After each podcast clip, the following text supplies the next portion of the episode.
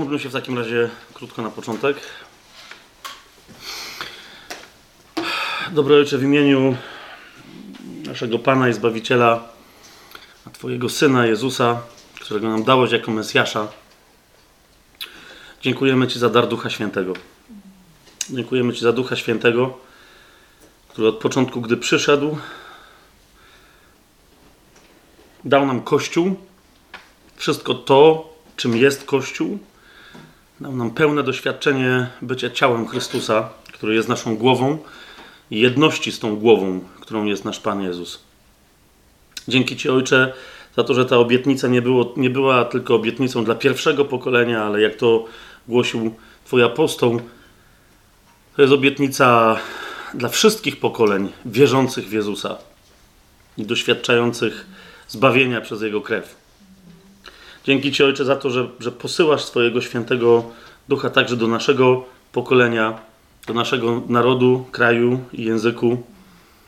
Wszędzie tam, gdzie chcemy być zanurzeni w śmierci i zmartwychwstaniu Jezusa i zanurzeni w Twoim Duchu Świętym, aby Tobie służyć. Panie Jezu, który jeden, jedyny jesteś chrzcicielem Duchem Świętym, który poszedłeś i zasiadasz po prawicy Ojca w niebie, który stamtąd wypraszasz nam ten dar i posyłasz swojego ducha do naszych serc i tworzysz z nas, z naszych serc jedność. Dajesz nam jedno serce w tym ciele. Dzisiaj prosimy Cię, udzielaj nam tego daru i pragnienia tego daru. Pokaż nam, o ile już go przyjęliśmy, a o ile jeszcze go nam brakuje. Duchu Święty w imieniu Jezusa Chrystusa i na chwałę Ojca, bądź Ty sam dzisiaj naszym nauczycielem słowa. Amen. Dzisiaj mamy e, ósme już spotkanie w tym sezonie. Drugie, poświęcone stricte temu czemuś, co y, Biblia, Słowo Boże nazywa chrztem w Duchu Świętym. Poprzednie spotkanie poświęciliśmy, żeby móc y, rzeczywiście dotknąć tego, tej wyjątkowości chrztu w Duchu Świętym, o której Pan Jezus mówi i którą zamierzył Ojciec w swoim planie dla nas. Najpierw potrzebowaliśmy się przyjrzeć tym wszystkim momentom, tym wszystkim, nazwijmy to w cudzysłowie, chrztom i nie tylko w cudzym słowie, chrztom, tym wszystkim doświadczeniom z Bogiem, które pozwalają przyjąć Ducha Świętego na różne sposoby, ale nie są tym, co Pan Jezus zapowiedział jako chrzest w Duchu Świętym. Nie są tym, co Jan Chrzciciel zapowiadał jako, jako chrzczenie Duchem Świętym, które należy tylko i wyłącznie do Jezusa. Mówi: Po mnie idzie ten, który was będzie chrzcić Duchem Świętym i ogniem, ale się koncentrujemy teraz na chrzcie w Duchu Świętym. Wyjaśniliśmy sobie, czym więc e, chrzest w Duchu Świętym nie jest, ale jakie są doświadczenia, e, w których Duch Święty absolutnie działa. I zakończyliśmy ostatnie spotkanie rozróżnieniem, e, to znaczy wskazaniem, że istnieje w Biblii wyraźne rozróżnienie pomiędzy pokutą, dokładnie tak jak Piotr w Dzień Pięćdziesiątnicy głosi, e, mówi pokutujcie, czy też w innych tłumaczeniach upamiętajcie się, nawróćcie się, dajcie się ochrzcić w imię Jezusa Chrystusa na odpuszczenie grzechów, a otrzymacie w darze Ducha Świętego. I teraz pokazaliśmy sobie, że nie tylko w tym fragmencie, ale w wielu innych miejscach jest, yy, znajdujemy wyraźne odróżnienie chrztu w Duchu Świętym, a więc otrzymanie, yy, rozróżnienie otrzymania daru Ducha Świętego od chrztu wodnego, czy też pokuty. Zasadniczo pokazaliśmy sobie na yy, tekście dziejów apostolskich, w jak wielu miejscach e, chrzest wodny jest, jest wyraźnie odróżniony od przyjęcia daru Ducha Świętego, czyli chrztu, e, jest odróżniony od chrztu w Duchu Świętym. Dzisiaj chcę zacząć od jeszcze jednego e, tekstu, nie z dziejów apostolskich, tak tylko, żeby zaznaczyć, że to odróżnienie towarzyszy nam w Piśmie Świętym cały czas, od momentu, kiedy się pojawia chrzest w Duchu Świętym. W liście do Tytusa Paweł w trzecim rozdziale, yy, w wersetach 4, 5 i 6, yy, odwołując się po prostu do początków i do podstaw wiary, mówi o tych, yy, o tych dwóch różnych, mówi o tych dwóch różnych chrztach. To jest y, list Pawła Apostoła do Tytusa, trzeci rozdział, wersety 4, 5 i 6. Paweł pisze tak: Gdy się objawiła dobroć i miłość Boga, naszego Zbawiciela, względem ludzi, nie z uczynków sprawiedliwości, które my spełniliśmy, ale według swojego miłosierdzia zbawił nas, zwróćcie teraz uwagę na to, zbawił nas przez obmycie odrodzenia i odnowienie Ducha Świętego którego wylał na nas obficie przez Jezusa Chrystusa, naszego Zbawiciela.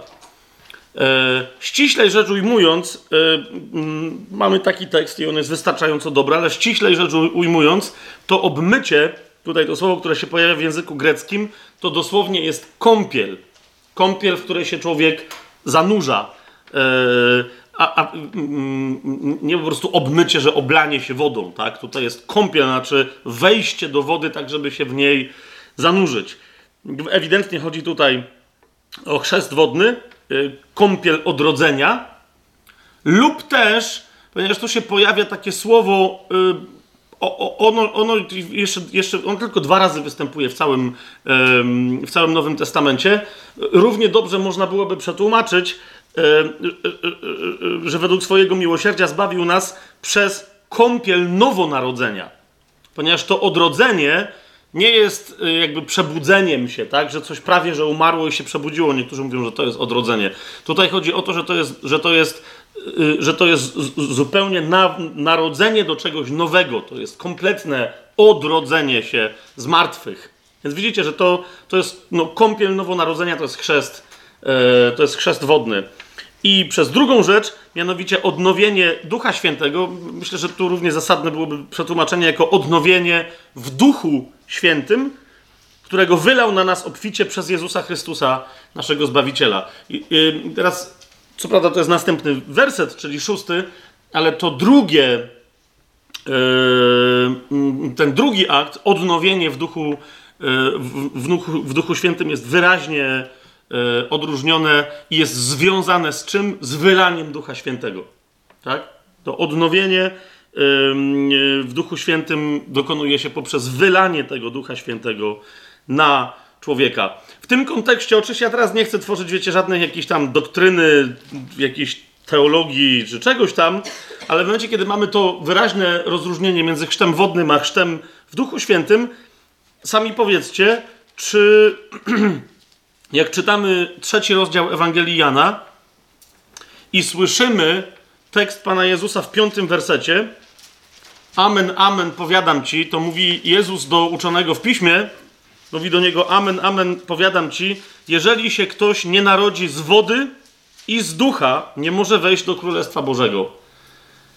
I teraz niektórzy powiadają, że no, to o czym mówiliśmy ostatnio, że chrzest wodny daje udział w duchu.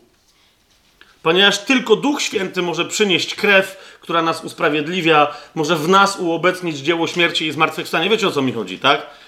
Więc nie, nie, wiele osób mówi, że to jest, to jest jedna rzecz. Tutaj chodzi o odrodzenie, o, o całość tego procesu, o pokutę, o chrzest wodny i, i wcale niekoniecznie o chrzest w Duchu Świętym. Ale wobec tych innych fragmentów, które już czytaliśmy, chociażby tego fragmentu Tytusa, który dzisiaj przywołałem, sami zauważcie, czy jednak nie można by równie dobrze w tym już tekście zauważyć, że Pan Jezus mówi e, o, dwóch, e, o dwóch zjawiskach.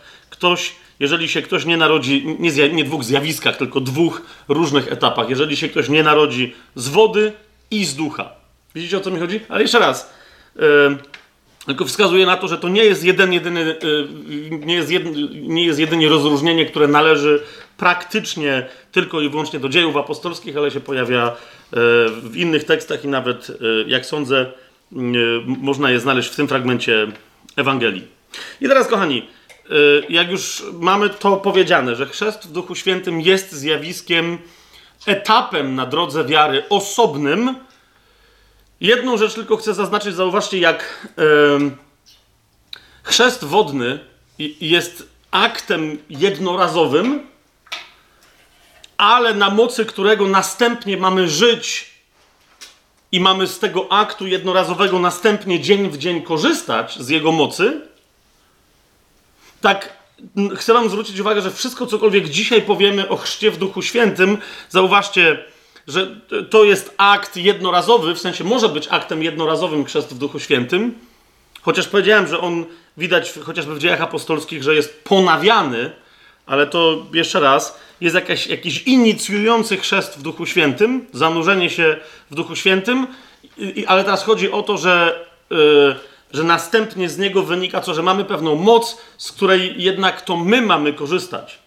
Nie chodzi o to, że my, wiesz, wiele osób uważa sam chrzest wodny jako jakiś rodzaj magicznego aktu, który ma za nich zrobić pewne rzeczy. My dzisiaj nie będziemy mówić o chrzcie wodnym i to, te etapy procesu bycia zbawianym e, przy okazji listu do Rzymian będziemy poruszać, ale na to wam zwracam uwagę, że stąd niektórzy mówią, ochrzciłem się w wodzie i było dobrze, a potem coś tam się zaczęło dziać i mówią, ok, czyli to był nie, nie do końca dobry chrzest wodny, muszę go ponowić. To jest zupełnie bez sensu rzecz. Chrzest wodny daje nam moc, list do Rzymian, szósty rozdział wyraźnie o tym mówi, że daje nam moc do walki z grzechem, ale to od nas zależy, od, od naszych decyzji, czy my z tej mocy skorzystamy, żeby poddać wszystkie nasze cielesne członki, oddać na służbę sprawiedliwości, jak mówili z do Rzymian. Tak? Yy, I to samo jest z chrztem w Duchu Świętym. Niektórzy mówią, że, że jak, jak przychodzi Duch Święty, to wtedy od tej pory to się nie musisz w ogóle jakby troszczyć o tę moc, tylko ona działa przez ciebie, chcesz czy nie chcesz. To tak nie jest. Okay?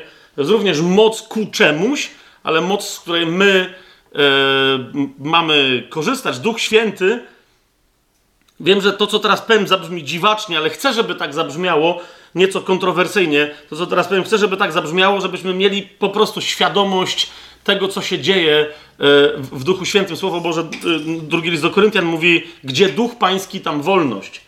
A zatem pamiętajcie, Duch Święty nie jest duchem opętującym. Ok? Złe duchy są duchami opętującymi, bo są złe. Przychodzą i zawłaszczają człowieka. Duch Święty przychodzi, żeby mu dać wolność. Duch Święty jest gwarantem wolności, więc on cię nie może opętywać i robić z tobą rzeczy, na które ty się nie godzisz. To jest kompletnie niezgodne z naturą Ducha Świętego. Tak? Duch Święty nie jest duchem opętującym, bo jest duchem świętym, jest duchem uwalniającym. A zatem kiedy On przychodzi, kiedy, kiedy mnie wypełnia i kiedy Jego obecność jest taka, że nie tylko mnie wypełnia, ale jestem w niej jednocześnie zanurzony, bo to de facto jest chrzest w Duchu Świętym, to jest nadal tylko możliwość dla mnie, żeby z tej mocy obecnej we mnie i wokół mnie skorzystać, a nie konieczność, żeby ta moc, wiecie, działała przeze mnie, czy ja chcę, czy nie chcę. Czy to jest jasne, o czym teraz mówię? Okej, okay, świetnie, to jest bardzo istotne. I teraz, kochani, Zajmijmy się wreszcie tym, czym jest chrzest w Duchu Świętym według zamysłu Bożego. E, a żeby się temu przyjrzeć, sięgnijmy do tego, co Pan Jezus e, na końcu swojego życia, nie na końcu swojego życia, tylko na końcu swojego przebywania na ziemi, tuż przed, e, tuż przed w niebo wstąpieniem, już po zmartwychwstaniu, na 10 dni przed zesłaniem Ducha Świętego, ponieważ jak pamiętacie, Pan Jezus zmartwychwstał, zmartwychwstał w dzień pierwocin jęczmiennych, święta pierwocin jęczmiennych, e, od którego się zaczyna liczenie Omeru, czyli siedmiu tygodni do dnia pięćdziesiątnicy. Tak? I teraz po 40 dniach, bo Słowo Boże mówi, że tyle przebywał z uczniami, po 40 dniach poszedł do nieba. I powiedział, że po paru dniach przyślę obietnicę ducha. Tych parę dni to było, to było dokładnie 10 dni od momentu jego pójścia do nieba od momentu, kiedy zasiadł po prawicy Ojca, po prawicy chwały Bożej, aż do momentu zesłania Ducha Świętego. I teraz jedne z ostatnich słów, jakie powiedział na temat tego, co ma nadejść, to są dzieje apostolskie, pierwszy rozdział, ósmy werset. W odpowiedzi na pytanie uczniów, czy, czy on ustanowi królestwo, no przecież po to jest Mesjaszem, Jezus im odpowiada, że, że nie, to, to, to są czasy i chwile, które się tyczą czegoś innego, chociaż okej, okay, wszystko gra, ale mówi, nie o to teraz chodzi, ale, ósmy werset, mówi Pan Jezus, przyjmiecie moc Ducha Świętego, który zstąpi na was i będziecie mi świadkami lub też moimi świadkami w Jerozolimie, w całej Judei, w Samarii i aż po krańce ziemi. Teraz chrzest w Duchu Świętym jest opisany e, w trzech bardzo konkretnych aspektach, którymi się dzisiaj zajmiemy. Po pierwsze, stąpi Duch Święty. To jest, to jest bardzo istotne, po tym jak sobie powiedzieliśmy, że wielokrotnie Duch Święty e, był dawany i działał. Jak pamiętacie, Pan Jezus po zmartwychwstaniu tchnął na swoich uczniów i dał im Ducha Świętego. Tak? A więc to musi być coś innego. Stąpi duch.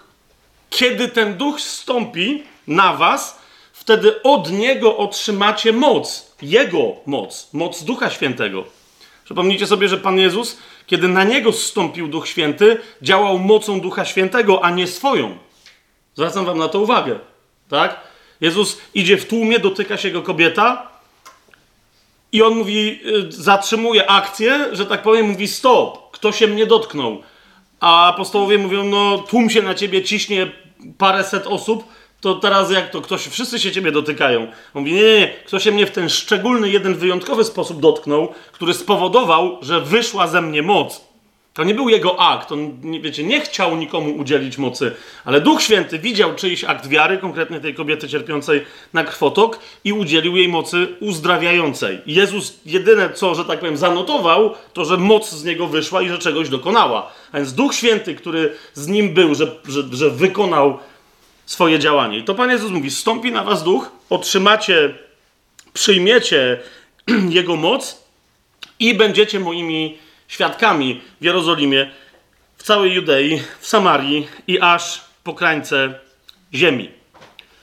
Najpierw, na, i, i, i, trzy aspekty sobie rozważymy. Co to znaczy, że on stąpi e, potem, kim jest Duch Święty, to myśmy już, już w tym sezonie mnóstwo na ten temat rozważali. Jak on już przyjdzie to, i, już na nas stąpi, o co chodzi z tą jego, o co chodzi z tą jego mocą i również zajmiemy się celem zstąpienia Ducha Świętego.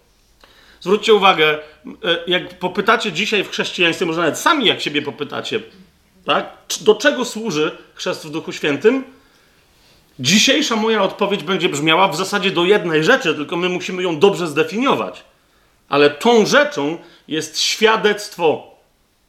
Tą rzeczą jest świadczenie o Jezusie. Po nic innego w zasadzie powiedziałbym, Duch Święty nie zstępuje, jak tylko po to, żeby z nas uczynić właściwych, w każdym rozumieniu tego słowa, teraz do tego dojdziemy, świadków Jezusa. Jeszcze raz zobaczcie. Przyjmiecie moc Ducha Świętego, który na was stąpi i będziecie mi świadkami w Jerozolimie, w całej Judei, w Samarii i aż po krańce ziemi. Duch Święty zstępuje, Duch Święty chrzci, Wręcz powiedziałbym, tworzy cały Kościół, bo zwróćcie uwagę, że nie ma Kościoła bez Ducha Świętego. Nie ma Kościoła przed pięćdziesiątnicą. W sensie całej jego widzialnej nawet struktury. Nie ma Kościoła, dopóki nie przychodzi Duch Święty. Ale kiedy on tworzy Kościół, wręcz powiedziałbym, to tworzy go dla świadectwa o Jezusie. Po nic innego. Jeżeli ktoś przyjmuje Ducha Świętego w in... inaczej, woła o Ducha Świętego, czy chce go przyjąć w jakichś innych, sobie tylko znanych celach, albo niekoniecznie sobie tylko znanych, o których mówi innym ludziom, ale w ramach tych celów nie ma świadczenia o Jezusie, to może mu się coś przydarzyć, ale na pewno to, co mu się przydarzy, e, nie będzie chrztem w Duchu Świętym. Ponieważ jeszcze raz powtórzę, chrzest w Duchu Świętym to jest przyjście Ducha Świętego, aby przekazać moc tym, którzy wierzą w Jezusa, którzy są odrodzeni przez moc Jego śmierci i zmartwychwstania, aby od tej pory stali się kim? Świadkami zmartwychwstałego. Ok? Zacznijmy najpierw od tego, co znaczy, że Duch Święty stąpi. W Ewangelii Jana, wielokrotnie o tym mówiliśmy, ale wreszcie jeszcze raz przypomnijmy sobie ten, ten werset. Zauważcie, jak, jak często w różnych kontekstach pojawiają się nam niektóre cały czas te same wersety i w nich widzimy zupełnie różne y, treści tam zawarte, które, które, które wypełniają taki jeden werset. Otóż w 14 rozdziale e, Ewangelii Jana, zaraz po tym, e, w 16, 17 e, wersecie, Pan Jezus mówi, że będzie prosił Ojca i da wam innego pocieszyciela, aby z wami był na wieki. I teraz on mówi bardzo, bardzo interesującą rzecz, mianowicie, że że da wam ducha prawdy, którego świat nie może przyjąć, bo go nie widzi ani go nie zna. W jaki sposób? Wy jednak go znacie, gdyż z wami przebywa, a więc mówi, da wam tego ducha, którego wy znacie. Zwróćcie uwagę, to jest to. Y, bez chrztu w Duchu Świętym można absolutnie znać Ducha Świętego, doświadczać Jego rozmaitych przejawów. Ale przyjście to wyjątkowe przyjście od Ojca Ducha Świętego w chrzcie w Duchu Świętym, co spowoduje, że ten, którego wyznacie, bo z wami przebywa, od tej pory, zobaczcie końcówkę wersetu, w was będzie. W was będzie. To jest niezwykle, niezwykle istotne. W was będzie. To źródło otwarte E, w nas, źródło życia, które, które nas zasila, o którym Pan Jezus krzyczał w Ewangelii Jana w siódmym rozdziale. Zobaczcie. Wraz z przyjściem Ducha Świętego jest nie tylko poszerzony, ale że tak powiem, wzmacnia się jego ciśnienie. Także Duch Święty zaczyna nie tylko w nas być, ale, ale zaczyna z nas wypływać na zewnątrz. To jest, to jest pierwszy ruch Ducha Świętego od środka. Pan Jezus w rozdziale 7 Ewangelii Jana krzyczy, jeżeli, to jest 37 werset i dalej. Jeżeli ktoś pragnie, niech przyjdzie do mnie i pije. Ale, ale zwróćcie uwagę jeszcze raz na to, jak, jak dziwny sposób picia Pan Jezus podaje. Wcześniej on mówi do kobiety, pamiętacie, przy, przy, przy studni, do Samarytanki, mówi taką interesującą rzecz, że mówi, to my tu rozma- ja tu rozmawiam z tobą o wodzie, którą można zaczerpnąć ze studni, której się można napić, ale ja ci mogę dać y, y, wody y, żywej, która daje życie wieczne. I tą wodę się pije inaczej. W jaki sposób? On mówi, jeżeli ktoś jest, jeżeli ktoś pragnie lub też jest spragniony, nie chodzi o to, że chce, tylko po prostu jest spragniony wody. Jeżeli ktoś jest spragniony, niech przyjdzie do mnie i pije.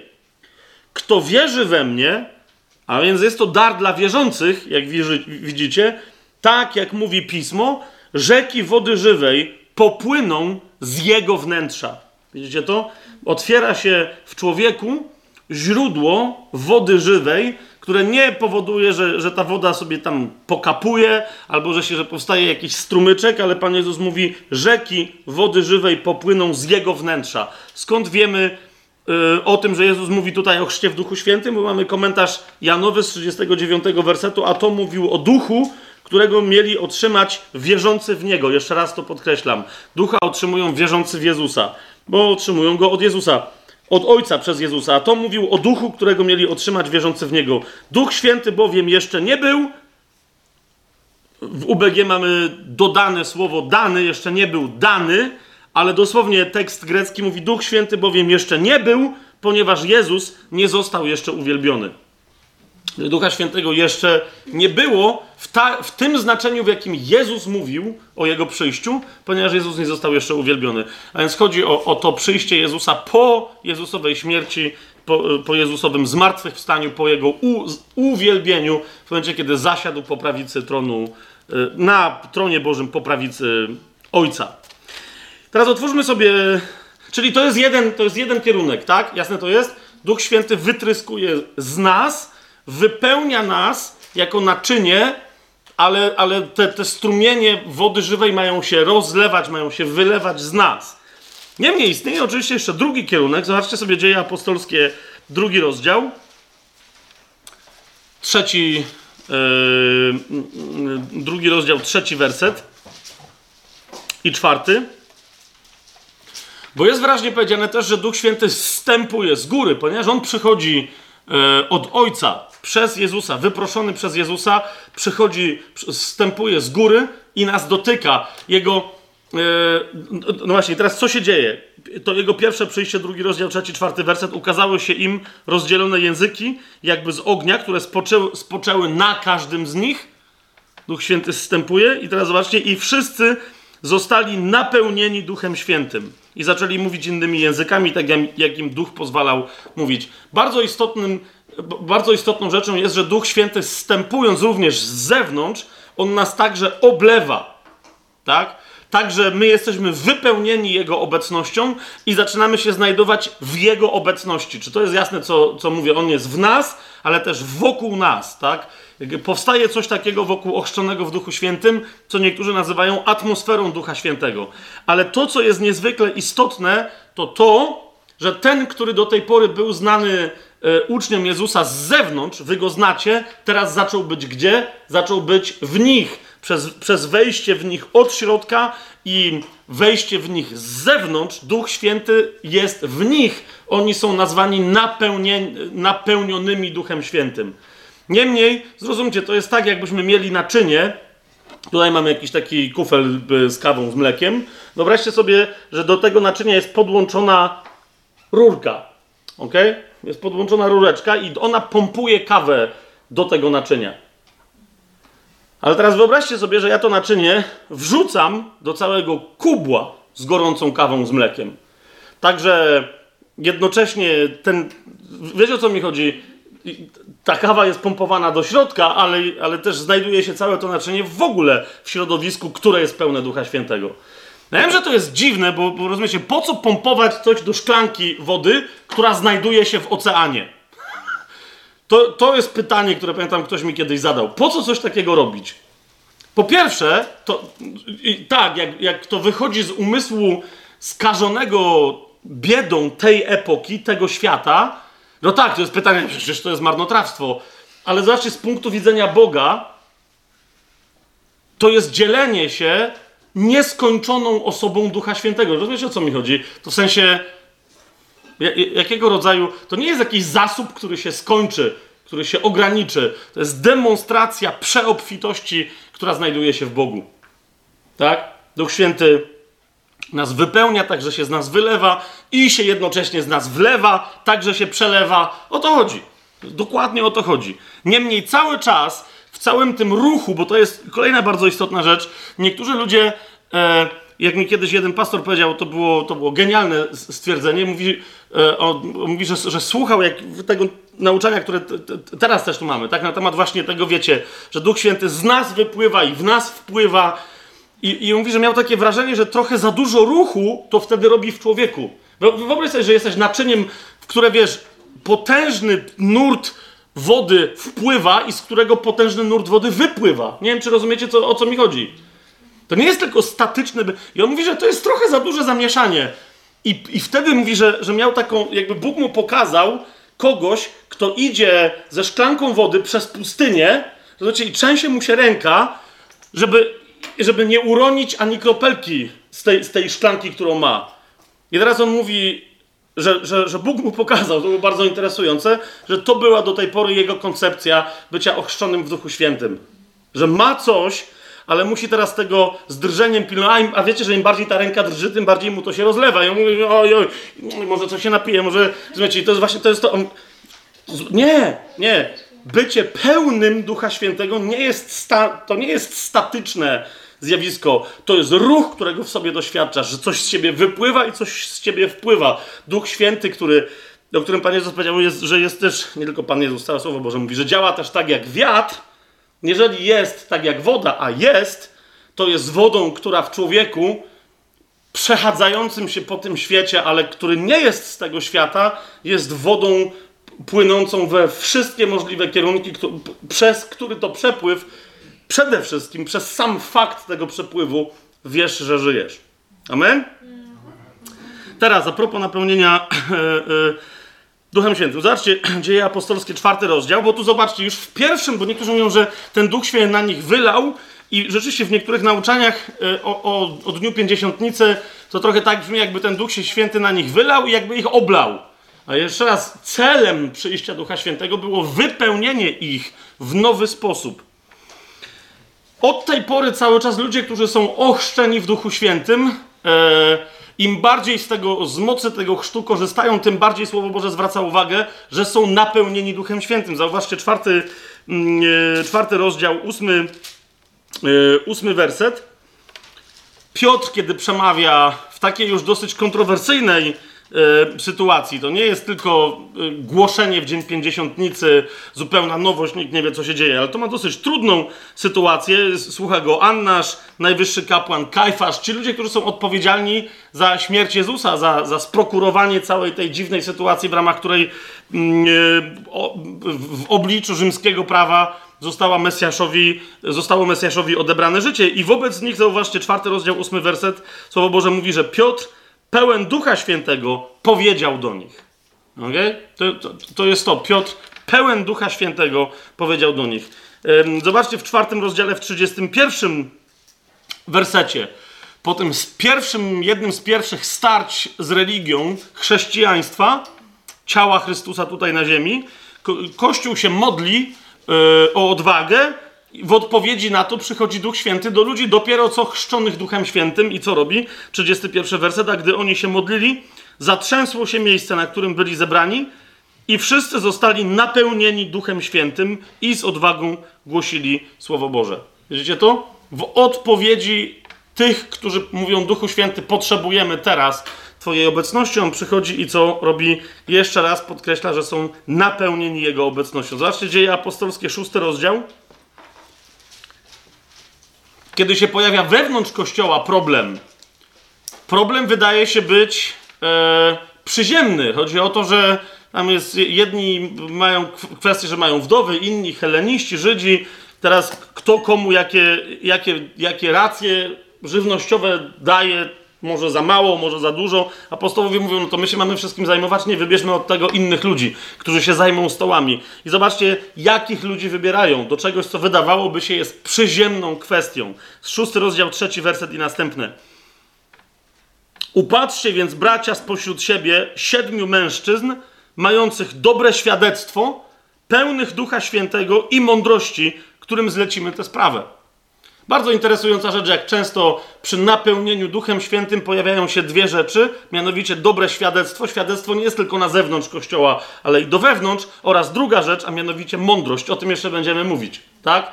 Jeżeli są pełni Ducha Świętego, to inni mogą o tym zaświadczyć. Czemu? Bo widać w nich mądrość tego ducha, tak? A więc mających dobre świadectwo, pełnych Ducha Świętego i mądrości, którym zlecimy tę sprawę. My zaś oddamy się modlitwie i posłudze słowa, powiedzieli apostołowie. I teraz zobaczcie, co się stało, piąty werset. I spodobało się to całej gromadzie zebranych. Wybrali więc Szczepana, męża pełnego wiary i Ducha Świętego. Widzicie to? To jest jeden z diakonów. Nawet kelner w Królestwie Bożym, tutaj na ziemi, nawet kelner w kościele jest pełen Ducha Świętego. Bycie kelnerem nie jest niczym gorszym niż bycie apostołem, zwłaszcza, że bycie apostołem to nie jest bycie szefem w kościele. Tak? To po prostu inny rodzaj służby. To jest to. to, jest, to, jest to. A więc do, do posługi przy stołach został wybrany Szczepan, mąż pełen wiary i Ducha Świętego, Filip, Prochor, Nikanor, Tymon, Parmenas i Mikołaj, prozelita yy, z Antiochii. Zobaczcie dzieje apostolskie 9, rozdział razem ze mną, 17 werset, kiedy Ananiasz przychodzi do Szawła i mu mówi, że, że ma być ochrzczony w wodzie i, i, i Duchem Świętym mówi mu, Ananiasz poszedł, wszedł do domu, położył na nim ręce i powiedział, Szawle, bracie, Pan mnie pozwał, Jezus, który ci się ukazał w drodze, którą jechałeś, żebyś odzyskał wzrok i co? I żebyś został napełniony Duchem Świętym. Nie tylko, żebyś się zapoznał z Duchem Świętym, ale żebyś został napełniony Duchem Świętym. Przez śmierć i zmartwychwstanie, przez chrzest wodny okay, doświadczysz, doświadczysz odrodzenia, nowonarodzenia, natomiast potrzebujesz do swojej służby nie tylko szaweł. Każdy, każda z nas potrzebujemy być napełnieni Duchem Świętym. Zobaczcie jeszcze 13 rozdział dziejów apostolskich i to sądzę, że wystarczy. Ten Paweł który następnie jest wybrany e, w Antiochii wraz z Barnabą jako, jako wysłannik, jako tak zwany apostoł. E, już w ramach pierwszej akcji swojej apostolskiej z Barnabą, to jest znowu bardzo mocno podkreślone, kiedy się ściera z przeciwnikiem Słowa Bożego, z czarnoksiężnikiem, z magiem, który tam próbuje wywracać różne rzeczy. Zobaczcie, to jest 13 rozdział, 9 werset wobec Elimasa, czarownika, Szaul występuje bardzo mocno, nie tylko w słowie, ale i w mocy. Łatwo się jest z kimś pokłócić o jakieś tam, wiecie, rzeczy, ale, ale on też objawia moc konkretną. Wtedy Szaul, dziewiąty werset, zwany też Pawłem, swoją drogą od tej pory Paweł jest nazywany Pawłem, a nie Szawłem. Wtedy y, Szaweł, czy też Saul, zwany Pawłem, napełniony Duchem Świętym, spojrzał na niego uważnie, na tego Elimasa i powiedział: O synu diabła, pełny wszelkiego podstępu, i tak dalej, i tak dalej. I nie tylko, że powiedział mu, osądził jego serce, ale też powiedział, co Duch Święty chce zrobić. Zauważcie, y, jedenasty werset mówi: Oto teraz ręka Pana na tobie, oślepniesz i nie będziesz widział słońca przez pewien czas. I natychmiast tego czarnoksiężnika ogarnęły mrok i ciemność i chodząc w koło szukał kogoś, kto, kto by go poprowadził za rękę. W wyniku tego, co się stało, wtedy prokonsul widząc, co się stało, uwierzył, zdumiewając się nauką Pana. Widzicie, to to nie jest tylko y, głoszenie w, w, w byciu napełnionym Duchem Świętym, jest, jest demonstracją nie tylko, nie, nie tylko głoszeniem słowa, ale demonstracją mocy takiej, jaka w danym momencie Duch Święty wie, że przemówi do tych, którzy będą jej świadkami. Amen? Okej. Okay. A więc przychodzi Duch Święty, ma nas napełnić, to jego zstąpienie stąpi na was Duch Święty i otrzymacie jego moc. Stąpi oznacza, że nie będzie na nas tylko spoczywał, bo niektórzy mówią o namaszczeniu. Tak, Duch Święty jest namaszczeniem, ale jeszcze raz, namaszczeniem, które nas wypełnia tak bardzo, że się z nas rozlewa na zewnątrz i jest w nas i wokół nas. To jest jasne? Ten, którego wyznacie, od tej pory w was będzie, Pan Jezus powiedział, i wraz z przyjściem Ducha Świętego to się realizuje. Teraz po co ten Duch Święty przychodzi z taką przeobfitością? Mówię, żeby się z nami podzielić mocą, mówi, yy, yy, mówi Pan Jezus. Dlaczego? Żeby być świadkami Jezusa. Teraz musimy dobrze zrozumieć pewne aspekty, bo zauważcie, że też Pan Jezus mówi, że przyjdzie kto? On Ducha Świętego często nazywa jak? Obietnicą Ojca. Lub też chrzest w Duchu Świętym jest nazywany obietnicą Ojca. I wiele osób y, odwołuje się tylko i wyłącznie do fragmentu, na który sam Piotr się powołuje w Dzień Pięćdziesiątnicy. Mówi, ci ludzie, których wy tu widzicie, nie są pijani, jak niektórzy z was próbują się podśmiechiwać, ale oto się spełnia proroctwo z jakiej księgi? Tak tylko, tak tylko sprawdzam, jak bardzo jesteście w transie, ok? Z księgi Joela, w dzień pięćdziesiątnicy, Piotr się odwołuje do księgi Joela, gdzie jest powiedziane, że wyleje mojego ducha na was i tak dalej. Wa wasi synowie, wasze córki będą prorokować, starcy będą mieć sny i tak dalej, i tak dalej.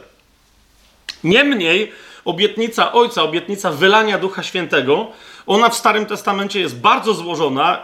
Dzisiaj nie mamy na to czasu, ale jak, jak, jak prześledzicie obecność zapowiedzi na temat Ducha Świętego, chociażby tylko u proroka Izajasza, to się zdziwicie. Okay? Jak wiele fragmentów, włącznie ze stwierdzeniem Pawła, ci ludzie, których widzicie, nie są pijani, ale nawet ta wypowiedź, nie wiem na ile Piotr był świadomy, kiedy to mówił, nawet ta wypowiedź jest wypowiedzią, która jest cytatem z proroka, w tym wypadku z proroka Izajasza. Mnóstwo ludzi, jak pierwszy raz to widzi na oczy, mówią: O, okej, okay, co się tu dzieje? Rzeczywiście jest, jest taki fragment u proroka Izajasza i to w kontekście działania Ducha Świętego. W kontekście działania Ducha Świętego na tych, którzy nie chcą go przyjąć, w związku z tym, no właśnie, nie będę teraz tego rozważać, to nie jest, naszy, to nie jest nasz dzisiejszy temat, ale jeszcze raz, obietnica wylania ducha jest obietnicą, która towarzyszy, która, która przychodzi od Ojca przez wielu proroków w Starym Testamencie. Obietnica Ojca. I ona tyczy się nie tylko tego, co się stało w Dzień Pięćdziesiątnicy i tego, co, czego my doświadczamy, ale czegoś, co się jeszcze wydarzy. W sensie wylewanie Ducha Świętego, obietnica Ojca jeszcze się nie skończyła i jeszcze nie przyszedł finałowy etap tego wylewania. Okay? Znów nie będziemy o tym dziś mówić, ale choćby dla tych z Was, którzy są zainteresowani o czym to ja gadam, zwróćcie uwagę na przykład na 12 rozdział proroka Zachariasza.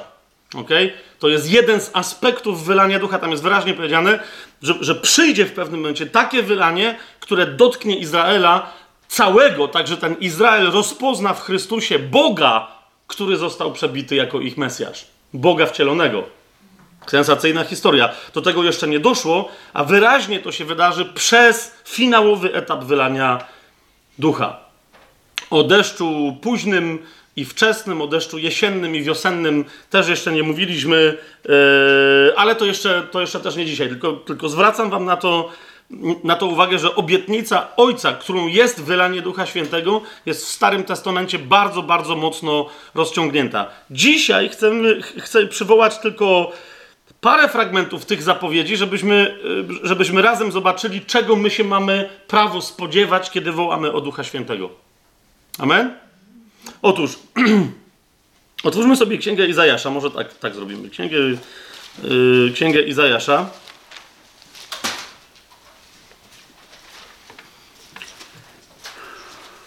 Czterdziesty czwarty rozdział. Mhm.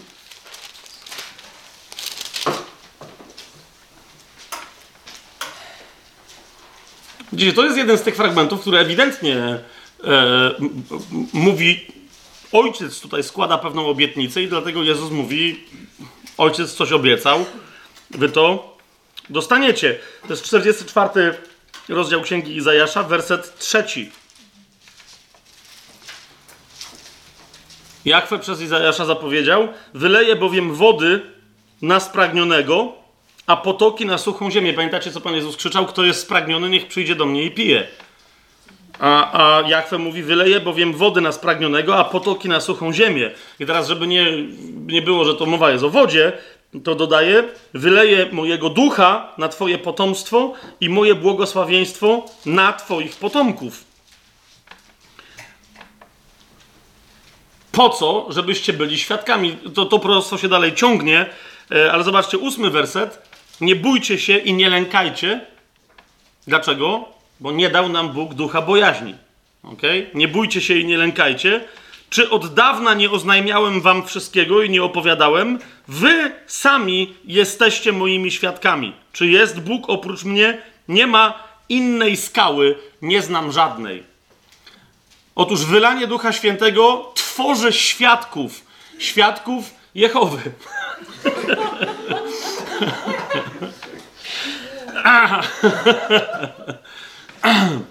Ale tych właściwych, którzy wiedzą, że Jahwe się wcielił i miał na imię Jahwe zbawia, czyli Jehoszua albo Jeszua, i, czyli jest nim Jezus, a ten Jezus jest skałą zbawienia. Zobaczcie pierwszy do Koryntian. Chociażby. Pierwszy do Koryntian, dziesiąty rozdział. Czwarty werset, tam jest mowa o Izraelu, ale jest natychmiast odwołanie. Macie być świadkami moimi, mówi Pan, bo ja jestem jeden, jedyny Bogiem. Macie być świadkami tej skały, którą ja jestem. Czyli kto to wypowiada? Zawsze dziesiąty rozdział pierwszego do Koryntian, czwarty werset. Wszyscy pili ten sam duchowy napój, pili bowiem ze skały duchowej, która szła za nimi. A tą skałą był kto? Chrystus. A ja myślałem, że wy zdążyliście otworzyć, a niektórzy dopiero dolatują. Ok, więc jeszcze raz, jest mowa um, o Izraelu, który wędruje razem z Mojżeszem przez pustynię. I e, Paweł mówi bardzo wyraźnie, że nawet w tamtej historii było jasne, kto jest tą skałą. W Nowym Testamencie tylko to się zupełnie objawia. Jeszcze raz to przeczytam. Wszyscy pili ten sam duchowy napój, pili bowiem ze skały duchowej, która szła za nimi, a tą skałą był kto? Chrystus. Otwórzmy sobie też pierwszy y, Piotra, tylko taką, żebyście zobaczyli, jak e, ta obietnica Ojca się wypełnia. Przyjdzie duch, będziecie świadkami. Kogo? Skały. Kto jest skałą? Chrystus. Pierwszy Piotra.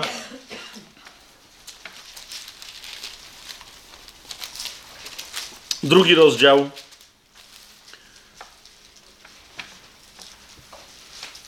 Czwarty werset. Zbliżając się do Niego, do kamienia żywego, odrzuconego wprawdzie przez ludzi, ale przez Boga wybranego i drogocennego. I wy sami, jak żywe kamienie, jesteście budowani w duchowy dom. Chrystus jest duchową skałą, Chrystus jest żywym kamieniem, żywą skałą, na której jest zbudowany Kościół cały. To była obietnica, jeden z aspektów obietnicy, tylko wam pokazuję przykład, jeden z aspektów obietnicy związany z przyjściem Ducha Świętego. Ale wróćmy do, do księgi Izajasza. Stwórzmy sobie 32 rozdział. O tym, yy, czy 35, ale chcę tylko pokazać, że przed 30, Czyli przed tym 40, bo, bo jeszcze czasem niektórzy mówią Joel i Izajasz 44 rozdział, wyleje mojego ducha. Ale chcę wam pokazać, że ten 44 rozdział w Izajaszu jest tylko zwieńczeniem nieustannego u Izajasza zapowiadania Ducha Świętego. Zobaczcie chociażby 32 rozdział, 15 werset. Tam jest wcześniej powiedziane, że pałace zostaną opuszczone, ustanie wrzawa miast i tak dalej, i tak dalej, i tak dalej. Aż do, do którego momentu? Aż do momentu przełomu, którym co będzie? 32 rozdział Izajasza, 15 werset. Aż zostanie wylany na nas duch z wysoka. Pustynia obróci się w urodzajne pole, a urodzajne pole będzie uważane zaraz. To jest 32 rozdział Izajasza. Okay.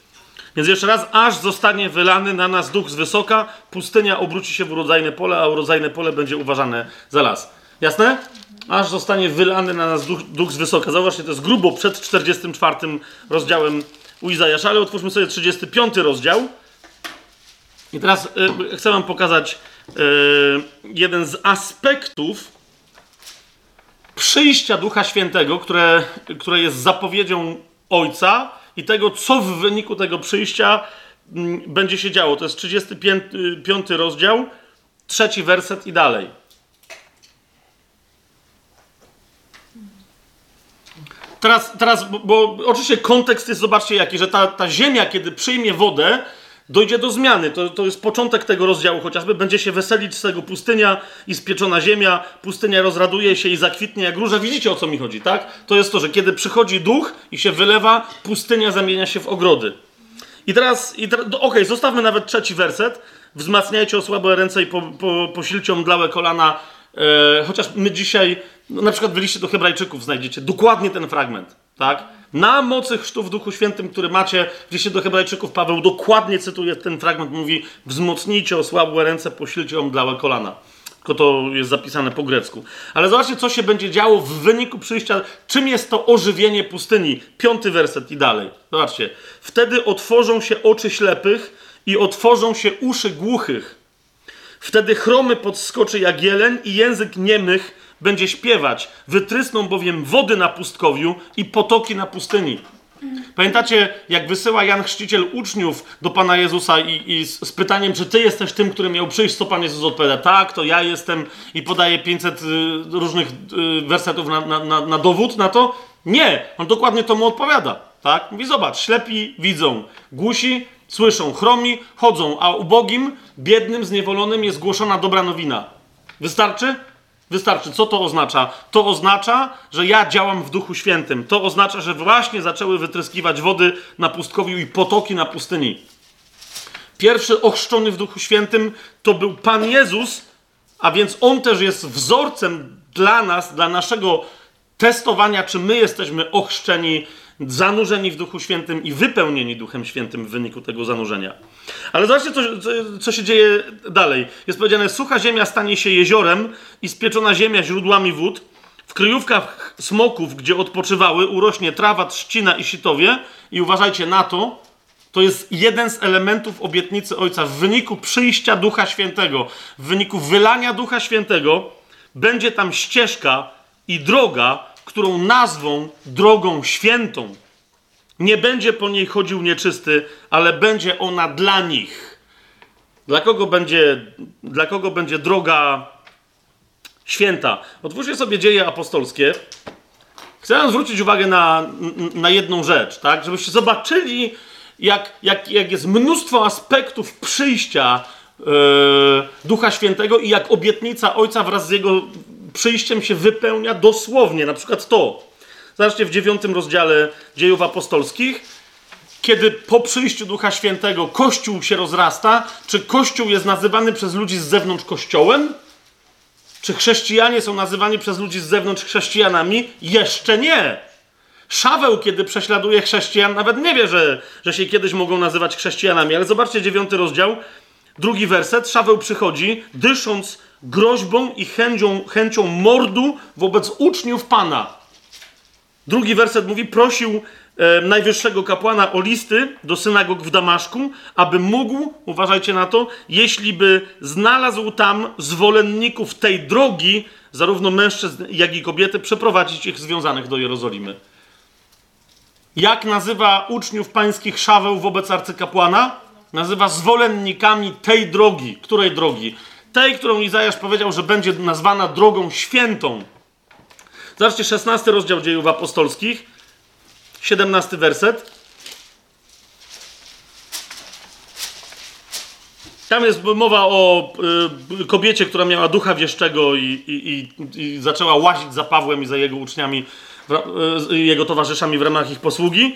A chodząc za Pawłem i za nami, jak pisze Łukasz w dziejach apostolskich, wołała: Ci ludzie są sługami Boga Najwyższego i zwiastują nam co? Drogę zbawienia. Jeszcze raz. Tak jest nazywane chrześcijaństwo, zauważcie, przez, w tym wypadku przez, przez ducha wieszczego, który przez nią mówi. Droga zbawienia. Ok? Wy, wy, wyraźnie. Yy, o, zobaczcie 18 rozdział. 25 werset. Do, 24 y, werset mówi, że do Efezu przybył pewien Żyd imieniem Apollos, rodem z Aleksandrii. I teraz opis y, jego jest następujący. Był on obeznany z drogą Pana, a pałając duchem mówił i nauczał starannie o Panu, wiedząc tylko o chrzcie Jana. Okay?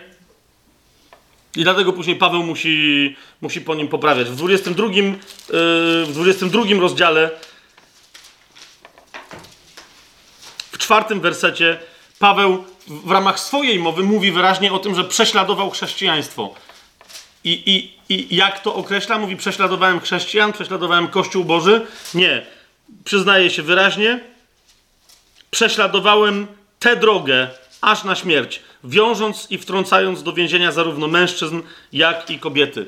Widzicie to? Prześladowałem tę drogę. W wyniku przyjścia Ducha Świętego powstaje Kościół, ale Słowo Boże mówi, że powstanie droga, która będzie nazwana drogą świętą i nawet w tym szczegółowym aspekcie obietnicy Ojca, zauważcie, że ta obietnica e, jest dosyć e, wyraźnie zrealizowana. Widzicie to? Nie, nie sami chrześcijanie, ale inni niechrześcijanie nazywają chrześcijaństwo drogą Pana. I teraz, i teraz, kochani, zanim jeszcze pójdziemy dalej. Duch Święty, kiedy przychodzi, podnosi świadków Jezusowi. Ok? Nie w ogóle, bo też, ale w szczególności świadków śmierci i zmartwychwstania Chrystusa. Duch Święty, kiedy przychodzi, daje takie e, w chrzcie w Duchu Świętym, komuś, kto żyje przez śmierć i zmartwychwstanie Jezusa, daje doświadczenie zmartwychwstałego takie, przez które następnie ten ktoś, kto przyjął Ducha Świętego, może stać się świadkiem i powiedzieć: Ja jestem tego świadkiem. Czego? Że Jezus żyje. To jest wynik chrztu w Duchu Świętym. Oczywiście inni, którzy się ochrzcili tylko i wyłącznie znają, nadal mogą o tym świadczyć, ale chodzi mi o to, że to świadectwo przychodzi do człowieka ochrzczonego w duchu z mocą i wychodzi z niego z mocą. Zobaczmy sobie tylko szybciutko. W Ewangelii Łukasza Pan Jezus wyraźnie yy, yy, to zapowiada. To jest 24 rozdział.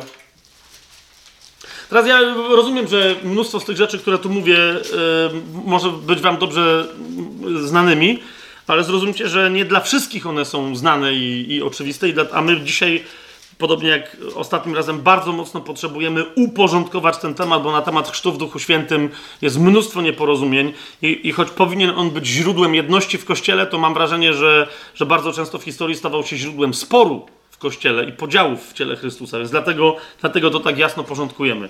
Otóż Pan Jezus w 24 rozdziale Ewangelii Łukasza wersety 47 i 48 mówiąc o tym, że Chrystus musiał cierpieć i trzeciego dnia zmartwychwstać, zauważcie, śmierć i zmartwychwstanie, cierpienie, śmierć i zmartwychwstanie Jezusa, 47 werset mówi w Jego imieniu, czyli w imieniu Jezusa, tego, który umarł i zmartwychwstał w taki właśnie sposób zapowiedziany przez Pismo, w Jego imieniu ma być głoszona pokuta i przebaczenie grzechów wszystkim narodom, począwszy od Jerozolimy, a wy jesteście tego świadkami. Widzicie to? A wy jesteście tego świadkami. Teraz otwórzmy sobie dzieje apostolskie, drugi rozdział. Zobaczcie, Piotr, zaraz kiedy zstępuje na nich Duch Święty, zwróćcie uwagę, oni między sobą mówili o zmartwychwstaniu Jezusa. 120 osób się zgromadziło w wieczerniku, a więc i nie wszyscy oni widzieli Jezusa zmartwychwstałego, a więc musieli usłyszeć jakieś świadectwo. Ale zauważcie, głoszenie śmierci i zmartwychwstania Jezusa yy, w formie, powiedziałbym, wręcz prawnej, tak? Dlatego, że za każdym razem, kiedy apostołowie głoszą, stają jako świadkowie, zwłaszcza wobec Żydów, mówią: My jesteśmy takimi świadkami, i o tym jeszcze dzisiaj więcej sobie powiemy, jakich chce widzieć Mojżesz. A więc, e, zaraz później wyjaśnię, co, to oznacza, tak? Świadek według prawa Mojżesza to jest ktoś poważny, on sobie nie może opowiadać bzdur. Dlaczego? Bo jego życie jest na szali. Ale o tym jeszcze, o tym jeszcze za chwilę. Zauważcie, w dzień pięćdziesiątnicy przychodzi Duch Święty, to jest drugi rozdział, 22, 23 i 24 werset. Piotr mówi: Mężowie izraelscy, słuchajcie tych słów. A więc to jest teraz, teraz tych, jak do tej pory nie słuchaliście, co gadałem, o tym, że Joel, że to mówi, to teraz słuchajcie. To jest message, bo wcześniej to było wprowadzenie. Że to, co się teraz dzieje, to Duch Święty zstąpił. Ale to was nie musi interesować. Co was interesuje?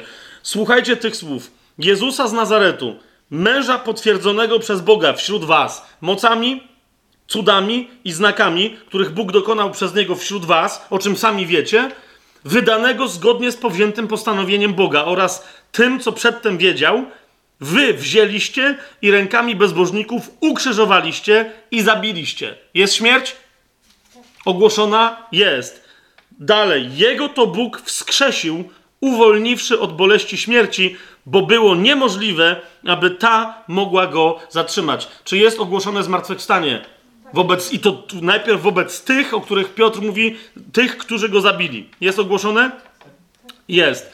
32 werset. Przeskoczmy dalej, bo tutaj Piotr się nieco rozwija, ale w 32 wersecie mówi: Tego to Jezusa, jeszcze raz, wskrzesił Bóg, czego my wszyscy jesteśmy świadkami. Ci, którzy weszli z wieczernika i zaczęli mówić w różnych językach, ogłaszać wielkie dzieła Boże. Widzicie to? Pan Jezus powiedział: Będziecie moimi świadkami, i to jest dokładnie to, co oni robią. Wychodzą i w wyniku chrztu duchu w Duchu Świętym, co robią? Świadczą.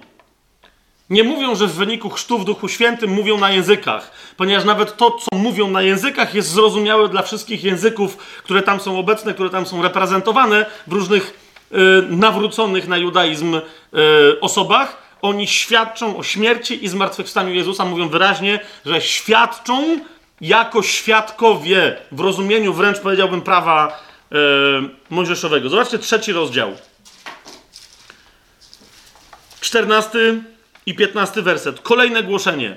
Piotr i Jan w świątyni wzywa ich Sanhedryn. I znowu z całą śmiałością, z całą odwagą, bez ogródek, bez owijania w bawełnę.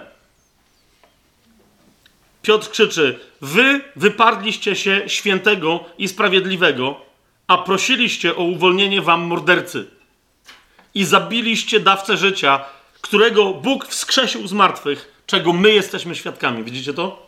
Kolejny raz.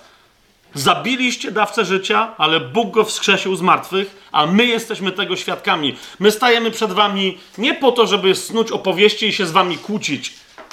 Kłóćcie się z nami, jeżeli chcecie, jako ze świadkami. Załóżcie nam sprawę, ale, ale nie kłóćmy się o. To nie jest pogląd. My przed wami stajemy w mocy Ducha Świętego jako świadkowie. Teraz, co jest bardzo istotne, Duch. Okej, okej, okej, okej, bo ja czasem, czasem się rozpędzam. Przejdźmy do. Zobaczcie yy, dalej. 19 werset. Po co jest to świadectwo? Tak, to jest cały czas, to jest, to jest konstrukcja wszystkich prawie głoszeń. W zasadzie nie, nie prawie, tylko wszystkich głoszeń w dziejach apostolskich Śmierć i zmartwychwstanie, Jezus w centrum, który umarł i zmartwychwstał. My jesteśmy tego świadkami. Albo odrzucacie świadectwa, a wtedy macie sprawę, to jest, i to jest sprawa w rozumieniu sądowym, karnym i prawnym, albo przyjmujecie to świadectwo, a wtedy na czym ma polegać przy, przyjęcie tego świadectwa?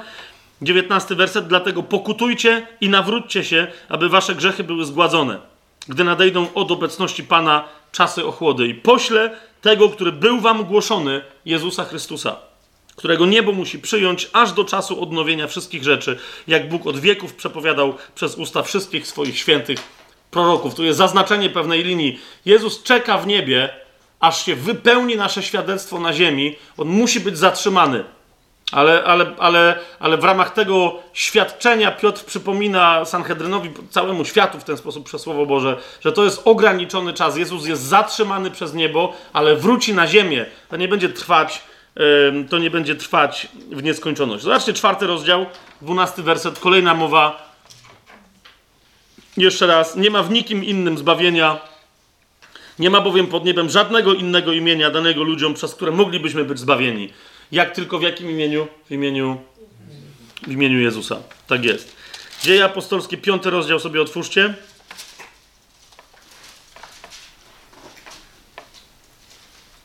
Tu, tu pada bardzo istotne sformułowanie, bardziej dla nas niż dla apostołów, no ale okej, okay, to jest 30, 32 werset, 30, 31, 32 werset. Kolejne głoszenie i po raz kolejny, zauważcie, Bóg naszych ojców wskrzesił Jezusa, którego wy zabiliście, zawiesiwszy na drzewie. Tego Bóg wywyższył swoją prawicą, aby był władcą i zbawicielem, aby ludowi Izraela dać pokutę i przebaczenie grzechów, a my jesteśmy Jego świadkami w tym, uwaga, a także Duch Święty, którego Bóg dał tym, którzy są Mu posłuszni. Hmm? Tu apostołowie wyraźnie zaznaczają jeszcze raz nam, żeby przypomnieć, pamiętajcie, chrzest w Duchu Świętym. Dlaczego musisz być ochrzczony, ale potem pozostać wypełniony Duchem Świętym? Ponieważ Twoje świadectwo jest tylko i wyłącznie umocowane w świadectwie Ducha Świętego. Jeżeli świadczysz bez Jego świadectwa, zaczynasz mieć problem. To jest, myślę, problem dzisiaj Kościoła w wielu miejscach na świecie, w Polsce także, że, że, że, że wiecie czując się zobowiązani, w wielu miejscach organizujemy ewangelizację, zamiast zorganizować sobie, w cudzysłowie teraz mówię, chrzest w Duchu Świętym. Jak przychodzi Duch Święty, to on wie, jak ma. Ludzie posłuszni duchowi głoszą tak, że to jest skuteczne. Ludzie, którzy mówią, e, mamy Ducha Świętego, tylko teraz potrzebujemy planów, potrzebujemy pieniędzy, potrzebujemy, czy rozumiecie, miliard spraw organizacyjnych, potem jest impreza, potem przychodzi 20 nawet tysięcy ludzi, najedzą się, napiją, powiedzą fajne chrześcijany, frajery, odchodzą i nikt się nie nawrócił. I my się wtedy pytamy, gdzie jest moc Ducha Świętego. Najpierw musimy zapytać, gdzie jest posłuszeństwo Duchowi Świętemu, nasze, a pod tym posłuszeństwem, gdzie jest nasz chrzest w Duchu Świętym. Jeszcze raz, my jesteśmy Jego świadkami, kogo Jezusa, a także Duch Święty, którego Bóg dał tym, którzy są Mu posłuszni. Widzicie? Bardzo głębokie, nieprawdopodobnie istotne słowo. Oczywiście odnoszą się tutaj, yy, ono się odnosi do Ewangelii Jana, jeżeli sobie chcecie ją szybciutko ze mną otworzyć, do 15 rozdziału, gdzie, gdzie Pan Jezus o tym bardzo wyraźnie e, wspomina. Że, że dzieło świadczenia, dlatego jest nam potrzebny chrzest w Duchu Świętym, bo chrzest nas wypełnia obecnością Ducha. On świadczy i dlatego my możemy o nim skutecznie świadczyć. To jest 15 rozdział Ewangelii Jana, 26-27 werset. Pan Jezus mówi: Gdy jednak przyjdzie pocieszyciel, którego ja wam poślę od Ojca, duch prawdy, który wychodzi od Ojca, on będzie świadczył o mnie. I dodaje: Ale i wy będziecie świadczyć, bo jesteście ze mną od początku. Niemniej jeszcze raz, zauważcie, to, że wy będziecie świadczyć, to jest powiedziane po tym, że tym, który świadczy, jest Duch Święty. Jest wiele osób, które dają świadectwo Jezusowi nie, nie na bazie Ducha Świętego. Tak? I ono ma swoje świadectwo, ono, to, to świadectwo ma swoją moc. Po prostu, ma, ma swoją moc. Słuchałem kiedyś, kiedyś świetnego wykładu. Yy, yy, no mniejsza o to, nie będę teraz się. Wykładu osoby zupełnie niewierzącej. Profesora ateisty, Anglika, który, historyka, który, który mówił o osobie Jezusa i dawał świadectwo tego, jak jego filozofia wpłynęła mm, e, na historię nowożytną aż po XX czy XXI wiek w zupełnie przemieniający sposób. Między innymi mówił o tym, że e, i to rozumiecie, to był, to był, jeszcze raz powtarzam, to był ateista kompletny. Ja mówię, ja nie wiem, tam chrześcijaństwo mówi, ale umówmy się, dopóki nie przyszedł Jezus, nie istniała w świecie koncepcja charytatywności. To było jego świadectwo. On mówi, charytatywność, ten wyraz no, w języku angielskim charity, pochodzi od słowa charis. tak? Albo caritas. Tam różne koncepcje znajdywał. Tak czy siak to będzie albo miłość po łacinie, albo łaska w języku greckim. To, to, to jest cały czas to. To chrześcijanie rozwinęli koncepcję charytatywności, czyli że ktoś może dać komuś drugiemu pomoc, wsparcie, pieniądze, jedzenie, dlatego, dlatego że chce. To, to było normalnie wręcz rozumiane w starożytności, a nawet i później. To dzisiaj przez wiele pogańskich ludów jest uważane za nieetyczne. Uważajcie, wspieranie ludzi biednych, upośledzonych za nieetyczne.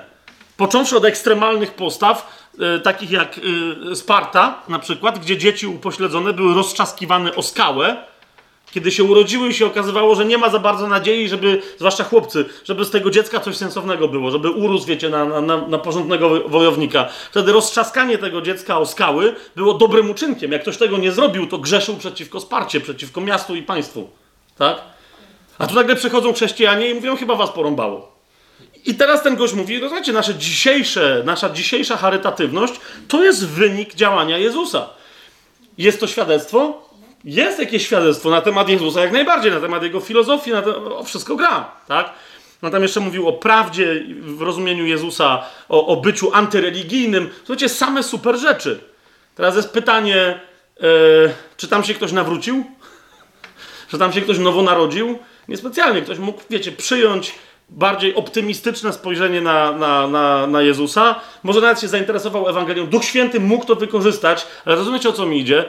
My często dokładnie tak samo próbujemy dawać świadectwo Jezusowi.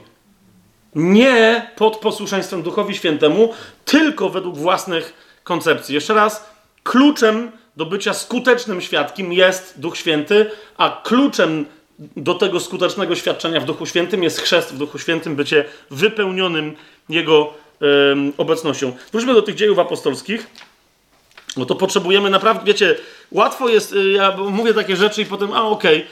chciałem, żebyśmy to zobaczyli, wszystkie, wszystkie te fakty widzieli w Biblii, że, że to nie jest tak, że tam jest jedno zdanie, jeden cytacik, ale że tego po prostu, że to, że, że to jest oczywiste. W piątym rozdziale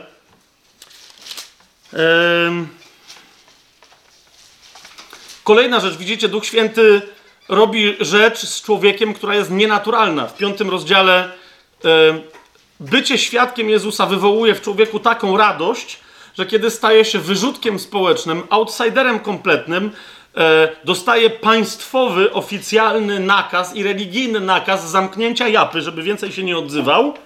Co więcej, otrzymuje karę, w tym wypadku fizyczną, e, nadal Duch Święty powoduje, że ty z tego wszystkiego się tylko cieszysz i świadczysz dalej. To jest piąty rozdział, od 40 wersetu. E, przywoławszy apostołów, to jest Sanhedryn, ubiczowali ich i zabronili im mówić w imię Jezusa, a potem ich wypuścili. Rozumiecie, to, to ubiczowanie tam y, prawdopodobnie to była kara świątynna, więc to było, to było bardzo konkretne bicie, e, y, prawdopodobnie kijami. E, tam jest 30 parę razów I to wiecie, to są konkretne, to chodziło o konkretne takie drągi, nie, nie jakieś habineczki, tak, nie jakieś trzcinki. E, weź się raz walnij w plecy albo w nogi takim kijem, to będziesz wiedzieć o co chodzi. Oni dostali ponad 30 razy. E, I, i zobaczcie ich reakcję, a oni odchodzili sprzed rady, ciesząc się, to jest właśnie, to jest chrzest Duchu Świętym, ciesząc się, że stali się godni znosić zniewagę dla imienia Jezusa. To jest to, to jest to. Gdzie dziś, rozumiesz, gdzie my dzisiaj to mamy w chrześcijaństwie? Gdzie jeden coś powie o drugim i, ten, i, i, i, i tam następuje obraza świętego majestatu. Rozumiecie? Jeżeli ty jesteś w prawdzie, bo dobrze świadczysz o Jezusie, co innego ja. ostatnio powiedziałem, mieliśmy takie małe wydarzenie, w ramach którego opowiadam, nie chciałem nikogo obrazić, ale tak się zdarzyło, że ktoś posłuchał nagrania tam czegoś, co mówiłem i się obraził, tak? I teraz chodzi mi o to, że całkiem możliwe, że tamta, że, że, po prostu że ta osoba miała absolutnie prawo się obrazić, tak? Wtedy to ja nie będę jej mówił, że co się obrażasz, tylko przepraszam, bo rzeczywiście kontekst tego był taki, że się mógł ktoś obrazić. Tyle, po prostu muszę jeszcze sobie gębę wyparzyć. To jest, to jest mój problem. Ja teraz mówię o czymś innym. Wiecie, że ktoś świadczy o Jezusie, to jest jego. Czasem ewangeliści tak mają, że wiecie, jak się rozpędzą, niekoniecznie zawsze są, jakby wiecie, co do szczegółu, wiecie o co mi chodzi, e, zgadzają się z pismem, tak? Czasem coś ogólne, ale to nie jest, i oni nie są nauczycielami, nie jest ich celem Oni mówią do ludzi, którzy w ogóle nie wierzą, nie znają pisma, pobudzenie ich emocji, żeby podjęli decyzję, żeby oddać życie Jezusowi. Tak? I teraz masz takich chrześcijan, którzy słuchają głoszenia takiego ewangelisty, zamiast się modlić za niego, zamiast się modlić za tych ludzi, żeby był jak największy owoc, obrażają się. Zobaczcie, o byle co, wychodzą i mówią, a to ja nie wiedziałem, że... E, to nie będę mówił imienia, nazwiska, ale to jest autentyczny komentarz, który słyszałem. No nie wiedziałem, że on jest przedtrybulacjonistą. Niektórzy zapytają, co? No właśnie, chodzi o to, że, że goś tam założył, bo coś powiedział o pochwyceniu, że pochwycenie będzie przed wielkim uciskiem. Co dla niektórych jest obrazą majestatu, że jak, aha, czyli niewłaściwą teologię wyznaje. Teraz rozumiecie, tam się jacyś ludzie nawrócili, to nie ma żadnego znaczenia, dlatego że co, jest zwiedziony i tych ludzi wprowadził w zwiedzenie. Oni przyjęli krew, rozumiecie, odrodzili się, wyznali wiarę i tak dalej. Teraz mogą mieć potem głupią teologię, ale ci wyszli obrażeni i już koniec. Tak? Że, żeby nie wspomnieć o sytuacjach yy, no niezwykle poważnych, gdzie no, o dobra, nie już, już, chciałem, już chciałem za dużo powiedzieć znów. W każdym razie, yy, jeszcze raz, ci wychodzą, dopóki tylko mogą świadczyć o Jezusie, zauważcie, cieszyli się, że stali się godni znosić zniewagę dla imienia Jezus. I co, przestraszyli się i posłuchali Sanhedrynu? Nie, 42 werset mówi. Nie przestawali też codziennie w świątyni i po domach nauczać i głosić Jezusa Chrystusa. To jest doskonałe.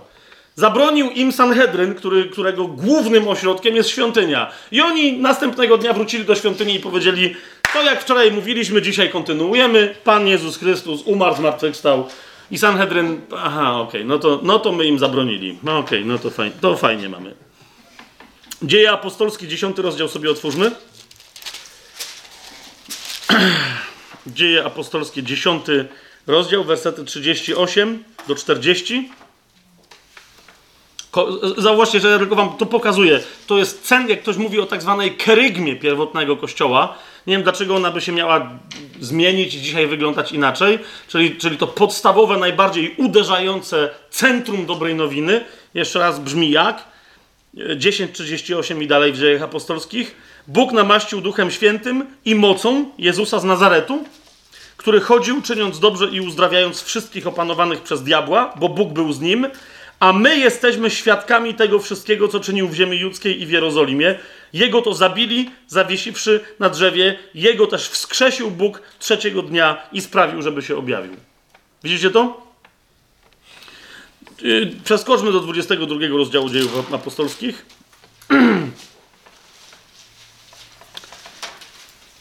To już, y, to już Paweł mówi osobiście o swoim, o swoim nawróceniu. Po pierwsze, mówi, że kiedy przyszedł do niego, yy, przyszedł do niego Ananiasz, to jest 14 15 i 15 werset 22 rozdziału, powiedział: Bóg naszych ojców wybrał cię, żebyś poznał Jego wolę, oglądał sprawiedliwego i słuchał głosu z Jego ust. Będziesz mu bowiem wobec wszystkich ludzi świadkiem tego, co widziałeś i słyszałeś. Swoją drogą, to jest coś, co Ananiasz powiedział Pawłowi, ale nie dlatego, jak sądzę, żeby to było jakieś bardzo wyjątkowe powołanie. Zauważcie, to jest powołanie każdego chrześcijanina. On mu powiedział, Pawle, Szawle, wtedy jeszcze zostałeś wybrany, żeby być chrześcijaninem. Zostałeś zaproszony, żeby podążać tą drogą, którą do tej pory prześladowałeś. Jeszcze raz, pytanie moje brzmi, czy takie jest Twoje doświadczenie. Bóg naszych ojców, teraz mówię do Ciebie, siostro i bracie, Bóg naszych ojców wybrał Cię, żebyś poznał Jego wolę, żebyś poznała Jego wolę, oglądał sprawiedliwego, lub też oglądała sprawiedliwego, i słuchał głosu z jego ust. I słuchała głosu z jego ust. To jest, to jest, to jest powołanie każdej, każdego z nas. Będziesz mu bowiem wobec wszystkich ludzi, dodam, których Bóg postawi na Twojej drodze, świadkiem tego, co widziały Twoje oczy i słyszały Twoje uszy. Po prostu. Albo też co widziało i słyszało Twoje serce. Hmm? Masz być świadkiem. Paweł później na, nazywa tym kluczowym słowem, to jest słowo klucz w dziejach apostolskich, martus albo martys z języka greckiego. A czasem y, y, parokrotnie ktoś mi zwrócił uwagę, że, że, że się posłużyłem angielskim y, zamiast greckim określeniem martyr, więc wybaczcie mi to. w zależności od tego, którą tam linię fonetyczną kto przestrzega, to jest Martus albo Martys. Jest taki jedna litera grecka, którą albo jako U, albo jako Y niektórzy czytają. Ale, ale tym określeniem świadek yy, na, nazywa Paweł, i to jest bardzo interesujące. On mówi, że stał się świadkiem. Coś się zaczęło w jego życiu po tym, jak się zetknął z innym świadkiem, który oryginalnie początkowo go rozwścieczył. I to był Szczepan, to jest 20 werset. On mówi, kiedy przelewano krew Szczepana, twojego świadka, bo on to mówi do Jezusa, tak? Mówi, panie, kiedy przelewano krew Szczepana, twojego świadka, ja też byłem przy tym i zgodziłem się na jego zabicie i pilnowałem szat tych, którzy go zabijali. Ale jeszcze raz, on wyraźnie mówi, że Szczepan rozlał krew i w ten sposób stał się w sposób ostateczny świadkiem Jezusa. Hmm? Stąd też, rozumiecie, w chrześcijaństwie to jest tak mocne określenie, że no właśnie na przykład w języku angielskim słowo martyr e, jest, jest przynależne dla ludzi, którzy wierząc w coś, e, tak bardzo w to wierzą, że przelewają za to krew. Nawet my w języku polskim mamy, wiecie, e, słowo martyrologium, czyli, czyli opis historii ludzi, którzy, nie wiem, oddali życie na przykład za ojczyznę, tak? Ono się odnosi dokładnie do tego wyrazu. Oryginalnie świadek to nie był ktoś, kto przelewał krew. To jest kolejna rzecz, to dopiero z chrześcijaństwem przeszło. Chrześcijanie byli świadkami Jezusa aż do śmierci. E, w dziejach apostolskich dalej, w 26 rozdziale, tylko, tylko takie bardzo e, istotne mm, e, momenty chcę Wam wskazać. Jeszcze, jeszcze raz. Paweł daje świadectwo i mówi, że jak Jezus się zaczął do niego mówić, to do niego powiedział, to jest 15 werset, ja jestem Jezus, którego ty prześladujesz. I teraz kolejna rzecz, ale podnieś się i stań na nogi, bo ukazałem się tobie, żeby ustanowić cię sługą i świadkiem zarówno tych rzeczy, które widziałeś, jak i innych, w których ci się objawię. Kolejna rzecz, tak? Kolejna rzecz. Świadek Jezusa jest też jego sługą. I, I, jeżeli masz do czynienia ze świadkiem, w którym nie widać charakteru sługi Jezusowego, to jest też wątpliwe jego świadectwo. To, rozumiecie, to po to przychodzi Duch Święty. To jest chrzest w Duchu Świętym. Po to, żeby z nas uczynić świadków. Y, y, pomijam teraz wszystkie, y, prawie całe pismo. Przeskakuję do Księgi Objawienia żeby tam jeszcze dwa, trzy wersety przywołać. Zobaczcie drugi rozdział, trzynasty werset. Do kościoła w, w Pergamonie Pan Jezus e, każe, wysyła następujący list, każe zapisać takie słowa. Znam Twoje uczynki i wiem, gdzie mieszkasz, tam, gdzie jest tron szatana, a trzymasz się mojego imienia i nie wyparłeś się mojej wiary, nawet w dniach, gdy Antypas, mój wierny świadek, został zabity u was, tam, gdzie mieszka szatan.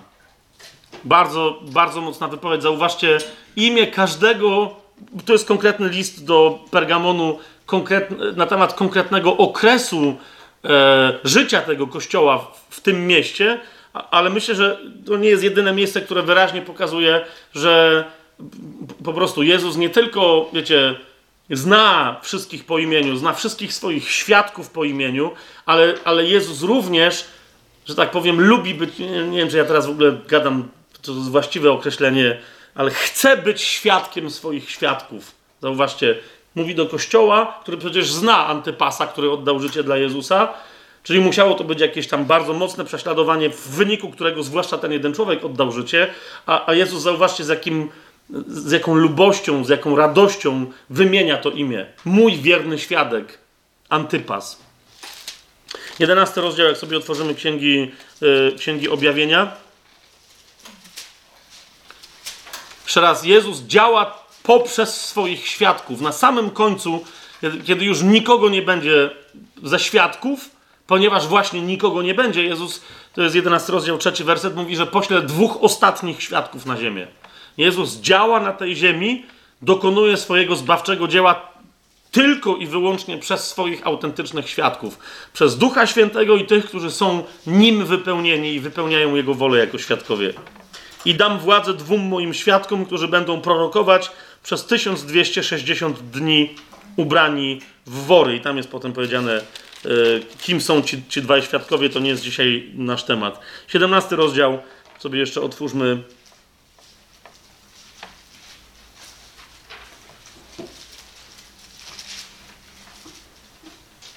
Wszyscy, którzy są zbawieni, którzy są w, w kościele, są nazwani przez Słowo Boże świętymi, nie dlatego, że są sami z siebie święci, ale dlatego, że są uświęceni i usprawiedliwieni e, zbawczym dziełem Chrystusa. Nie wszyscy natomiast są, e, e, są świadkami, zwłaszcza takimi, wiecie, wezwanymi, żeby dać świadectwo, złożywszy swoje życie. E, a, ale wszyscy oni, i święci, ci męczennicy, wszyscy e, są celem. I dlatego to, to, to, że, to, że Piotra z Janem, wiecie, tam pobili, to wszyscy święci są celem i, i, i diabła. Tak? W 17 rozdziale, w 6 wersecie jest powiedziane o, e, o Wielkim Babilonie, matce nierządlic i obrzydliwości tej ziemi. Jest powiedziane, zobaczyłem kobietę pijaną krwią świętych i krwią, tu mamy tłumaczenie, krwią męczenników Jezusa, ale w oryginale po grecku jest powiedziane krwią świadków Jezusa. Jeszcze raz zobaczcie, to kobietę pijaną krwią świętych i krwią świadków Jezusa. A gdy ją zobaczyłem, zdumiałem się bardzo. No, bo to jest wyjątkowy widok, którego by się nikt nie spodziewał. Gdzie zobaczysz brzuch pełen krwi świętych i, i krwi, mm, krwi świadków Jezusa? Okej. Okay. E, jeszcze tylko dwa cytaty a propos tego, ale, ale to niezwykle istotne. List, w liście do Rzymian Y, Paweł mówi następującą rzecz, to jest pierwszy rozdział.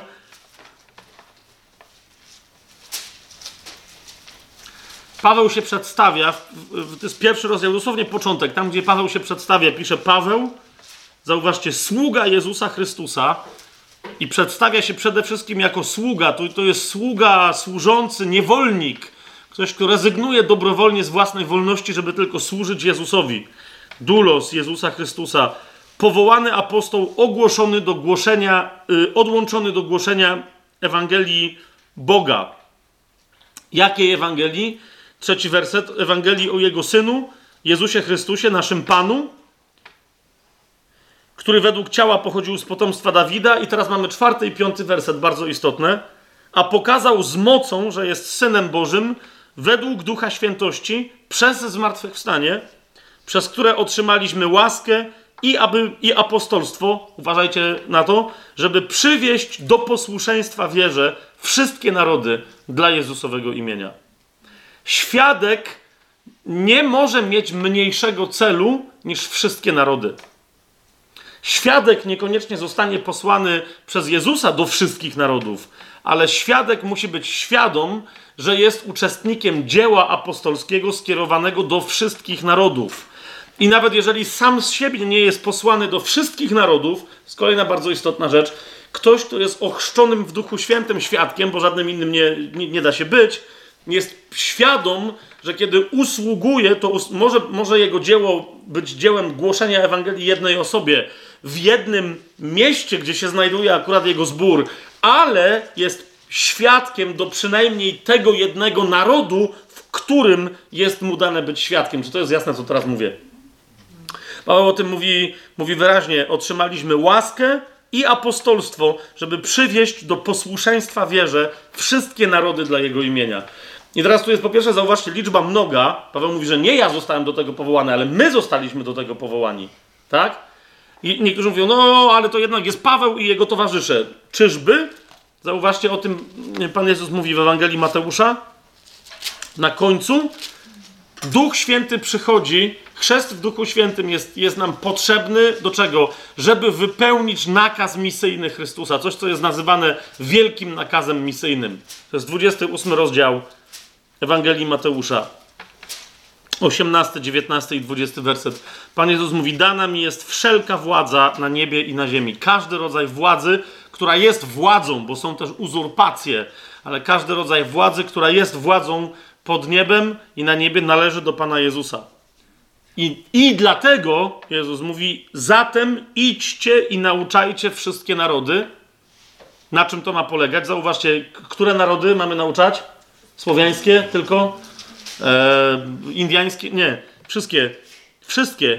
Idźcie i nauczajcie wszystkie narody na dwa sposoby działając, które się uzupełniają. Chrzcząc je, zauważcie, tu chodzi o narody, chrzcząc je w imię Ojca i Syna i Ducha Świętego oraz, 20 werset, ucząc je przestrzegać wszystkiego, co wam przykazałem. A oto ja jestem z wami przez wszystkie dni, aż do końca tego świata czy tej epoki. Amen.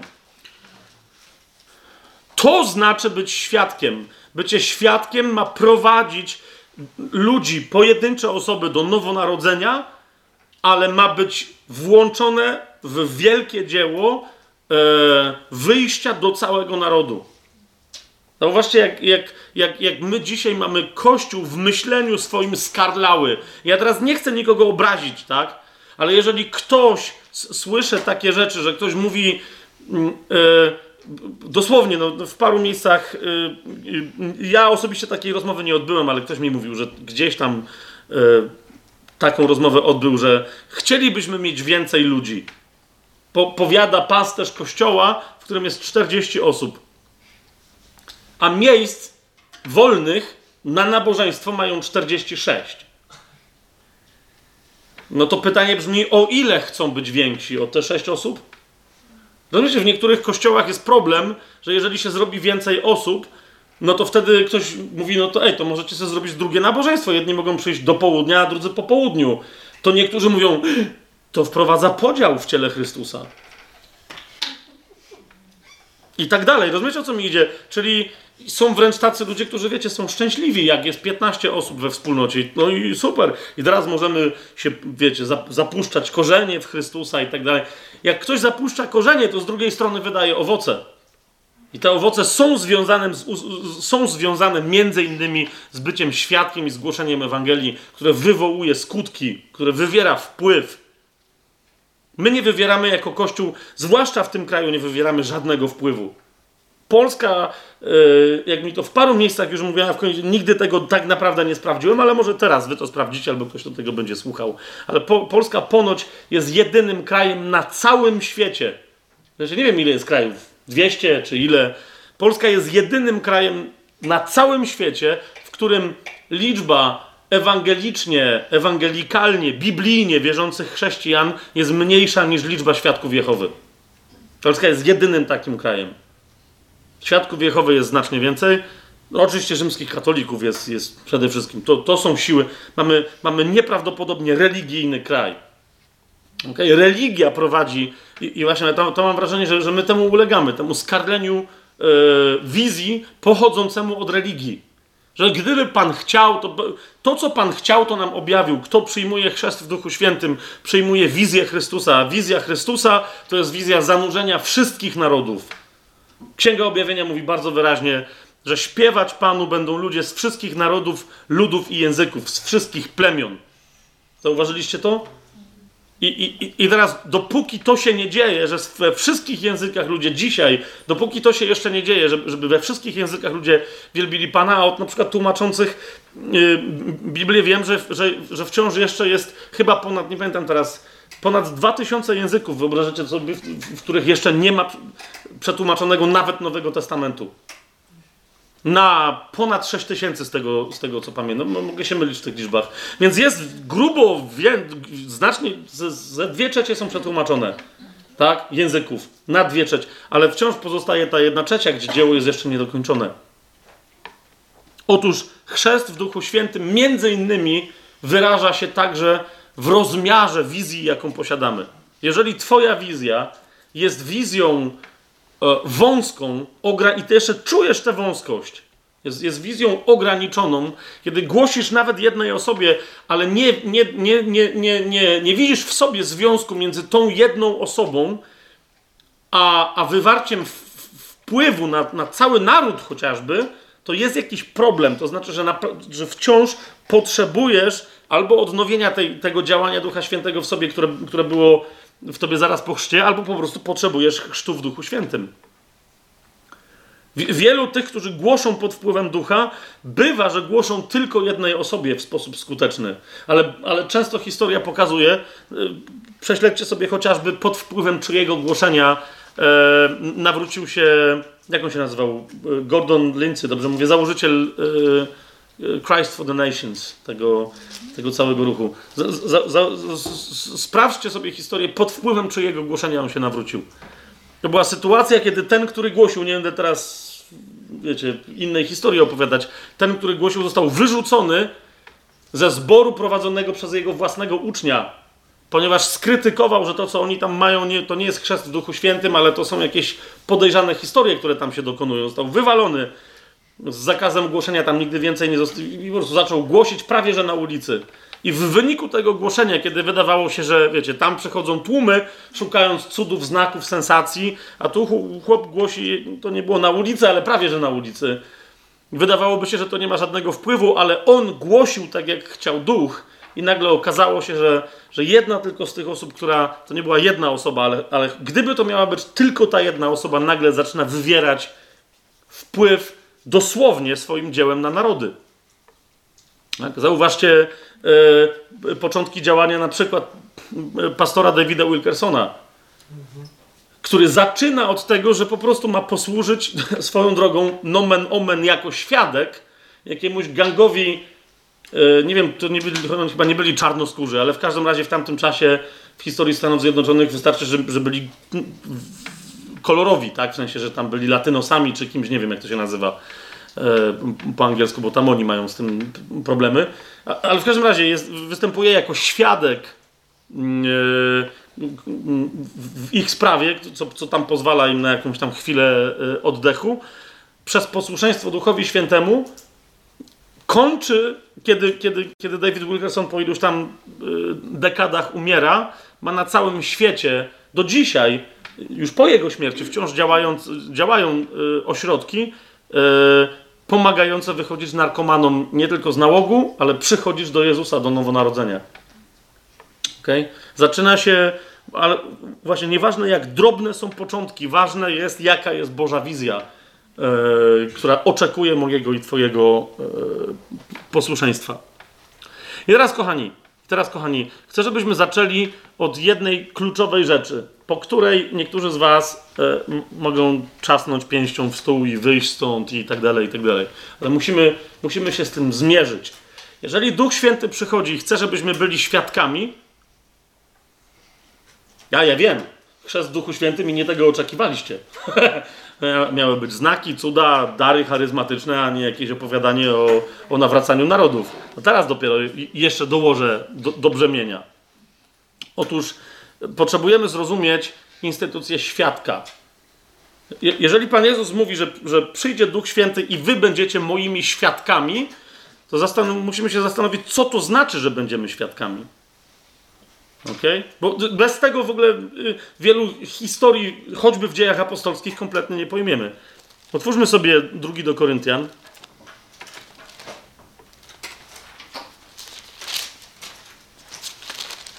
To tylko y, czytając pismo zauważycie wiele takich fragmentów.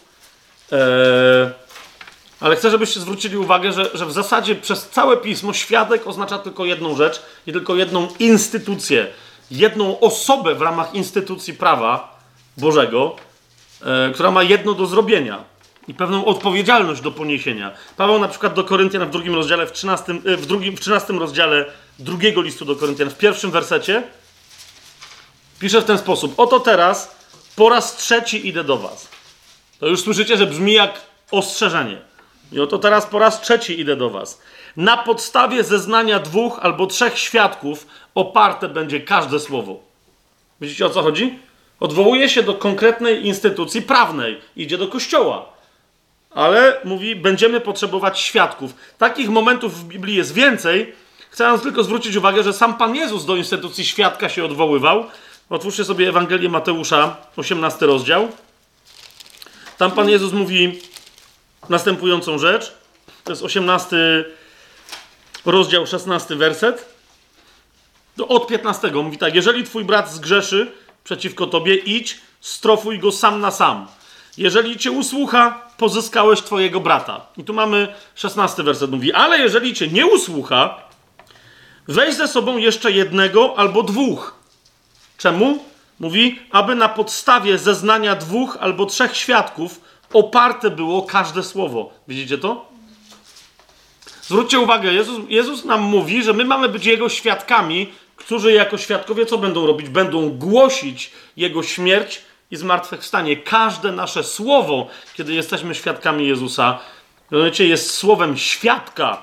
Jezus mówi, na podstawie zeznania dwóch albo trzech świadków oparte będzie każde słowo. Otwórzmy sobie teraz Księgę Powtórzonego Prawa i przyjmijmy Boże oświecenie. W Księdze Powtórzonego Prawa, czyli to jest piąta Mojżeszowa, w 17 wersecie znajduje, znajd to, nie, to nie są jedyne miejsca. Możecie sobie prześledzić kwestię, kim jest świadek. Mamy tu dzisiaj prawników między innymi na sali, to może być interesujące zagadnienie. 17 rozdział yy, piątej Mojżeszowej, Księgi Powtórzonego Prawa, czyli pewnej, jak to się nazywa, kodyfikacja? Co? No, nazwijmy to, ok. 17 rozdział, wersety 6-7, zobaczcie. Ponieważ tamte i Paweł, Pan Jezus odwołują się do czego? Między innymi do tego fragmentu. Tu jest powiedziane, że e, co się stanie, jeżeli ktoś w Izraelu zgrzeszy przeciwko Bogu. Tak? To jest 17 rozdział. Na przykład, zobaczcie trzeci werset, idąc, e, będą służyć innym bogom i oddawać pokłon im albo słońcu, księżycowi itd., tak itd. Tak kiedy na przykład, kiedy ludzie będą uprawiać e, w oczach Bożych obrzydlistwo, bałwochwalstwa. Co się wtedy ma wydarzyć? 17 rozdział 6 i 7 werset mówi tak. Na podstawie zeznania dwóch lub trzech świadków ma być zabity, skazany na śmierć. Jeżeli to będzie takie przestępstwo i są świadkowie na to, nie, nie może być tak, że ktoś jeden coś powie. Nie wolno skazać go na śmierć na podstawie zeznania jednego świadka. Ok? Ale teraz uważajcie, co się dzieje. Już nie, niektórym z Was niech się uruchomią te zwoje, które połączą pewne fakty. Chrzest w Duchu Świętym może nastąpić przez to, że Kościół się modli, Duch Święty na nich wstępuje od Pana Jezusa, ale w innych sytuacjach, jak to widzieliśmy w dziejach apostolskich, dokonuje się przez co? Przez modlitwę z nałożeniem rąk. Zobaczcie siódmy werset. A więc, kiedy się pojawią ci świadkowie i powiedzą, widzieliśmy, że ten człowiek zgrzeszył, on ma być zabity. Teraz patrzcie, siódmy werset. Ręka świadków będzie na nim, aby go zabić, a potem ręce całego ludu. Tak usuniesz zło spośród siebie. Przechodzą ludzie w tym wypadku, e, stare przymierze, nakładają ręce i, i to na, nałożenie rąk kończy się śmiercią oskarżonego. Czyli ci, którzy nakładają ręce, mówią: Zgadzamy się za świadkami, jest dwóch czy trzech, wierzymy ich świadectwu, wszystko wskazuje na to, że świadectwo jest, jest prawdziwe. Nakładają ręce i mówią: Wasz grzech na was, twój grzech na ciebie, idziesz na śmierć. Teraz sobie otwórzmy Księgę Powtórzonego Prawa, idźmy dalej. 19 rozdział. Bo tutaj prawo wraca do tego tematu, ale no jak będzie jeden świadek i rozważa inną kwestię, to jest 15 werset. I dalej.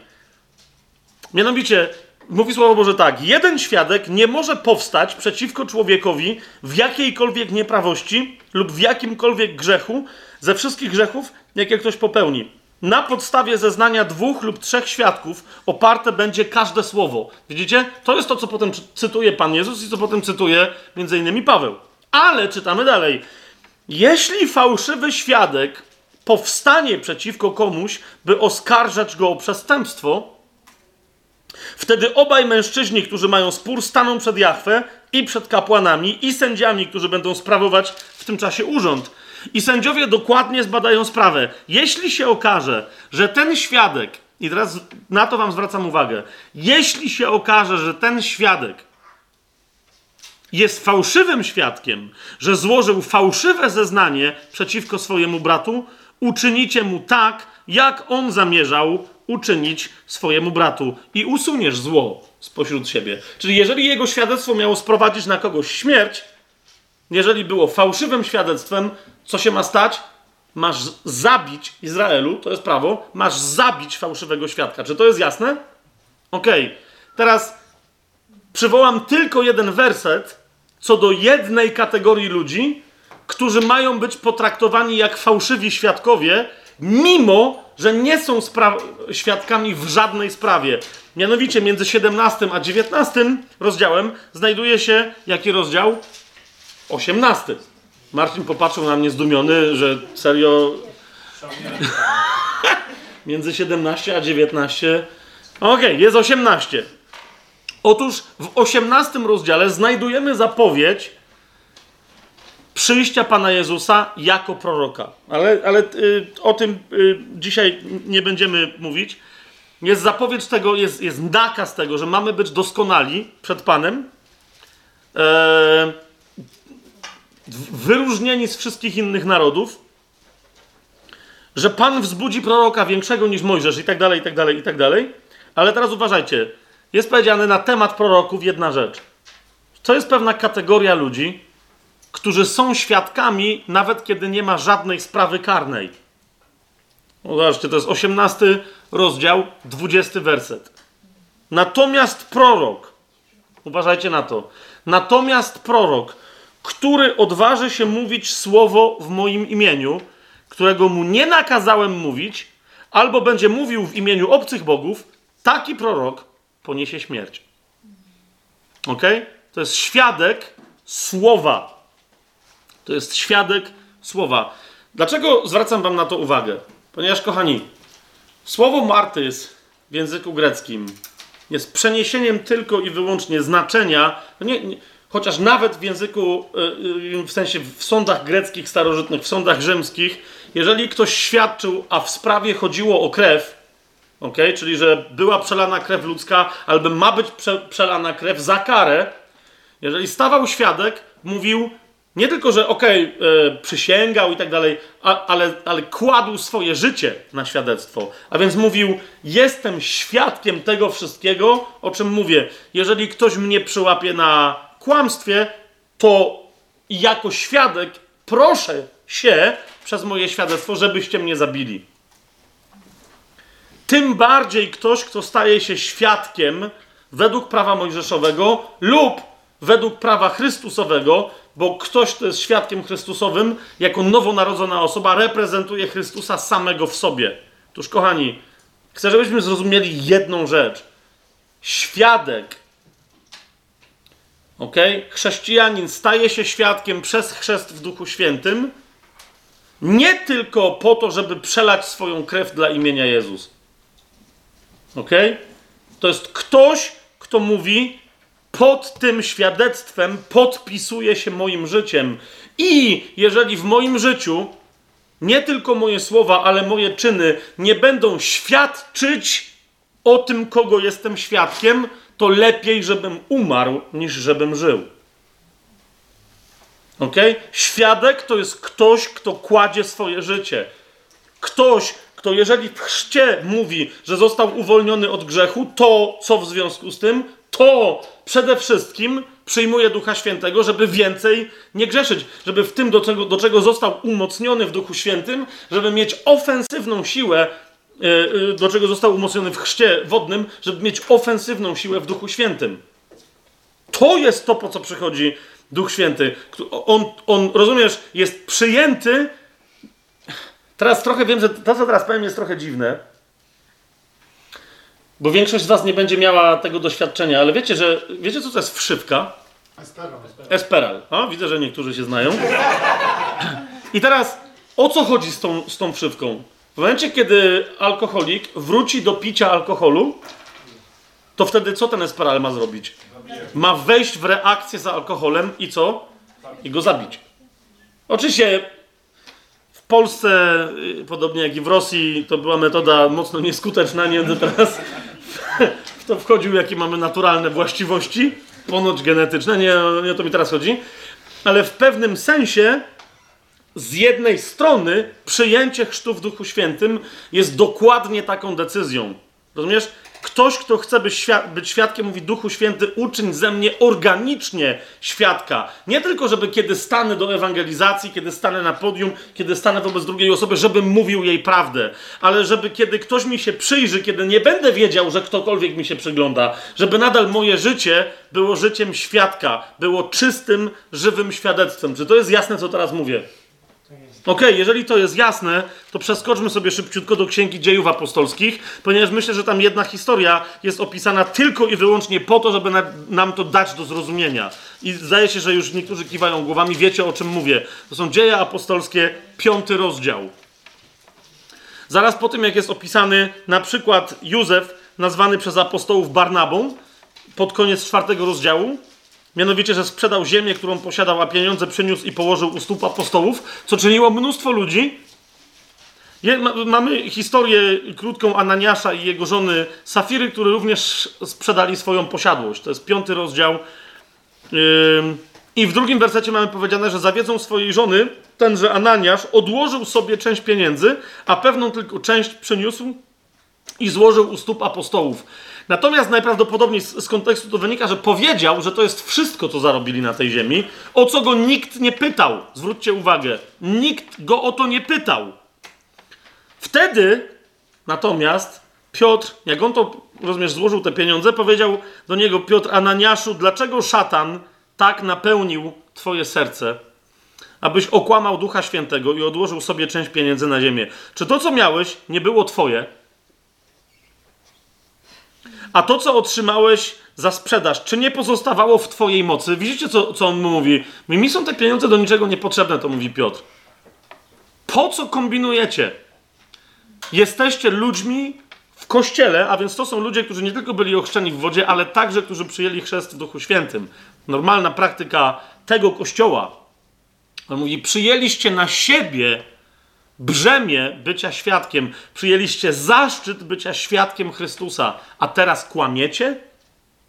Otóż widzisz, zanim przejdziemy do tych pozytywnych różnych aspektów mocy Ducha Świętego, myślę, że najważniejsza z nich, o jakiej musimy sobie powiedzieć, to jest też y, jej aspekt negatywny. Jeżeli przyjmujesz chrzest w Duchu Świętym, przyjmujesz taką odpowiedzialność. Ja myślę, że tym szybciej ujawni się w nas moc Ducha Świętego, im bardziej nasza postawa w sercu będzie Duchu Święty. Chcecie przyjąć teraz raz na zawsze i poddać się swojej mocy tak, żeby, żeby iść od tej pory tylko w posłuszeństwie Twojemu głosowi. A jeżeli by się miało coś sprzeciwiać Twojemu głosowi i miało wyrażać moje nieposłuszeństwo, to naprawdę prędzej mnie zabij, niż mi pozwól, żebym żył z takim grzechem na moim sumieniu które jest sumieniem obmytym z, z, z, z martwych uczynków i z konsekwencji martwych uczynków dopiero co.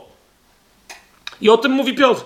Czy to, co miałeś, nie było twoje, a to, co otrzymałeś za sprzedaż, czy nie pozostawało w twojej mocy? Dlaczego dopuściłeś to do twojego serca? Nie okłamałeś ludzi, ale Boga. Zauważ, Piotr mu nie wyrzuca, że, że, że, że Ananiasz coś jemu zrobił albo Kościołowi. Mówi, nikogo z ludzi nie oszukałeś.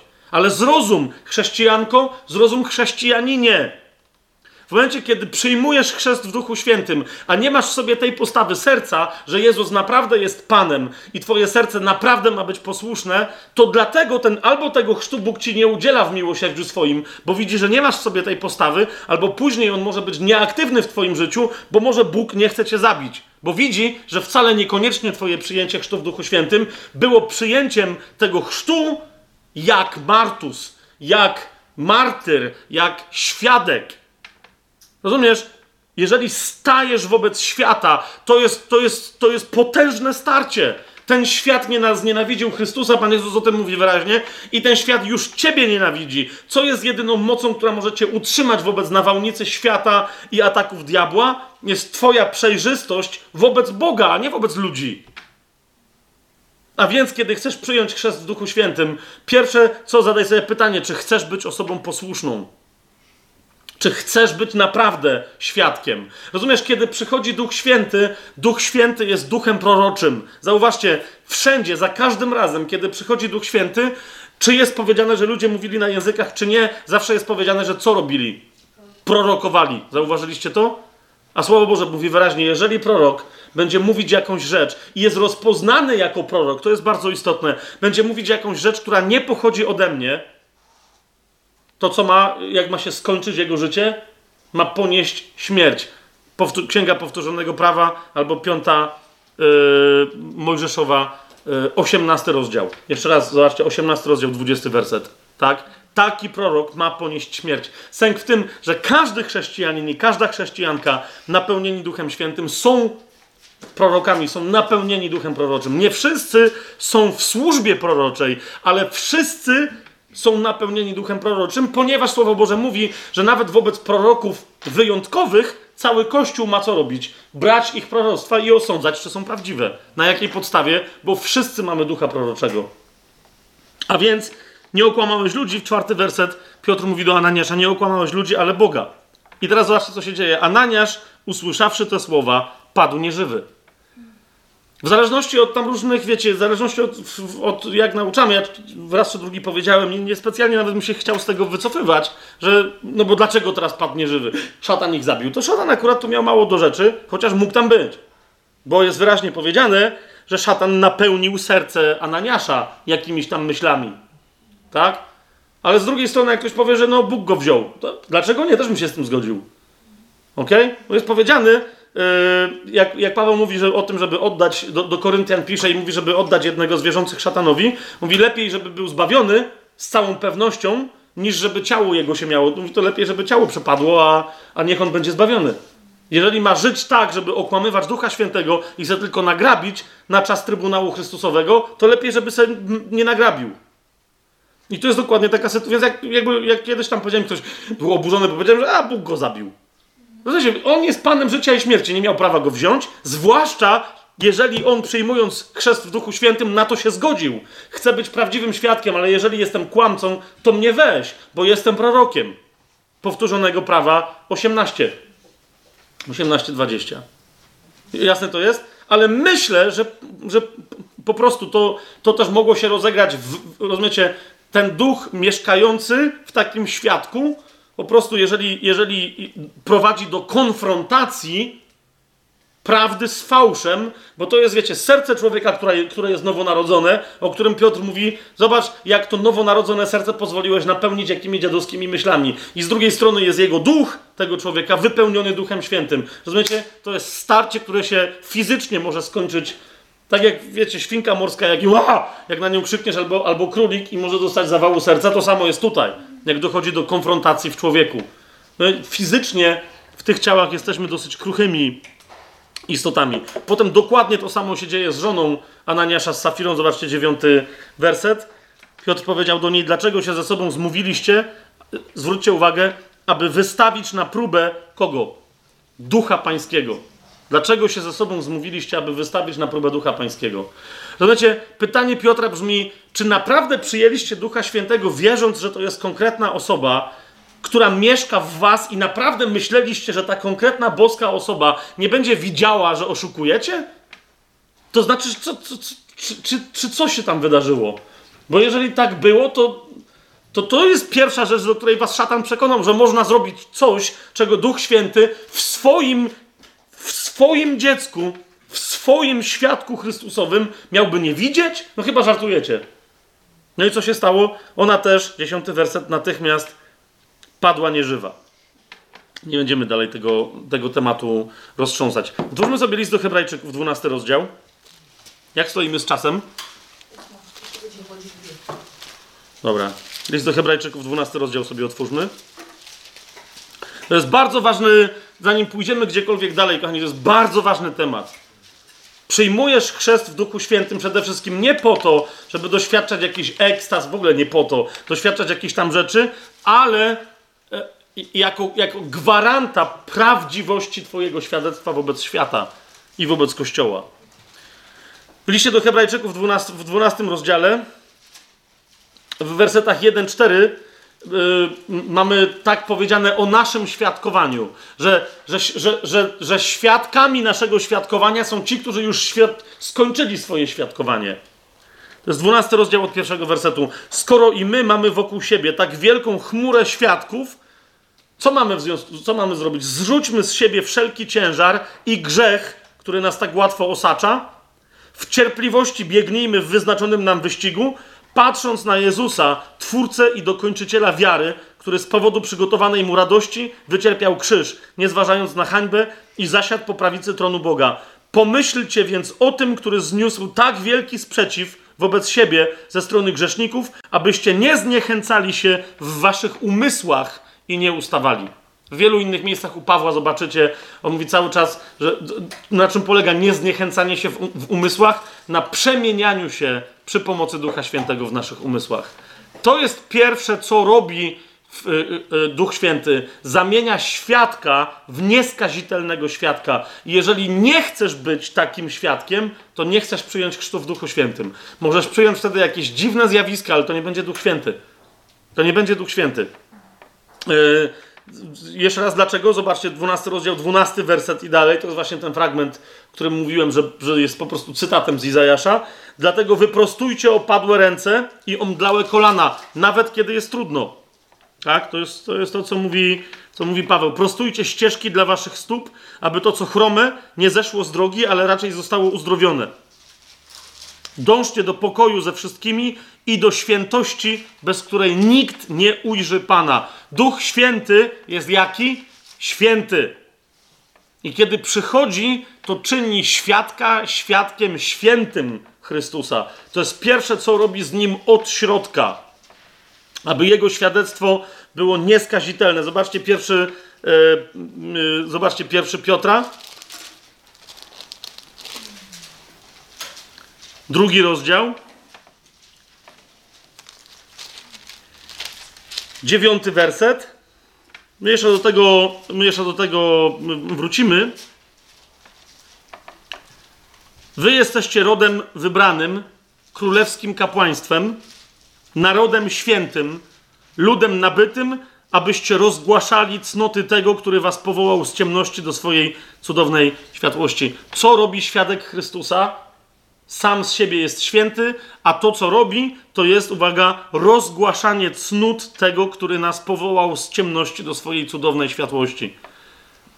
To rozgłaszanie cnót polega na czym? Na tym, żeby, jak w innym miejscu Paweł powie, żeby rozsiewać cudowną woń poznania Chrystusa, która niekoniecznie zawsze, wiecie, powiedzieć każdy coś może, może poczytać Pismo Święte, nauczyć się i powiedzieć dobre chrześcijańskie świadectwo. Chodzi o to, jak wygląda Twoje życie, któremu się przyglądają inni, bo jesteś świadkiem nie tylko, powiedziałbym, przede wszystkim nie wtedy, kiedy mówisz. Czy to jest jasne, co, co ja teraz, co, co, co ja teraz mówię?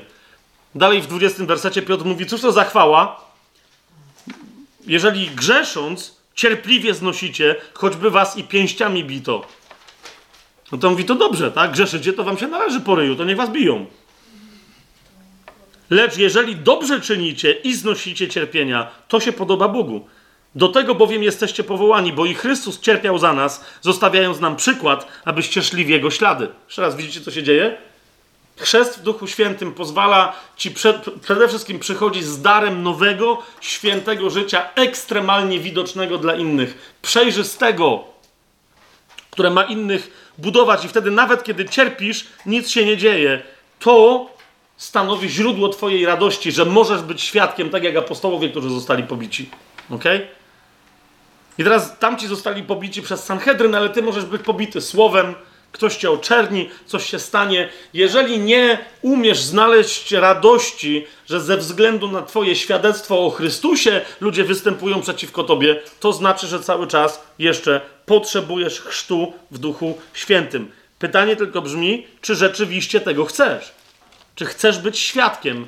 A więc, czy chcesz przyjąć dar Ducha Świętego tak, żeby on posłużył Jezusowi, czy też uważasz, że dar Ducha Świętego przychodzi, żeby tobie jakieś fajne rzeczy robić? Stwórzmy sobie dzieje apostolskie, czwarty rozdział.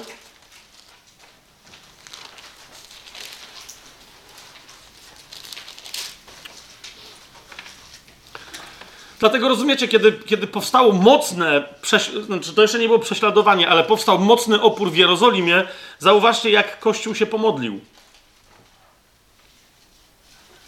Kościół się nie pomodlił, panie, zrób więcej znaków, żeby oni się przestraszyli i dali nam spokój.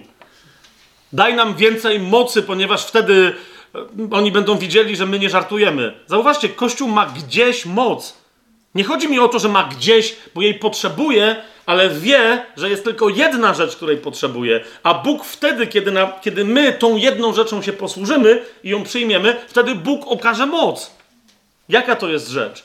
To jest odwaga, aby być w pełni świadkiem, kładąc swoje życie na szali. Zobaczcie, e, to jest czwarty rozdział, 29 werset. To jest modlitwa Kościoła. A teraz, Panie, spójrz na ich groźby I to jest jedyna prośba, jaką Kościół zanosi, po której bardzo szybko zostaje ochrzczony Duchem Świętym.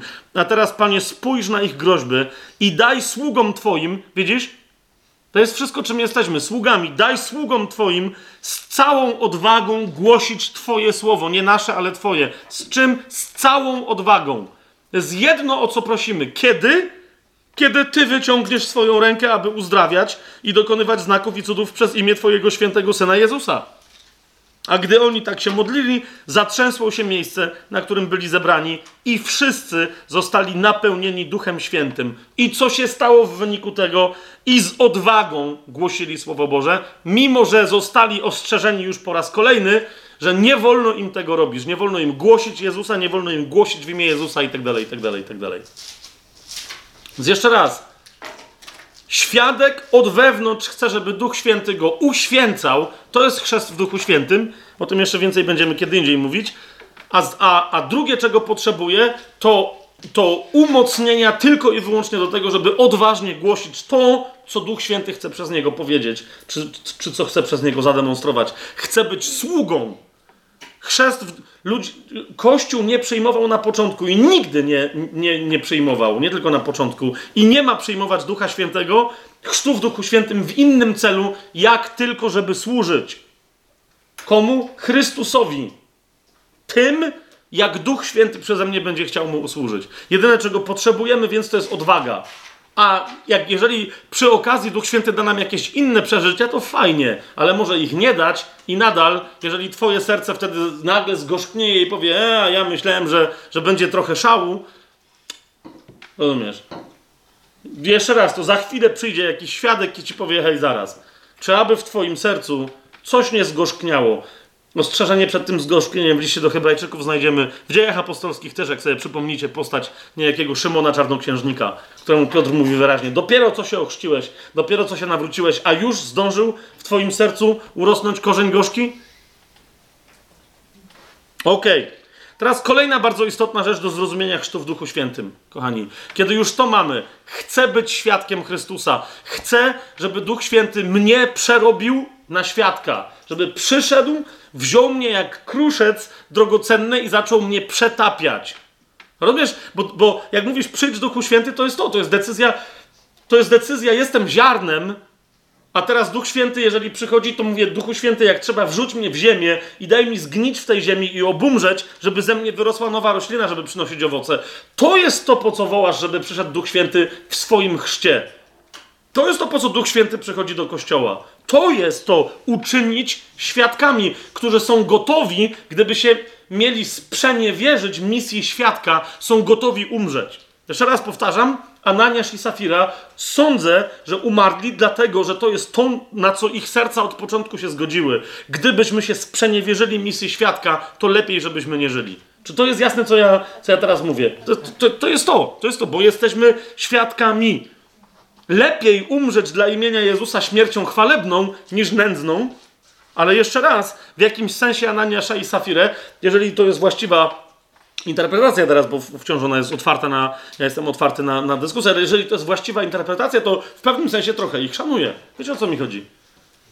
Czycie jakby dzisiaj w kościele, o to mi idzie, jakby dzisiaj w kościele powiedzieć, słuchajcie, zaraz się będziemy modlić, przyjdzie Duch Święty, będziemy mieli moc pięćdziesiątnica, tylko jest jeden warunek. Gdybyśmy my sobie tak postawili, że wiecie, jak od tej pory ktoś z nas zacznie robić jakieś dzikie rzeczy, zacznie kłamać Ducha Świętego, zacznie po prostu oszukiwać, że niby coś, a ten, to po prostu zgódźmy się, że, że wtedy niech Duch Święty nas zabije.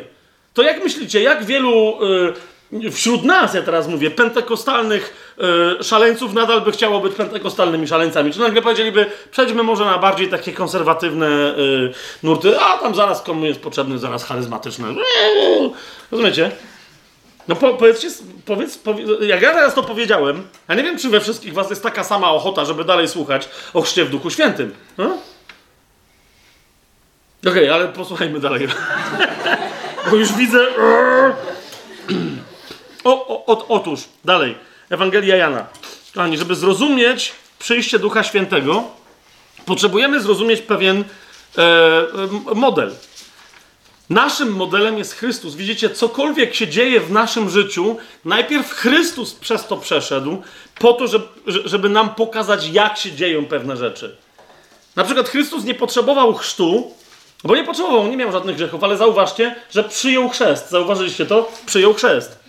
Po chrzcie wodnym wyszedł z tej wody, tam nie wyznawał żadnych grzechów, bo nie miał. Ale jak wyszedł z wody, został co następnie? Ochrzczony Duchem Świętym. Pamiętacie, to w tym kontekście Jan Chrzciciel, zresztą u Jana to widać, mówi ten, na którego, że to mu Bóg objawił, ten, na którego najpierw wstąpi Duch Święty, ten później będzie też w ten sposób chrzcić Duchem Świętym. To się tyczy różnych rzeczy. Zauważcie, jak na przykład jest powiedziane w liście do Hebrajczyków ostatnio, yy, nie wiem, to byli w, w Gorzowie. I tam o, o, tym mówiłem, tam niektórzy byli zaskoczeni. Że zauważcie, jak, jak list do Hebrajczyków mówi, że my możemy przechodzić do miejsca najświętszego przed majestat Ojca przez krew Chrystusa, to zauważcie, że najpierw tam Chrystus wszedł tą samą drogą przez swoją krew. Więc rozumiecie, ustanowił drogę, którą sam przeszedł przy pomocy swojej krwi, i teraz ta droga dla nas jest otwarta, ale najpierw on sam przeszedł, i list do Hebrajczyków w tej kwestii jest bardzo wyraźny. Nie będziemy teraz to rozważać, że on tam wszedł przez swoją krew i zasiadł po, po, po prawicy ojca. On ją tam wniósł, jest gwarantem otwarcia tej drogi, ale najpierw sam ją, że tak powiem, przetarł. Podobnie z Duchem Świętym. Zobaczcie Ewangelię Jana, pierwszy rozdział. Wersety 32-33. Jan Chrzciciel, widząc Jezusa, mówi, że to jest baranek Boży, oświadcza, widziałem ducha stępującego jak gołębica z nieba, który spoczął na nim. A ja go nie znałem, ale ten, który mnie posłał, żebym chrzcił wodą, powiedział do mnie: Na kogo ujrzysz ducha zstępującego i spoczywającego na nim, to jest ten, który chrzci duchem świętym. A więc rozumiesz, na niego zstępuje Duch Święty i on potem chrzci Duchem Świętym. To jest ten sam duch, czy to jest jasne? Na podstawie y, innych tekstów, na przykład zobaczcie y, Dzieje Apostolskie 10:38, zauważycie, że Jezus jest przedstawiany, ja nie chcę teraz innych tych tekstów rozważać, ale myślę, że to jest oczywiste dla nas, że Jezus jest przedstawiany jako pierwszy ochrzczony w Duchu Świętym. A więc jeżeli my mamy być ochrzczeni, to mamy wyglądać, że tak powiem, tak jak Jezus następnie, w wyniku tego samego chrztu Duchem Świętym. To jest dziesiąty rozdział y, Dziejów Apostolskich, 30 yy, ósmy werset, gdzie jest powiedziane: Bóg namaścił Duchem Świętym i mocą Jezusa z Nazaretu, który w związku z tym, po tym namaszczeniu, co robił? Chodził, dobrze czyniąc i uzdrawiając wszystkich opanowanych przez diabła, bo Bóg był z nim. Tak? To jest jeden z przykładów. Jest wyraźnie powiedziane, że Jezus był ochrzczony Duchem Świętym, tak jak i my następnie mamy być ochrzczeni przez wstawiennictwo Jezusa przez wstawiennictwo Jezusa dla nas. Teraz, dlaczego to jest istotne, kochani? Ponieważ jeżeli wiesz, że na ciebie stępuje Duch Święty, tak jak stąpił na Jezusa, stępuje ten sam Duch Święty, to możesz bardzo łatwo, szybko przejść do pewnych tekstów, na przykład ze Starego Przymierza, które mówią, z jakimi to owocami przyszedł Duch Święty na Pana Jezusa, z którymi chce też przyjść na nas. Otwórzmy sobie yy, Izajasza, 42 rozdział. Najpierw.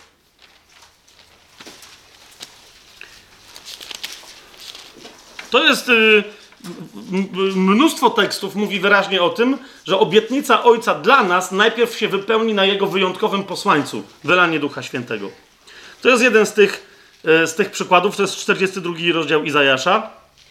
Oto mój sługa, którego wspieram od pierwszego wersetu. Oto mój sługa, którego wspieram, mój wybrany, którego sobie upodobała moja dusza. Dałem mu swojego ducha, a on przyniesie narodom sąd. Nie będzie wołał ani się wywyższał, nie będzie słychać jego głosu na ulicy, trzciny nadłamanej nie złamie, a knuta tlącego się nie zgasi. Wyda sąd według prawdy nie ustanie ani się nie zniechęci, dopóki nie utrwali sądu na ziemi, a jego prawa będą wyczekiwać najdalsze wyspy. Widzicie to? To jest Mesjasz posłany przez Ojca, jego syn, namaszczony Duchem Świętym, ochrzczony Duchem Świętym. Ale teraz, ale teraz, znacznie istotniejsze dla mnie proroctwo, znaczy dla mnie, dla nas, to jest Izajasz 11, 11 rozdział. I teraz uważaj, Wiem, że znasz ten tekst. Siostro, bracie, wiem. Ale teraz odnieś wobec tego, co powiedziałem, ten tekst do siebie samego i do siebie samej. Kiedy wołasz o Ducha Świętego, to On na ciebie stąpi jak gołębica, tak jak stąpił na Jezusa. Przyjdzie z taką mocą, z jaką przyszedł do Jezusa, żeby przez ciebie wykonać to dzieło, które najpierw wykonywał przez Jezusa. I teraz uważaj, co jest napisane. To jest jedenasty rozdział od drugiego wersetu. I spocznie na nim duch Jahwe. Duch mądrości i rozumu. Duch rady i mocy. Duch poznania i bojaźni Jahwe. I będzie czujny w bojaźni Jahwe. Nie będzie sądził według tego, co oczy widzą, ani karał według tego, co uszy słyszą. Ale w sprawiedliwości będzie sądził ubogich, a w prawości będzie rozstrzygał sprawy cichych na ziemi. Uderzy ziemię rózgą swoich ust, a tchnieniem swoich warg zabije niegodziwego. Sprawiedliwość będzie pasem jego bioder, a prawda pasem jego lędźwi. I tam dalej jest, widzicie, przejście w zasadzie już do, w tym proroctwie do tysiącletniego królestwa i do królestwa wiecznego, ale chcę y, jeszcze raz y, zwrócić wam uwagę na przyjście Ducha Świętego, bo cała reszta to już jest proroctwo dla Pana Jezusa. Ale proroctwo o Duchu Świętym dla ciebie i dla mnie jest proroctwem o duchu mądrości i rozumu, duchu rady i mocy, duchu poznania i bojaźni Jahwe. I to takiej bojaźni, że ten, kto będzie się bał Pana, będzie czujny w tej bojaźni Jahwe. Widzicie to? Widzicie to? Widzicie, ale nie wiecie o czym mówię, nie? Ok, otwórzmy. Je jeszcze raz. Spocznie na nim duch Jahwe. Duch mądrości i rozumu. Niektórzy szybko przeskakują duch poznania i tak dalej, przeskakują nad tym, że na przykład Piotr, kiedy spoczął na nim duch, głosi, rozumiecie, bardzo skomplikowane tezy biblijne, nie mając żadnego przygotowania rabinicznego. Od początku. Pierwsze jego kazanie w Dzień Pięćdziesiątnicy to jest odlot. Tak? Włącznie z nawiązaniami do tego, gdzie jest grób Dawida y, i tak dalej. Y, do dzisiaj Żydzi uważają, że że Dawid urodził się i umarł w święto pięćdziesiątnicy, tak? I Piotr to wplata umiejętnie w jego kazanie do, zasadniczo do Żydów w Dzień Pięćdziesiątnicy, którzy między innymi świętowali narodziny i Dzień Śmierci Dawida, tak? I on to wplata, ale robi to w sposób biblijny. Mówi o jego proroctwach, mówi o, no, o, o Joelu. Mówi, to sensacja, mówią, no i to jest to, co Duch Święty, co Duch Święty zrobi. Tak, to całkiem możliwe, że może Duch Święty dla ciebie zrobić. To jest coś, co Duch Święty zrobił dla Piotra, Okay? Jego poznanie, może nieuświadomione Słowa Bożego, połączył mu i dał mu mówić rzeczy, o których się nie spodziewał. Później jeszcze dzisiaj mam nadzieję, że nam starczy czasu na to, żeby też pokazać sobie, że to jest coś, czego my mamy prawo się spodziewać. Tak? Nie, nie tylko Piotr. Niemniej myślę, że mamy tu znacznie głębszą, bardziej, istotniejszą myśl niż to, że nam się będzie fajnie gadać i że czytając Pismo Święte potem będziemy mogli innym powoływać, mówiąc o Piśmie Świętym, powoływać się na właściwe, yy, na właściwe fragmenty. Okay? Otwórzmy sobie Dzieje Apostolskie, najpierw drugi yy, rozdział. Chcę wam jedną rzecz pokazać. Zacznijmy od tego, że Duch Święty, kiedy przychodzi w chrzcie Duchem Świętym, jest duchem, który dokładnie w tym momencie przychodzi.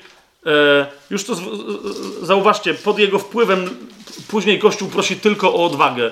To jest duch odwagi, która jest powiązana z niezwykłą mądrością, okay? z trzeźwością. Dzieje apostolskie, drugi rozdział.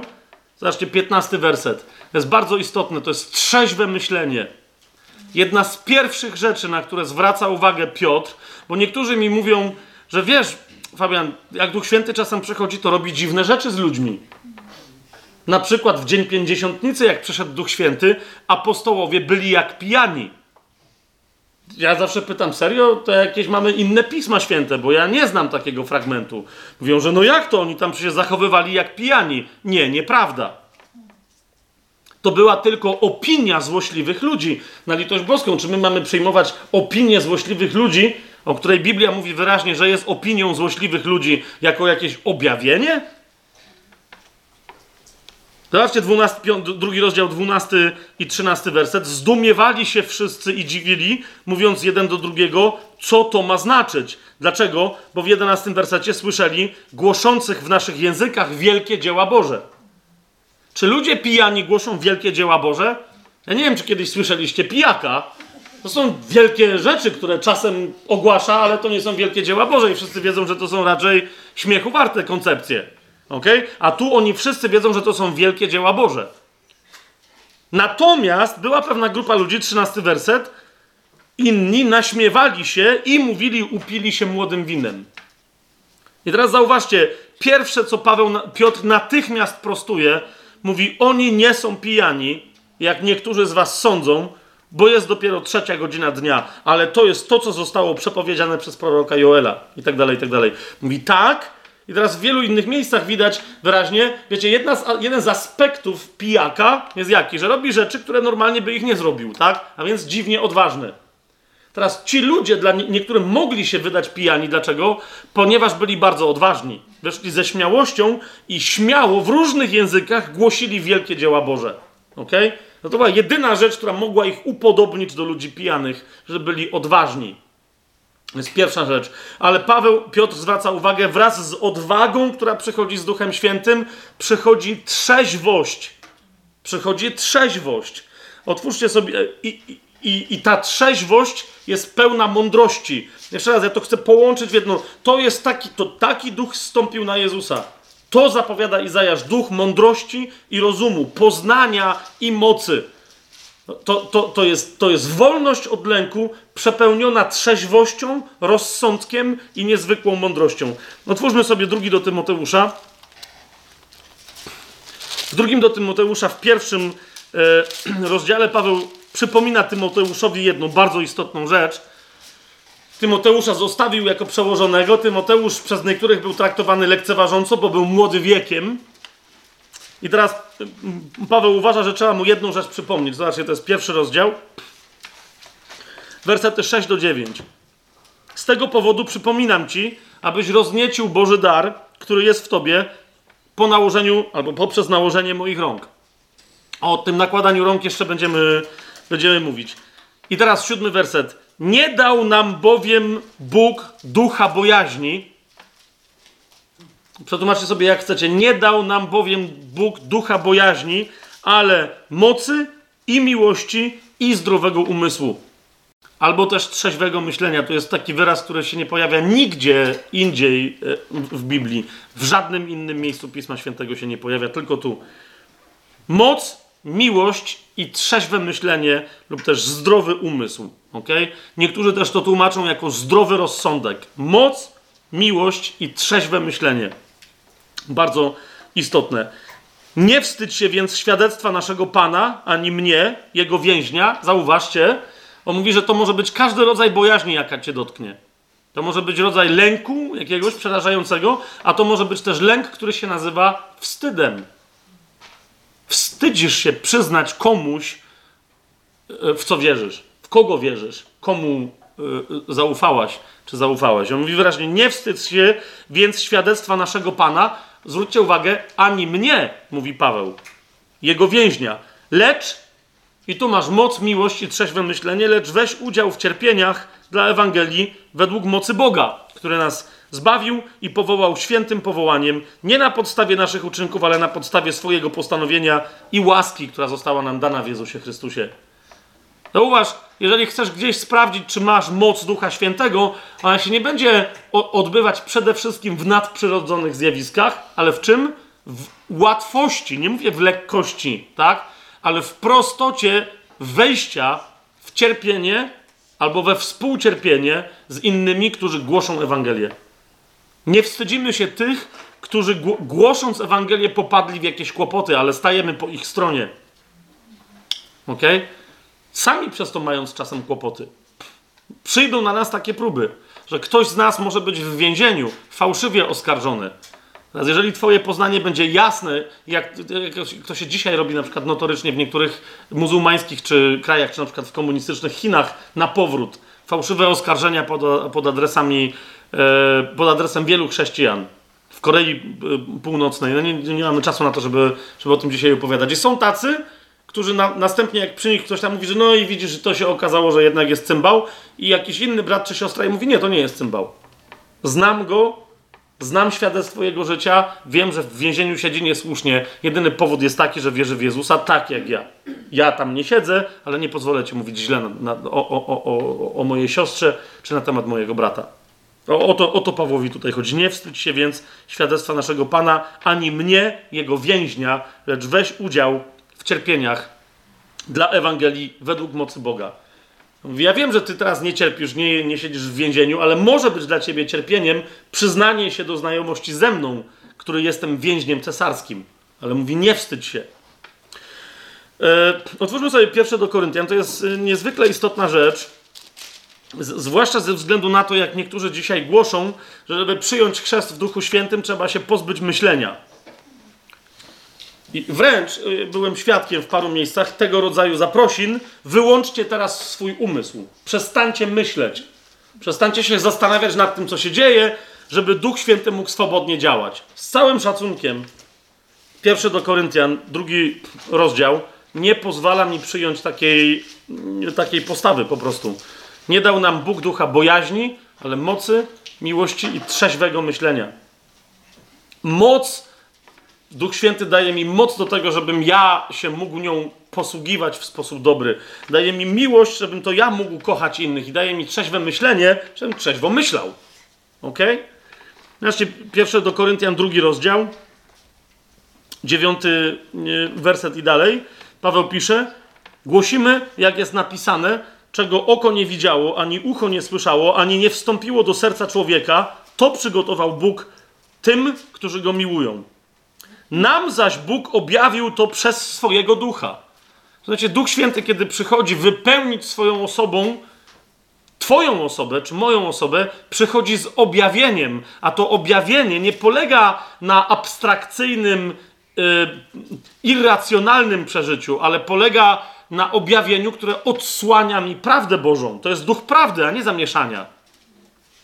Nam zaś Bóg objawił to przez swojego ducha. Duch bowiem bada wszystko, nawet głębokości Boga samego. I teraz Paweł kontynuuje tę myśl, mówi, żeby to było jasne. To, co Duch Święty zbadał, tym się dzieli z nami. Bo kto z ludzi wie, co jest w człowieku oprócz ducha ludzkiego, który w nim jest? Tak samo i tego, co jest w Bogu, nikt nie zna oprócz ducha Bożego. My zaś nie przyjęliśmy ducha świata, Zwróćcie uwagę na to. Nie dał nam Bóg ducha bojaźni. Nie dał nam Bóg również ducha świata, ale ducha, który jest z Boga. Po co? Zwróćcie uwagę na to, żebyśmy wiedzieli, które rzeczy są nam od Boga darowane. Z całym szacunkiem, wiedzenie jest związane z myśleniem. Niemyślenie jest związane ze zwiedzeniem, a nie z wiedzeniem.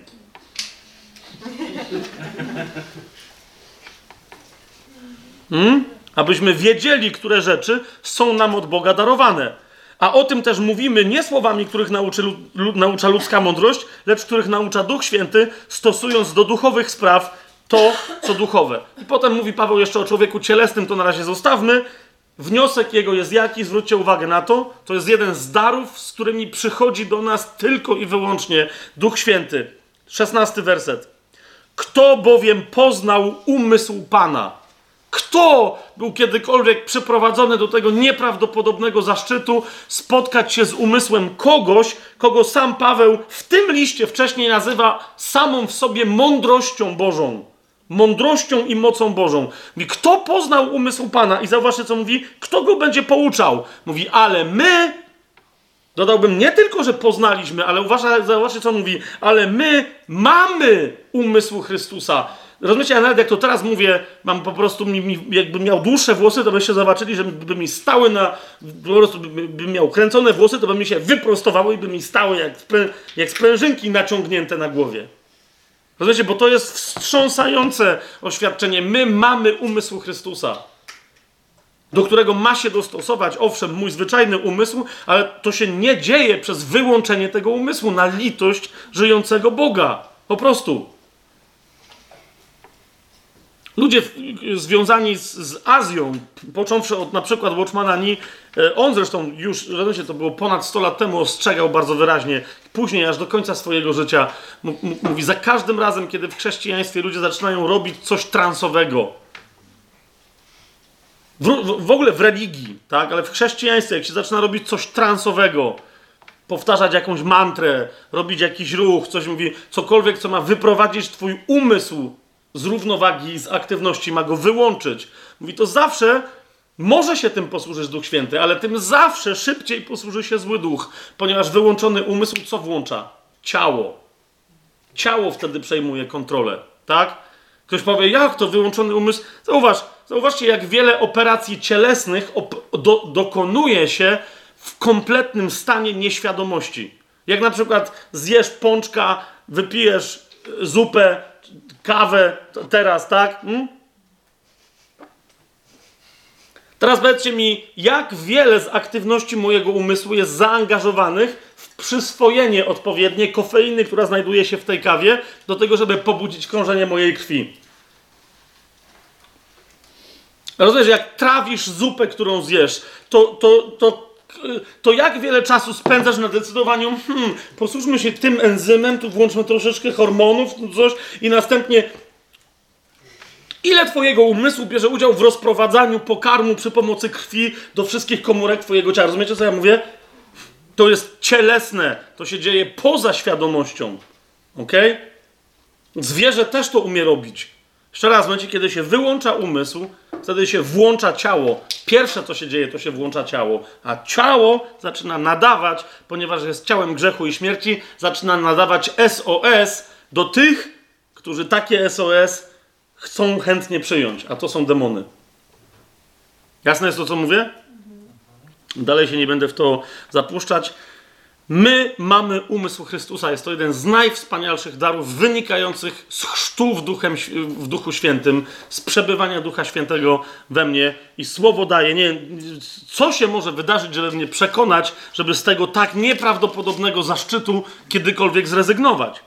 W liście do Rzymian w 12 rozdziale jak ja teraz mówię na litość żyjącego Boga, jest, jest parę takich momentów, kiedy Paweł tak woła, naprawdę, prawie że na kolanach, w liście do Rzymian w 12 rozdziale, w pierwszym i w drugim wersecie, Paweł właśnie krzyczy do Rzymian: Proszę więc was, bracia, przez miłosierdzie Boże, abyście składali wasze ciała jako ofiarę żywą, świętą, przyjemną Bogu. To jest wasza rozumna służba. Na czym polega służba? Nie na tym, żeby wyłączać umysł, wręcz przeciwnie, na na tym żeby wyłączyć ciało. Żeby ciało złożyć w ofierze. Jak ono się domaga jedzenia, to czasem mu powiedzieć dzisiaj post. Jak ono się domaga snu, żeby mu powiedzieć teraz jest czuwanie.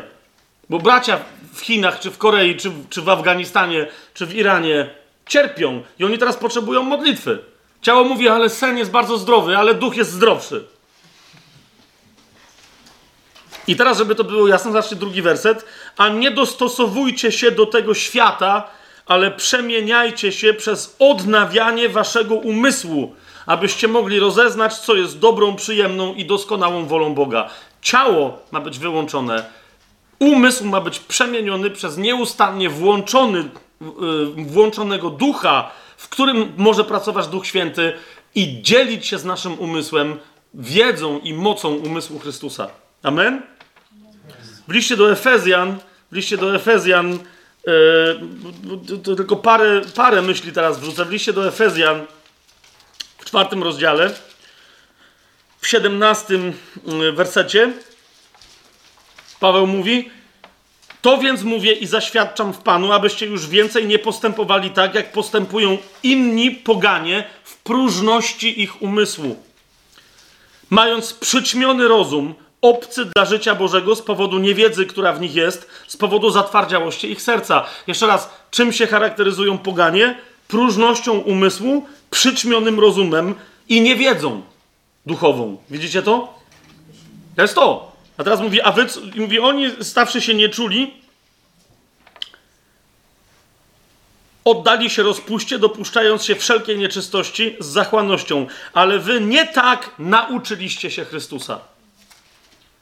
Jeśli tylko słyszeliście go i byliście pouczeni przez niego, zgodnie z prawdą, jaka jest w Jezusie, że co się tyczy poprzedniego postępowania, powinniście zrzucić z siebie starego człowieka, którego, który ulega zepsuciu przez zwodnicze żądze i, uwaga, odnowić się w duchu waszego umysłu. odnowić się w duchu waszego umysłu i przyoblec się w nowego człowieka, który jest stworzony według Boga w sprawiedliwości i w prawdziwej świętości. Jeszcze raz, nie ma niczego wspólnego przymulenie umysłu, rozproszenia, yy, poznania, nie mają niczego wspólnego z działaniem Ducha Świętego. W tym samym liście do Efezjan w piątym rozdziale yy, wprost Paweł mówi, dlatego nie, to jest 7, 5 rozdział, 17 werset i dalej Paweł mówi, dlatego nie bądźcie nierozumnymi, ale rozumiejcie, jaka jest wola Pana. Nie możesz przyjąć woli Pana przy pomocy jakichś irracjonalnych przeczuć. To jest jedna z rzeczy, która mnie zdumiewa dzisiaj w kościele. Ludzie, rozumiecie, na przykład, y, mając ducha proroczego, mając umysł Chrystusa w sobie, latają od proroka do proroka i pytają się, co mają robić. To, to już samo w sobie jest zwiedzione. I prawdziwi prorocy powinni zareagować. Ostatnio byliśmy w jakimś miejscu, ale akurat siostra była, rozumiecie, z jakiejś tam kultury pochodzącej chrześcijańskiej, z jakiej tam pochodziła, ale tu, tu obecni mm, Tymek z Weroniką usłużyli jej. Ona przyszła powiedziała, że jak to się w wielu miejscach zdarza, pomódlcie się za mnie, ale ja wam nie powiem o co, bo Duch Święty wam powie. No, no i jak ja często tak mówię, ci też tak powiedzieli, no to Duch Święty nam mówi, że jak nam nie powiesz, to się za ciebie nie pomodlimy. Rozumiesz? Dlaczego? Bo my jesteśmy chrześcijanami, a nie uprawiamy wróżb. Czasem tak jest, że Duch Święty ujawnia skryte tajemnice serca. Czy to jest jasne, co ja, co ja gadam teraz? Ale nie w tego typu sytuacji. I co się okazało? Dziewczyna więc wyłożyła, no bo sprawy wyglądają tak i tak. Ci zadali pytanie, ona odpowiedziała, ci zadali pytanie, ona odpowiedziała i co się okazało? Że ona w zasadzie wie, co ma robić. I pytanie nie brzmi, co ona ma robić, tylko czy ona chce to zrobić, co Duch Święty jej mówi, że ma zrobić, o czym ona wie. Rozumiecie o co idzie? Tyle tam nie. Kolejna wróżba? To by było, wiecie, o, Duch Święty nawet jakby prawdę powiedział, to co? Powiedziałby coś, o czym ona wiedziała, poleciałaby dalej, licząc na to, że może jakiś inny prorok jednak daje inną opcję. Wiecie, ci ludzie latający. Proroka potrzebujesz, żeby potwierdzić. Czasem rzeczywiście Pan posyła proroka, żeby cię przynaglić do czegoś, o czym ty wiesz w swoim sercu. Po prostu. A nie po to, żeby, żeby się. Do, no właśnie, coś, co ja już kiedyś nazwałem poczulizmem. Tak, jest, jest parę. To jest, to jest choroba, nie chcę powiedzieć umysłowa, ale. No bo to jest, to jest. Chodzi o to, że ktoś poczuł coś. Ja teraz. Ja poczułem, że jak ktoś ja nie poczułem. Ojej, no to poczuł. Jak ktoś poczuł w ogóle coś innego. I teraz się kłócą, co kto poczuł. Ale rozumiesz, ale co z tego ma sens? Co, co, z, tego ma, co, co z tego ma sens? Więc piąty rozdział 7, dlatego nie bądźcie nierozumnymi, to jest piąty rozdział Efezjan 17 i dalej, dlatego nie bądźcie nierozumnymi, ale rozumiejcie, jaka jest wola Pana. Zauważcie, nie upijajcie się winem, w którym jest rozwiązłość, ale bądźcie napełnieni duchem. Ja nie wiem, skąd niektórzy znaleźli koncepcję, że chodzi o to, żeby się nie upijać winem, ale żeby się upijać duchem. Że chodzi o to, że jak Duch Święty przychodzi, to właśnie my nie pijemy, dlatego że my mamy jazdę po Duchu Świętym. Z całym szacunkiem. Ten tekst mówi, że jest dokładnie odwrotnie. Nie bądźcie nietrzeźwi, ale bądźcie trzeźwi. To jest to, co ten tekst mówi. Nie bądźcie nietrzeźwi, jak się jest pod wpływem wina, ale bądźcie trzeźwi, jak się jest zawsze pod wpływem ducha. Bądźcie napełnieni duchem. Skąd wiemy, że tu chodzi o trzeźwość? Bo kiedy jesteście napełnieni duchem, nie robicie dziwacznych, pijackich rzeczy, ale rozmawiacie z sobą przez psalmy, hymny, pieśni duchowe, śpiewając i grając Panu w swoim sercu, dziękując zawsze za wszystko Bogu i Ojcu w imię naszego Pana Jezusa Chrystusa. Uwaga, będąc poddani sobie nawzajem w bojaźni Bożej. Oto, oto masz skutek chrztu w Duchu Świętym. Ostatnio było, odbyło się parę spotkań, pewnie jeszcze, jeszcze parę będzie, e, na, na, które byłem zaproszony, nie wiem jak długo będę zapraszany, na temat y, kobiet w kościele i tak dalej. E, I, tam y, nie wiem dlaczego niektórzy uważają, że ja jestem jakiegoś rodzaju feministą w kościele. I stąd niektóre siostry bywają zszokowane, jak im mówię, że najpierw musimy sobie przypomnieć, że żona ma być poddana mężowi. To jest nagle takie. Nie o tym, nie o tym miało być. Dlaczego? A, a, a zwróćcie uwagę, zanim jest, tutaj mamy piąty rozdział, 22 werset, żony bądźcie poddane swoim mężom. Zauważcie, wcześniej jest powiedziane, bo teraz mówię, ale dlaczego to jest takie dziwne? Tak jakby mężczyźni nie mieli być poddani. Mężowie też mają być w wielu aspektach poddani żonom. Nie będę teraz tego rozważał. Podobnie jak w innych miejscach Paweł mówi nawet do, rozumiecie, do kogoś, kto był niewolnikiem w tamtym czasie. Mówi, bądź poddany Panu. Jak Chrystus, temu nie Panu Jezusowi, tylko swojemu właścicielowi, jakby był Panem Jezusem. Jeżeli masz Ducha Świętego, to ci nie trzeba tego tłumaczyć. Rozumiesz? Tam nie ma jakiejś fałszywej, urażonej dumy. Zauważ, będąc poddani sobie nawzajem w bojaźni Boga. Ja mam być Tobie poddany, bo się boję Boga, a nie Ciebie. To jest to, jest proste. Duch Święty przychodzi, to jest duch mocy, pamiętacie, miłości, trzeźwego myślenia. Izajasz mówi, przy, yy, na niego duch mądrości i rozumu, w tym także bojaźni Bożej. I ona się czym wyraża? Właśnie tym, że wchodzisz w relacje z ludźmi bez lęku. Skoro się nie boisz, to się wtedy jednym z najpotężniejszych wyrazów tego, że się kogoś nie boisz, jest, że jesteś w stanie mu służyć bez urażonej dumy. A nie, że wyjdziesz i na kogoś krzykniesz, bo to często, przemoc jest, jest bardzo często wynikiem tego, że się ktoś boi. Tak? Tacy goście z nożami na ulicy po ciemku, Słuchajcie, jakby się nie bali, to by atakowali za dnia, a nie w nocy. Ale się boją różnych rzeczy, że ich policja złapie, że ktoś będzie przechodził i pomoże napadniętemu i sami dostaną po ryju i tak dalej. Dlatego mają. Dlatego bojący się mężczyźni gnębią swoje żony, stosują przemoc domową i tak dalej. To, to często wynika z lęku, z niepewności, z próby zamaskowania tego. Człowiek, który się nie boi, najczęściej demonstruje to właśnie brakiem potrzeby zaspokajania czegokolwiek w sobie, co by przypominało dumę czy jakąś dziwną ambicję. Otwórzmy sobie pierwszy Jana. To jest, to jest niezwykle istotna rzecz. Ta, na czym polega ta trzeźwość, jak ona jest połączona e, z odwagą, jak ona jest połączona z mądrością i z rozumem. W pierwszym Jana, w drugim e, rozdziale, właśnie w tym kontekście jest powiedziane, w 27 wersecie na, na temat chrztu w Duchu Świętym, ale to namaszczenie, które otrzymaliście od Niego, pozostaje w Was i nie potrzebujecie, aby Was ktoś uczył. Lecz jak to namaszczenie uczy Was o wszystkim, a jest ono prawdziwe i nie jest kłamstwem, i jak Was nauczyło, tak w nim pozostańcie. Albo też tak w nim pozostaniecie. Tym namaszczeniem jest obecność Ducha Świętego. To nie chodzi o to, że my nie potrzebujemy się uczyć, nie potrzebujemy nauczycieli w kościele i tak dalej, ale właśnie o to chodzi, że, że pierwszym nauczycielem jest Duch Święty we mnie, który przychodzi z tą mądrością, która jednocześnie daje mi spokój i poczucie pewności. Nie pewności siebie, ale pewności, która wynika z mocy Bożej.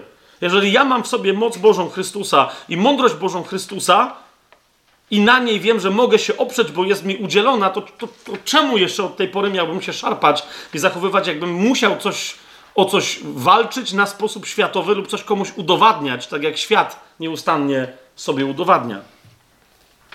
W Ewangelii Jana yy, w 14 rozdziale jest powiedziane właśnie na ten temat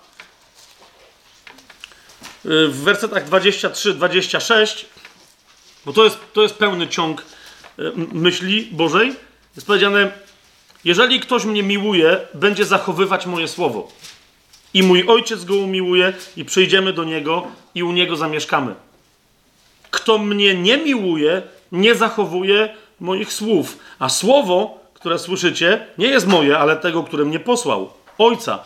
To wam powiedziałem, przebywając z wami ale pocieszyciel Duch Święty, zauważcie, że jest tutaj to słowo ale lub też lecz, które łączy to zdanie, które teraz dopiero przeczytam z poprzednimi przez Pana Jezusa wypowiedzianymi, ale pocieszyciel Duch Święty, którego Ojciec pośle w moim imieniu, on nauczy was wszystkiego i przypomni wam wszystko, co wam powiedziałem. To jest to, czego Duch Święty naucza w nas. Co jest, rozumiecie, jak on może nas nauczać, jeżeli my mielibyśmy wyłączyć umysł? On ma nas nauczać konkretnych postaw, których my następnie mamy nauczać jako świadkowie całe narody. Z całym szacunkiem, mm,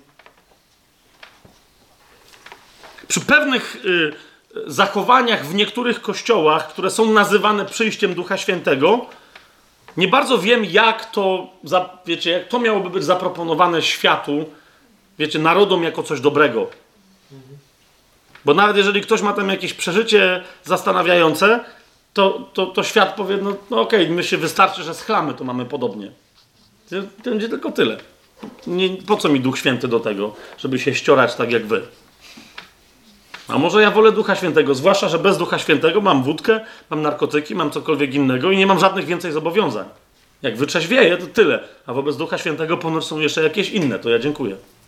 Duch Święty nie przychodzi z niczym takim. Duch Święty przychodzi nauczać nas, prowadząc do, do zamieszkiwania w nas Boga, a z tego zamieszkiwania ma wynikać miłość.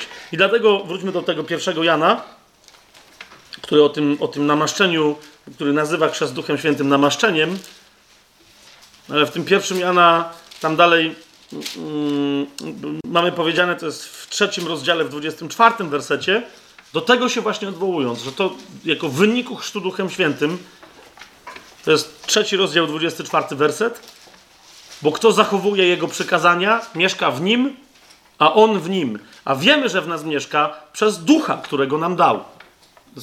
Po prostu.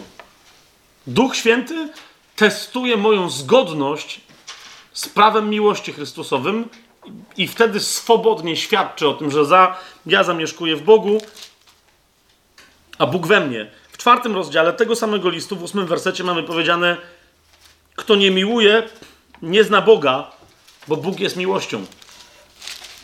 Po, po, prostu z taką wiedzą i z takim poznaniem przychodzi Duch Święty. Nie z odjazdami emocjonalnymi, ale z miłością. Miłością, która często musi się przeciwstawić ochocie ciała. Ciało chciałoby mieć wygodnie, a miłość mówi: ustąp lepsze miejsce bratu, a ty sobie siądź na twardym krześle. I tak dalej, i tak dalej.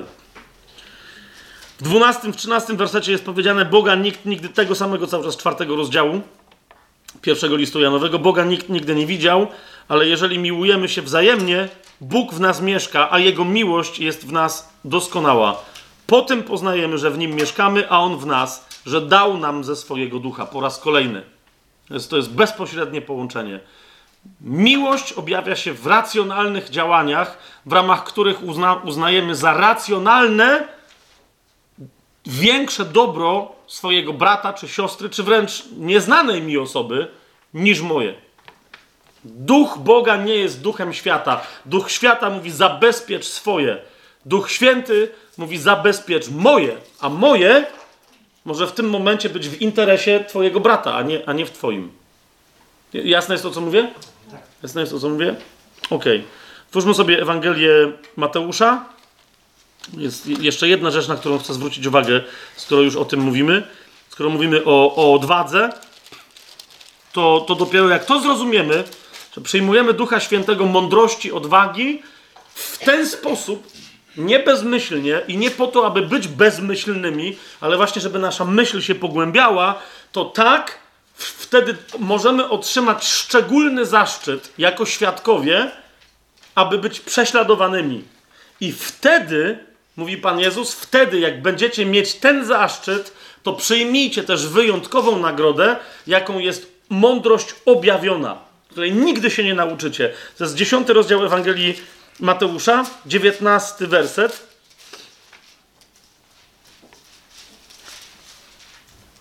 Ale gdy was wydadzą, nie martwcie się co, jak i co macie mówić. Będzie wam bowiem dane w tej godzinie, co macie mówić bo nie wy mówicie, ale duch waszego ojca mówi w was. Ok? Jeszcze raz, ale kiedy my się mamy prawo spodziewać tego rodzaju historii, zwłaszcza kiedy was wydadzą, nie martwcie się, jak i co macie mówić. Marek, 13 rozdział, Ewangelia Marka, 13 rozdziale, tak to nam przedstawia i tak to komentuje. To jest 13 rozdział, wersety 9 do 11. Marek, jak to Marek, mówi, jest akcja. I dlatego mówi, ponieważ akcja jest cały czas, to miejcie się na baczności. I dalej powiada tak, miejcie się na baczności, bo będą was wydawać sądom i biczować w synagogach. Staniecie przed namiestnikami i królami z mojego powodu na świadectwo przeciwko nim. A Ewangelia musi być najpierw głoszona wszystkim narodom. Widzicie to? Ewangelia musi być głoszona najpierw wszystkim narodom. To, to jest w kontekście końca czasów, bo u Mateusza to jest rozesłanie apostołów. Tu jest kontekst końca czasów. Mówi, Ewangelia musi być najpierw głoszona wszystkim narodom. I wtedy jedenasty werset. A gdy będą was prowadzić, żeby was wydać, nie martwcie się wcześniej, co macie mówić, ani o tym nie rozmyślajcie, ale mówcie to, co wam będzie dane w owej godzinie. Nie wy bowiem będziecie mówić, ale Duch Święty. I to samo mamy potwierdzone również u Łukasza w 12 rozdziale. A propos nauczania, to jest wyjątkowe nauczanie w momencie próby. Duch Święty, jak widzieliście, w różnych sytuacjach, na różne sposoby nas naucza. To jest wyjątkowe nauczanie dla świadka wiernego do tej pory, który otrzymał zaszczyt bycia prześladowanym dla imienia Jezusa. To jest 12 rozdział, 11-12 werset. A gdy będą was prowadzić do synagog, przełożonych i władz, nie martwcie się, jak i co macie odpowiedzieć na swoją obronę lub w ogóle co macie mówić. Duch Święty bowiem nauczy was w tej właśnie godzinie, co macie mówić. Czy to jest jasne? Ok, pierwsza bardzo istotna rzecz, charakterystyczna tylko i wyłącznie dla chrztu w Duchu Świętym. Ona nie wynika z chrztu wodnego, z pokuty itd., tak itd. Tak to jest szczególne powiązanie trzeźwego myślenia, mądrości i odwagi.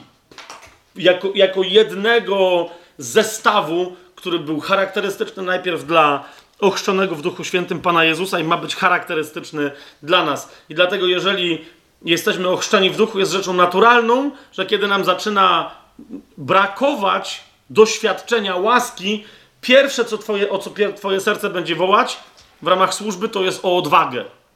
Ewentualnie o jeszcze, o jeszcze większą miłość, ale nie będzie wołać o cokolwiek dla siebie. Będzie wołać o to, co potrzebne w służbie Chrystusowi wobec innych ludzi. Amen? Przejdźmy do jeszcze dwóch rzeczy. Mianowicie kolejny ewidentnie efekt obecności ducha, chrztu w Duchu Świętym. Teraz, teraz uważajcie na to, co powiem. Nazwałem to sobie, to jest miłość służebna w darach. To jest miłość służebna w darach. W Ewangelii Jana w 15 rozdziale mamy taki fragment od siódmego wersetu, gdzie Pan Jezus mówi: Jeżeli będziecie trwać we mnie, i moje słowa będą trwać w was, proście o cokolwiek chcecie, a spełni się wam. Je, jeszcze raz, jeżeli będziecie trwać we mnie i moje słowa będą trwać w was, proście o cokolwiek chcecie, a spełni się wam. Jest bardzo interesujące, jak ludzie podchodzą do tego fragmentu i zostawiają tylko drugą część tego wersetu, podobnie jak w wielu innych miejscach. Proście o cokolwiek chcecie, a dostaniecie. I potem krzyczą, czemu nie dostajemy tego, co chcemy? Przecież Pan Jezus obiecał. Ale Pan Jezus powiedział: proście o cokolwiek chcecie, kiedy przejdziecie transformację, która będzie polegać na czym?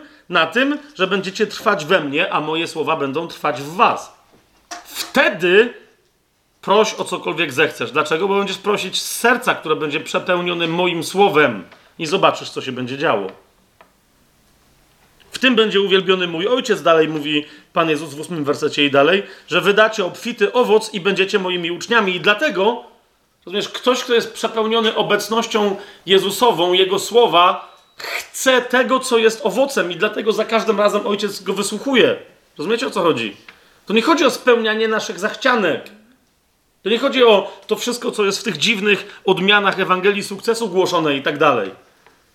Jasne, że czasem sługa Boży prosi o rzeczy, które się wyrażają w konkretnej, bardzo bogatej rzeczywistości materialnej nie będę teraz konkretnych ludzi przywoływał, bo, bo, nie mamy czasu na to, ale, ale bywa to, że czasem są ludzie zszokowani, jak naprawdę sługa Boży mówi w tym miejscu, dobra, teraz konkretnie myślę o Davidzie Wilkersonie znowu, mówi w tym miejscu powstanie wielki ośrodek, tu będą na tyle i tyle samochodów, tu będzie garaż, tu, tu, tutaj będzie 48 pokoi dla leczących się narkomanów i tak dalej, i tak dalej, i tak dalej. Kiedy? Za 3 lata. W miejscu kompletnej głuszy, w jakimś, wiecie, lesie, tak? Mówi, to będzie tutaj. Teraz rozumiesz, że jeżeli jest wolą Bożą, żeby powstał taki ośrodek i ta wola Boża jest złożona w sercu tego męża Bożego, to, to on prosi o to, co Bóg chce zrobić, co to ma do rzeczy. Nie wiem, czy rozumiecie, o co mi idzie, że to jest materialne coś tam, ale on prosi o wypełnienie woli Bożej. To nie jest, on nie będzie zarabiał na tym budynku, on będzie służył tym budynkom, nawet nie on, bo potem, przecież on potem tych, tych budynków nawet, yy, nawet nie miał. 16-17 werset. Nie wy mnie wybrali, tego cały czas 15 rozdziału Ewangeliana, nie wy mnie wybraliście, ale ja was wybrałem i przeznaczyłem, abyście wyszli i wydali owoc, i aby wasz owoc trwał, i aby ojciec dał wam to, o cokolwiek poprosicie go w moje imię. To wam tylko przykazuje, abyście się wzajemnie miłowali.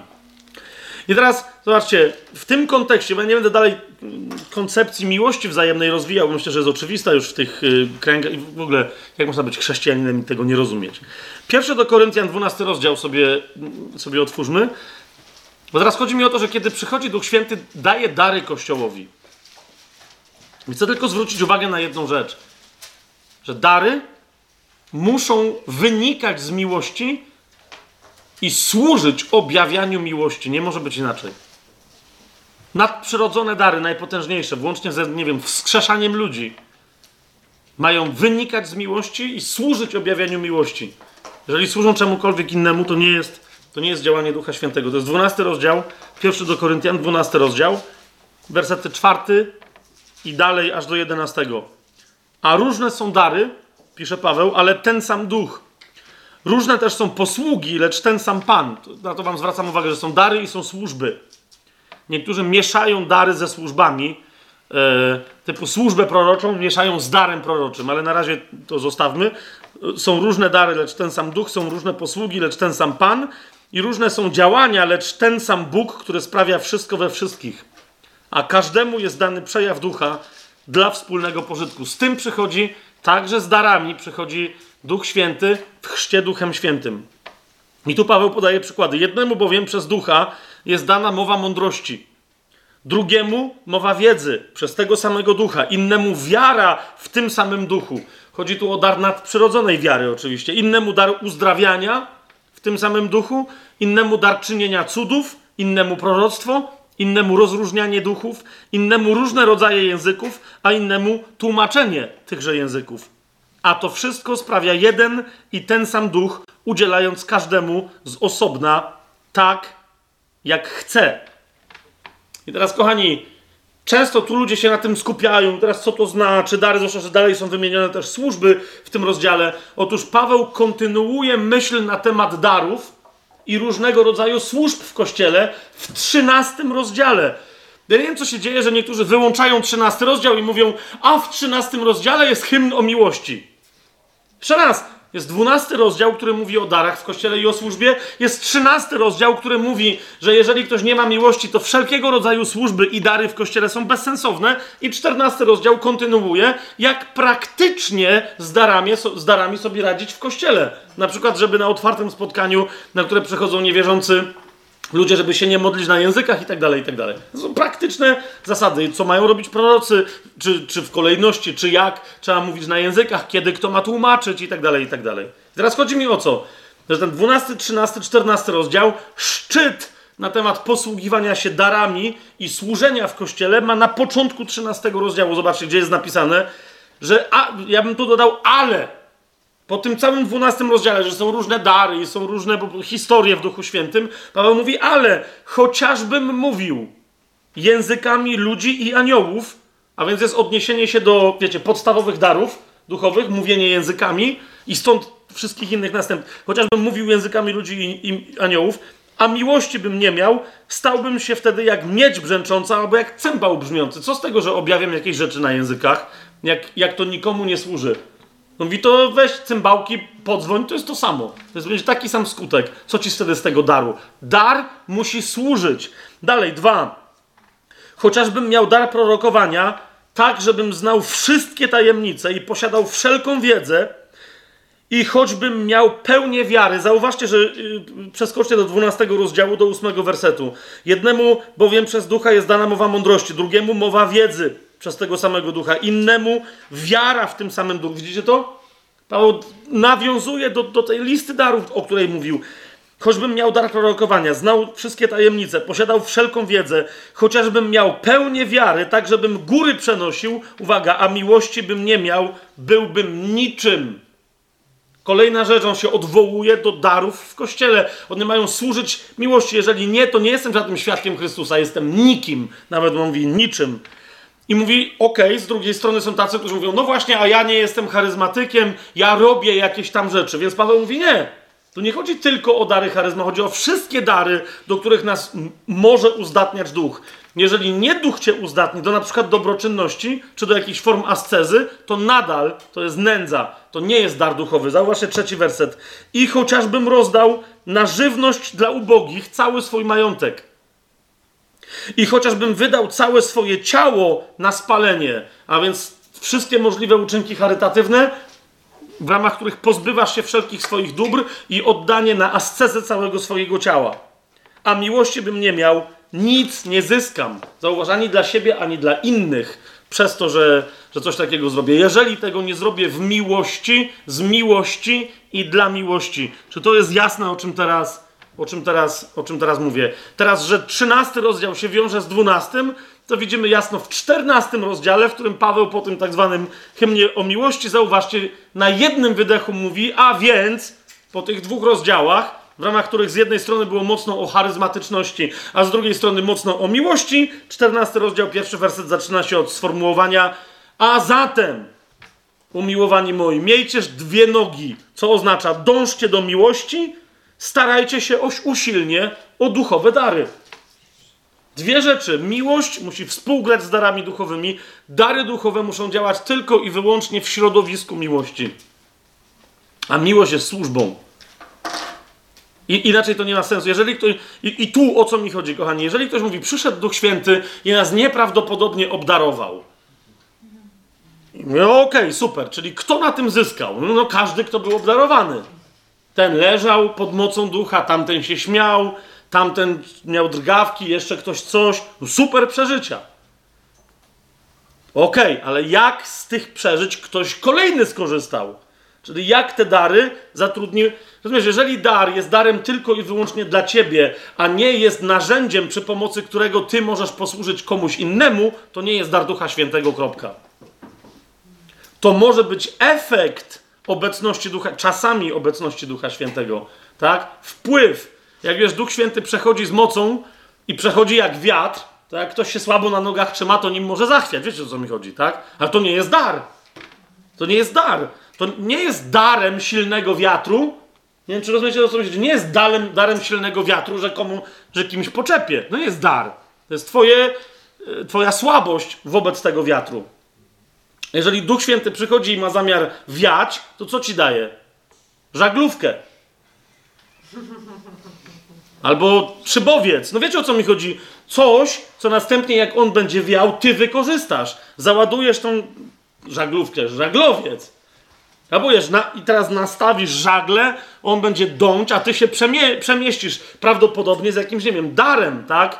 Z portu A do portu B i przywieziesz innym braciom coś, czego oni u siebie nie mają. To jest dar, tak? Duch Święty se wieje, a darem dla ciebie jest ta konkretna żaglówka, przy pomocy której służysz nas. Paweł mówi, że nawet jeżeli dostaniesz żaglówkę i teraz ty sobie będziesz pływać, on ale się fajnie pływa, to nadal dar może być prawdziwy, jeżeli nim nie służysz, po prostu on szybko u ciebie wygaśnie, ta żaglówka ci się popsuje, bo Duch Święty widzi, jak wykorzystujesz te dary. Dlatego wiele kościołów po chrzcie Duchem Świętym na początku doświadcza wylania charyzmatycznego obdarowania i potem bardzo szybko to charyzmatyczne obdarowanie wygasa. Zaczynają szukać jakiś coś cudować. Dlaczego wygasa? No bo jeżeli Kościół nie chce przy pomocy Ducha Świętego służyć, to Duch Święty nie, nigdy nie będzie wspierać takiej społeczności. Jasne jest to, co, to, co mówimy? Stwórzmy sobie list do Rzymian. Jak, jak, jak myślicie, że, że ja poluzuję, i że, po, i że popuszczę, to nie, nie, to teraz jeszcze ciężej, Kamil. Dobrze cię w ogóle widzieć.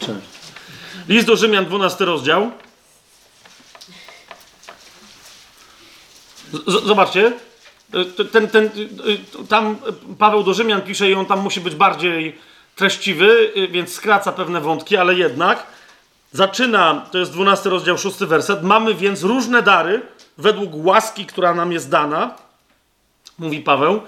I tam ciągnie koncepcję, że jeżeli ktoś dar prorokowania, to niech go używa stosownie do miary wary, wiary, jeżeli usługiwania i tak dalej. Ale zauważcie, jak bardzo szybko Paweł na jednym wydechu przechodzi do wersetu dziewiątego, w którym mówi: Miłość natomiast niechże będzie w tym wszystkim nieobłudna.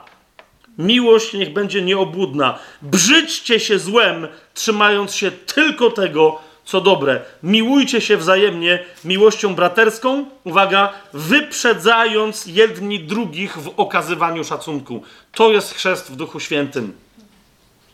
Wyprzedzając jedni drugich w okazywaniu szacunku. W pracy nieleniwi, pałający duchem, gorliwi, płonący duchem, służący Panu, radujący się w nadziei, cierpliwi w ucisku, nieustający w modlitwie. To jest kolejna rzecz. Nie da się bez chrztu w Duchu Świętym mieć doświadczenia nieustającej modlitwy. Tylko po chrzcie w Duchu Świętym Duch Święty będzie cię męczyć, żeby się modlić. Nawet, rozumiecie, będziesz zasypiać czasem, modląc się i budzić się i odkryjesz, nie wiem, czy to jest miał takie doświadczenie, że zasypia, modląc się, chociaż w zasadzie nie chce, ale dalej po prostu trwa modlitwa, budzisz się i jakby odkrywasz, że, że dalej się modlisz, a to Duch Święty się w tobie modli. Miał ktoś z was tak? No, go widzę. No, okay. to, to jest to. To jest doświadczenie tej oblubienicy z pieśni nad pieśniami, która mówi: Ja śpię, lecz serce me czuwa. To jest możliwe tylko i wyłącznie pod wpływem Ducha yy, Świętego. Trzynasty werset. Wspomagający świętych w potrzebach, okazujący gościnność. Błogosławcie tych, którzy was prześladują, błogosławcie, a nie przeklinajcie. Radujcie się z tymi, którzy się radują, płaczcie z tymi, którzy płaczą. Bądźcie między sobą jednomyślni. Yy, ja tu mam jeszcze parę fragmentów wypisanych na temat tej służby, ale tu zostaniemy, żeby przejść. Weronika mi pokazuje, że już trzy godziny minęły. Nie przerywamy. To jest chrzest w Duchu Świętym. E, to musi być ciężkie. Bo mamy jeszcze jeden bardzo istotny temat. Mianowicie, kochani, powiem teraz rzecz, która może być kontrowersyjna i teraz tam wzbudzi jakieś komentarze. Nie, niech wzbudzi, niech wreszcie wzbudzi. Mianowicie uważam, że jednym z najważniejszych, wyjątkowych darów przychodzących z chrztem w Duchu Świętym, i zaraz wyjaśnię dlaczego, ponieważ chrzest w Duchu Świętym rodzi świadków dla Chrystusa, jednym z darów wynikających z chrztu w Duchu Świętym. I teraz uważajcie, nie wynikających z pokuty, nie wynikających z chrztu wodnego, nie wynikającego z żadnych innych praktyk, tylko z chrztu w Duchu Świętym wynika dar jedności dar jedności ciała Chrystusa. Teraz yy, otwórzmy sobie najpierw Ewangelię Jana, żebyście zrozumieli dobrze, o co, o co mi chodzi, dlaczego tak uważam. Chrzest Duchem Świętym rodzi świadków, zgadza się? Powiedzcie mi jedną rzecz. Takie, takie wam zadam pytanie. Czy Pan Jezus uczył ludzi się modlić? Ojcze nasz. No to, to jest zawsze Dzieci, jak czasem, czasem gadam z dziećmi, to jest Ojcze nasz, super, i co jeszcze? Czyli coś tam pouczył tej modlitwy, tak? Ale wiedział, że przyjdzie właściwy nauczyciel, który w nas się będzie modlił, duch prawdy, i to, nie, to jest jego sprawa. Teraz to jest drugie, lepsze pytanie. Niektórzy uważają, że najważniejsza rzecz, jaka, jaka, jaką my mamy w kościele, żeby cokolwiek robić, to jest głoszenie Słowa Bożego. Mam teraz pytanie. Widzieliście Możecie mi przypomnieć choćby jeden fragment, gdzie Jezus uczył głoszenia, zwiastowania Ewangelii. Jak się głosi apostołów, 70 uczniów, kogokolwiek. Czy widzieliście w dziejach apostolskich, żeby ktoś kogoś uczył, jak się głosi Słowo Boże? Tu zauważyliście, że już jeszcze gorzej jak z modlitwą. Nie ma w ogóle takiej historii. Natomiast jedna z rzeczy, którą Pan Jezus się modli pod koniec życia, która mówi, że powinna załatwić to, co, co nam się wydaje, że wynika z modlitwy i zgłoszenia słowa, a więc nawrócenie całego świata w zasadzie, ma wynikać, uważajcie, cała moc naszego świadectwa ma wynikać z jedności. Jezus dlatego się o to modli. Otwórzcie 17 rozdział. To niektórzy są bardzo mocno już od jakiegoś czasu poruszeni 17 rozdziałem Ewangelii Jana, więc płaczcie śmiało, otwarcie, wstrząsając łzami całe to pomieszczenie, płacząc do góry z radości i z poruszenia. Dobra, żartuję sobie, ale to jest poważny temat. 17 rozdział Ewangelii Jana, 18 werset i, i dalej. To cały 17 rozdział wam bardzo mocno polecam pod tym kątem do przestudiowania. Ale jeszcze raz mówię, to przychodzi dopiero, kiedy przychodzi Duch Święty. Dlaczego?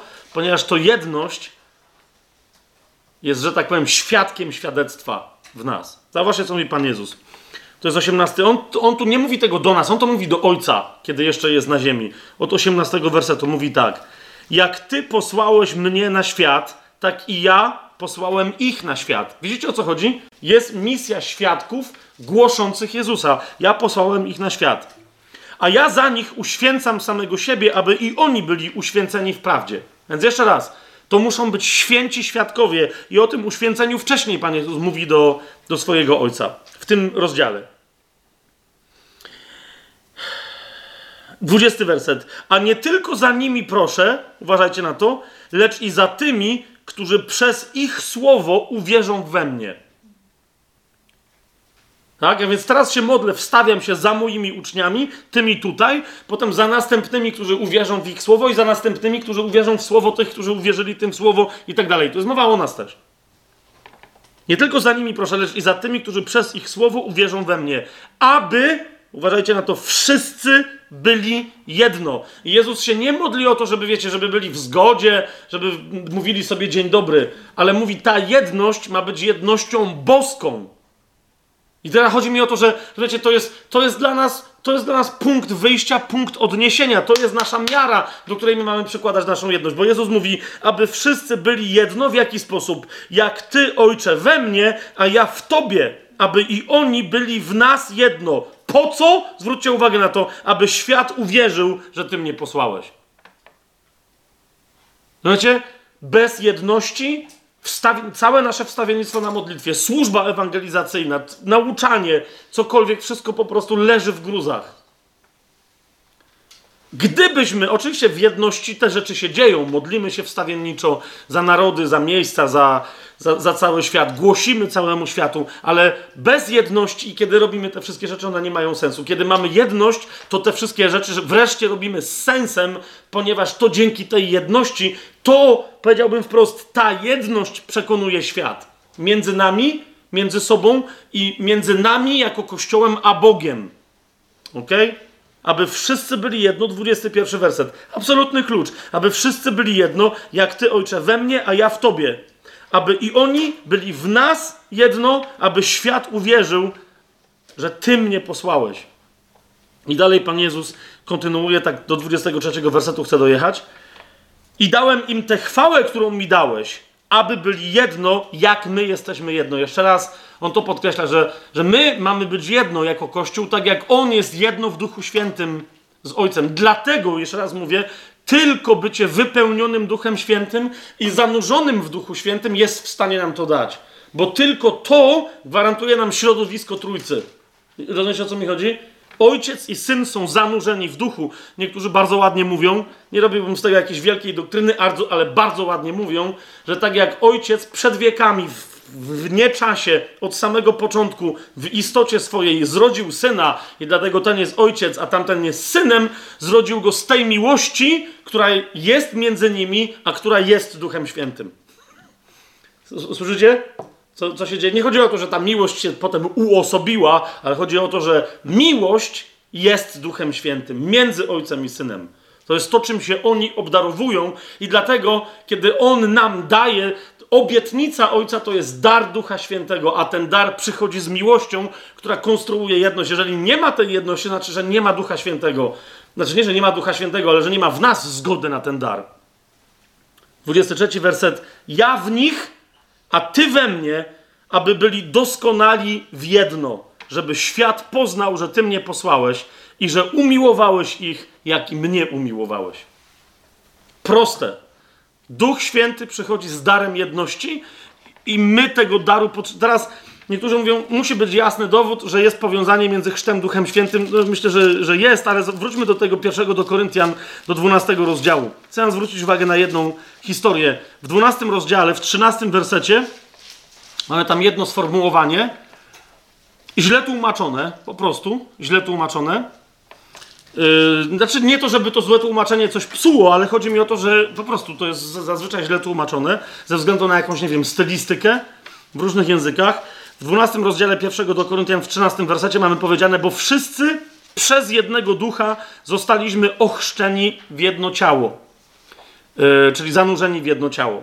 Gdy tymczasem w języku greckim zwrócił mi na to uwagę w jednym z, nauczań e, Derek Prince. Ja to w wielu momentach mówiłem, że ja się w wielu kwestiach nie zgadzam z Derekiem Prince'em, żeby nie było, tak? Bo potem mówią, że a, bo ty Dereka Prince'a przejmujesz na litość boską. Na litość boską, tak? Mogę się z czymś zgadzać, mogę się z czymś... Więc nie zgadzam się z, z wieloma kwestiami, które, które Derek Prince głosił. Natomiast, kochani, jedna rzecz jest, myślę, że dosyć trudna, jeżeli by ktoś chciał się kłócić z tym bratem konkretnym. Mianowicie, według mnie był on jednym z najlepszych w historii chyba całej Kościoła znawców języka greckiego. A na pewno w naszych czasach, w XX i w XXI wieku, jednym z absolutnie najlepszych. Tak? Zanim się jeszcze nawrócił jako, jako nastolatek, studiował na, najpierw na Eton, a potem na, był y, pracownikiem naukowym na Uniwersytecie Cambridge. Był specjalistą, studiował filozofię logikę w ramach filozofii i e, granice definicji w ramach logiki, więc rozumiecie o co idzie. Zajmował się językiem i jednym z jego, jedną z jego specjalizacji była starożytna Greka.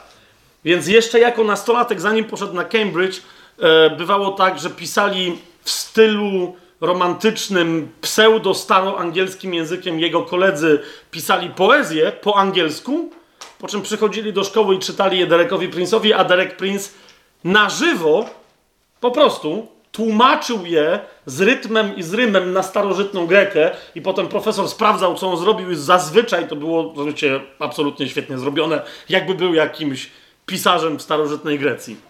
Jako nastolatek. Więc chodzi mi o to, że można się nie zgadzać z jego interpretacjami tego, co jest w Biblii, ale jak chłop tłumaczy, wiecie, co jest napisane po grecku w Biblii, to w to zasadniczo, z tym się trudno kłócić. Tak? On naprawdę po prostu demonstruje dowody, mówi, to jest jasne. I on mi zwrócił na to uwagę w jednym ze swoich nauczeń, że w tym trzynastym wersecie jest powiedziane nie wszyscy przez jednego ducha zostaliśmy ochrzczeni w jedno ciało, ale że tu w języku greckim, i naprawdę na to wygląda, że tak jest, jest powiedziane wszyscy w jednym duchu zostaliśmy ochrzczeni. I to jest fragment, który mówi o chrzcie w duchu, co poskutkowało znalezieniem się w jednym ciele. Rozumiecie o co mi chodzi?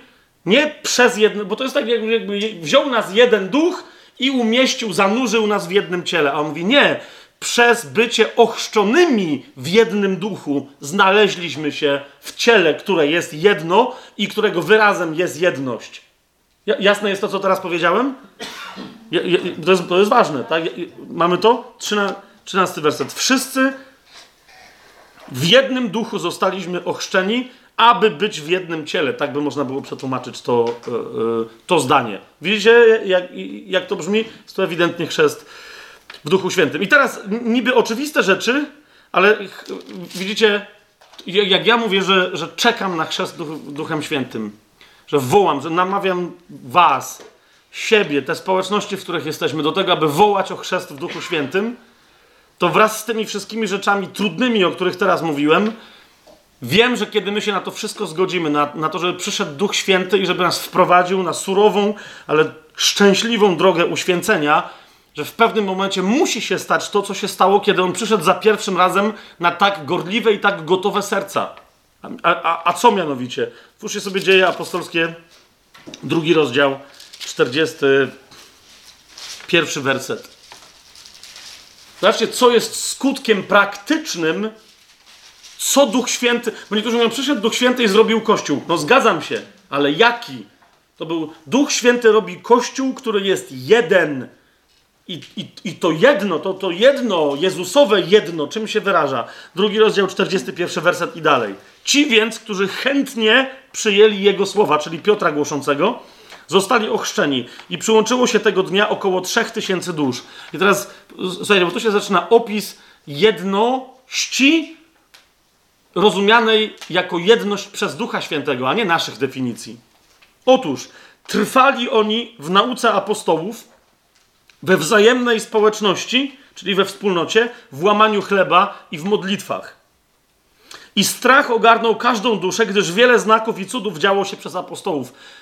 Po prostu to jest bojaźń Boża. A wszyscy, którzy uwierzyli, byli razem i wszystko mieli wspólne. Niezależnie od tego, jak to nas dzisiaj konfrontuje, tak było. Sprzedawali posiadłości i dobra i rozdzielali je wszystkim według ich potrzeb. Każdego dnia trwali zgodnie w świątyni, a łamiąc chleb po domach, przyjmowali pokarm z radością i w prostocie serca, chwaląc Boga i ciesząc się przychylnością wszystkich ludzi. Uwaga, a Pan dodawał Kościołowi każdego dnia tych, którzy mieli być zbawieni.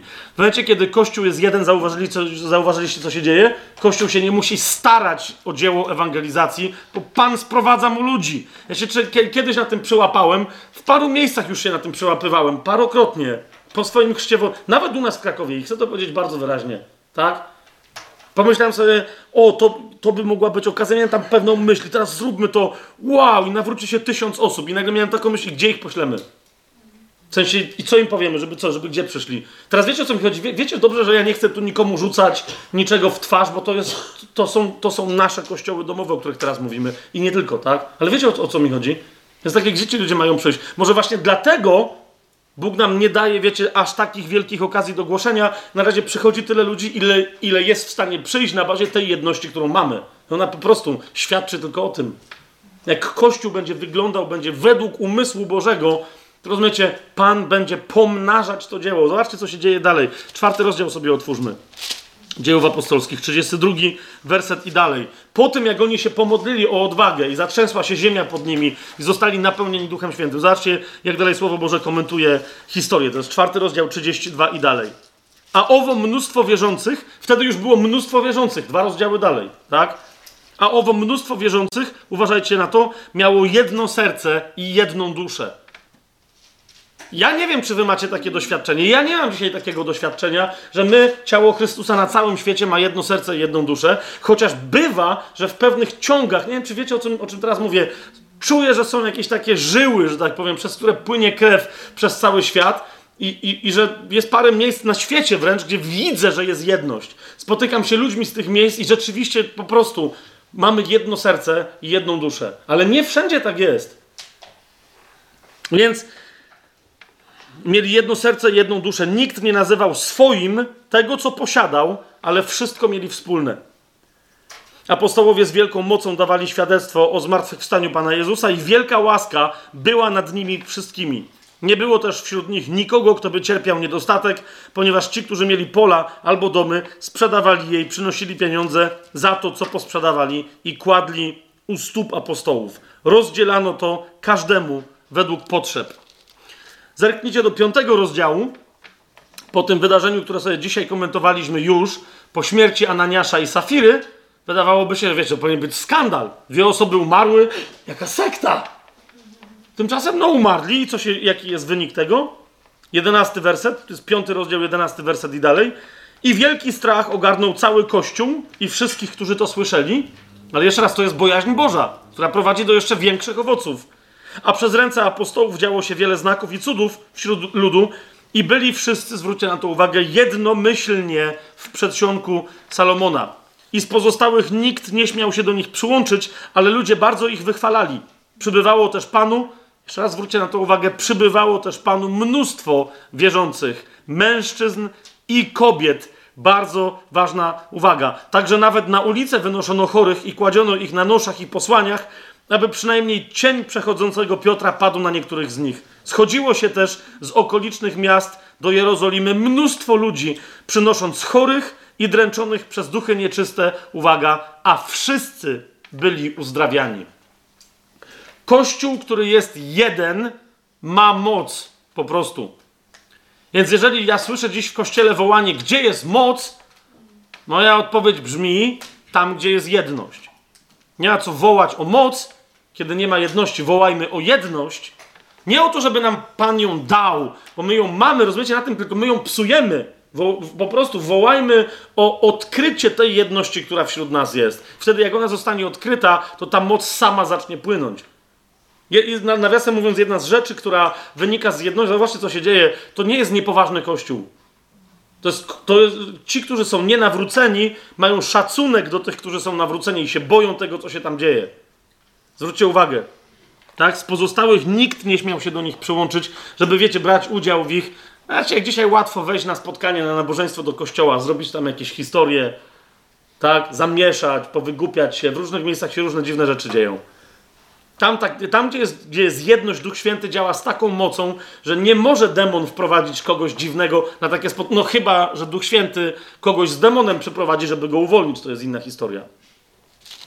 Yy, w piątym rozdziale, w dwudziestym ósmym wersecie, jeden z genialniejszych komplementów, jaki słyszałem pod adresem chrześcijaństwa, o jakim przeczytałem pod adresem chrześcijaństwa.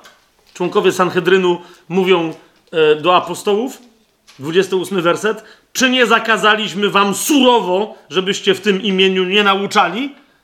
I teraz patrzcie, oni sami przyznają, a oto napełniliście Jerozolimę waszą nauką. Genialne. Myśmy wam zakazali, a wy co? Nie to, że a wy głosicie dalej. Nie. Oni mówią, a wy napełniliście całą Jerozolimę. Jesteśmy w Krakowie. Czy, ten, czy to miasto jest napełnione y, tą nauką? Jeszcze raz. I teraz nie chodzi o to, niektórzy mówią, zróbmy ulotki. Jasne. I wrzucajmy ludziom jako spam razem z tymi od pizzy i kebabu i innych tam rzeczy. Ja, zróbmy plakaty. Oczywiście, bo jest za mało plakatów na mieście. Jeszcze podświetlone. Pewnie, że tak i w ten sposób coś napełnisz, tam cała Jerozolima jest napełniona tą nauką. To znaczy, że ludzie, którzy nawet się do niej nie przyłączają do tej drogi pod wpływem tej nauki, rozumiecie, wiedzą, że są z tą nauką skonfrontowani przez obecność ducha, a nie przez materiały informacyjne. W szóstym rozdziale, w pierwszym wersecie znajdujemy fantastyczne świadectwo dziejów apostolskich cały czas. W tych dniach gdy liczba uczniów wzrastała. Tam się potem zaczęło coś dziać. Ale to, to jest, rozumiecie, to jakie, jakie genialne, jakie to były? To były dni, w których liczba uczniów, i tu jest, tu jest powiedziane, że gwałtownie, kiedy liczba uczniów gwałtownie się pomnażała. Siódmy werset mówi, i rozszerzało się Słowo Boże, i liczba uczniów w Jerozolimie bardzo się pomnażała. Właśnie to jest to. Także bardzo wielu kapłanów stawało się posłusznych wierze. No, jak już tych dotykało, to rozumiecie, to było rzeczywiście genialne pomnożenie. W ósmym rozdziale dziejów apostolskich, w piątym, szóstym wersecie jest powiedziane, to nie była tylko Jerozolima, przychodzi Filip do Samarii, zobaczcie co się tam dzieje. Filip przybył do miasta Samarii i głosił im Chrystusa. A lud, uważajcie na to, jednomyślnie przyjmował to, co mówił Filip, gdy go słyszeli i widzieli cuda, które czynił. Mnóstwo ludzi tam się na, na, ponawracało. Dziewiąty rozdział, 31 yy, werset. Jeszcze raz, to nie, jest, to nie jest wynik naszej roboty, to jest dzieło Ducha Świętego. Dziewiąty rozdział dziejów apostolskich, 31 werset i dalej. Ale 31 werset zwłaszcza. A tak kościoły w całej Judei, zauważcie, że jest liczba mnoga, gdy chodzi o kościoły i ile jest wymienionych krain. A tak kościoły w całej Judei, Galilei i Samarii cieszyły się pokojem, budując się i żyjąc w bojaźni pańskiej. Uwaga, i rozrastały się przez co? Przez pociechę Ducha Świętego. Nie przez głoszenie, nie przez coś tam. Oni trwali w jedności, a Duch Święty przychodził z całą radością do nich i z pociechą, i kościoły się, kościoły się rozrastały.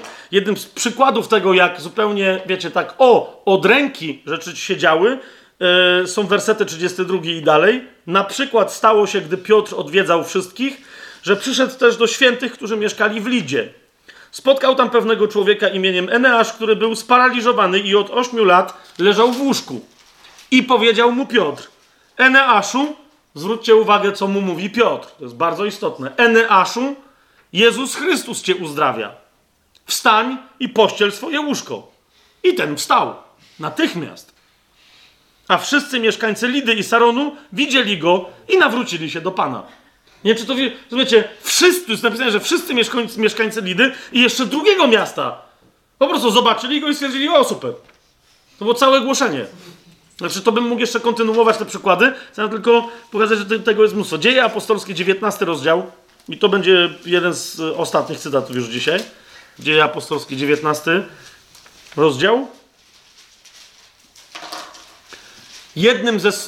Rozumiecie, ta, ta, ta, moc jest taka, że ludzie nie tylko po prostu przychodzą do kościoła, ale po prostu naprawdę publicznie odmieniają swoje życie. Dlatego mówię, jak przyjdzie chrzest Duchem Świętym, wszędzie gdzie on przychodzi, dochodzi przebudzenie to nie jest masowe przychodzenie ludzi do kościoła, a, a, ale to jest masowa zmiana klimatu społecznego, w którym się dokonuje przebudzenie. Znaczy 19 rozdział od 18 wersetu. Wielu też z tych, którzy uwierzyli, przychodziło i wyznawało i ujawniało swoje uczynki. Nie tylko, że wyznawali komuś, mówiąc, zgrzeszyłem w taki czy inny sposób przy okazji chrztu, bo niektórzy tak robili, ale równocześnie ujawniali, rozumiecie, publicznie mówili, słuchajcie, ja jestem winien tego czy tamtego. Co więcej, 19 werset, patrzcie. Wielu z tych, którzy się zajmowali sztukami magicznymi, znosiło księgi i paliło je wobec wszystkich. Nie u siebie w domu, na ognisku, w kominku, ale wobec wszystkich. Obliczono ich wartość i stwierdzono, dodałbym w niemałym szoku, że wynosi owa wartość 50 tysięcy srebrników. Cena za jednego niewolnika wahała się między trzema, pięcioma, a trzydziestoma, pięćdziesięcioma srebrnikami. Za jednego niewolnika. 50 tysięcy srebrników. Rozumiecie? Za to można byłoby zorganizować armię, która by podbiła cesarstwo rzymskie. Tak potężnie rosło i umacniało się słowo pańskie, 20 werset. Tak potężnie rosło i umacniało się słowo pańskie. Znów, jak, y, jakbym, y, y, jak sobie przypomnimy o tym, że cały czas jest mowa o obietnicy ojca, którą ojciec złożył, a jak ojciec składa obietnicę, to jest prawdziwy ojciec, to ją uroczyście, to ją również solennie wypełnia. Otwórzcie sobie Izajasza 44 rozdział. Zobaczycie, że to też była część, ta obietnica, że, że Kościół będzie rosnąć, rosnąć, będzie, Słowo Boże będzie się rozmnażać, jego owoce będą się mnożyć. To zobaczcie 44 rozdział. Zaraz po tym, jak jest powiedziane w, trzecim wersecie, wyleje bowiem wody na spragnionego, a potoki na suchą ziemię, wyleje mu jego ducha na twoje potomstwo i moje błogosławieństwo na twoich potomków. Zobaczcie czwarty werset. I rozkrzewią się tak, jakby pomiędzy trawą i jakby wierzby nad potokami wód. Z taką łatwością się rozkrzewią. To jest część obietnicy. Kochani, jeżeli my tego wszystkiego, o czym ja dzisiaj mówiłem, nie doświadczamy, albo w tym wszystkim, o czym dzisiaj mówiłem, może czegoś tam doświadczamy, ale zdecydowanie w tym doświadczeniu nie domagamy, to oznacza, że potrzebujemy, jak, jak, jak spieczona ziemia wody deszczowej, i to, i, to, i to ulewy, urwania chmury, potrzebujemy chrztu w Duchu Świętym. Potrzebujemy jako Kościół odnowienia tego doświadczenia, potrzebujemy osobiście my te, tego doświadczenia, nawet jeżeli ktoś z Was je ma, potrzebujemy je pogłębić w tym celu. Okay?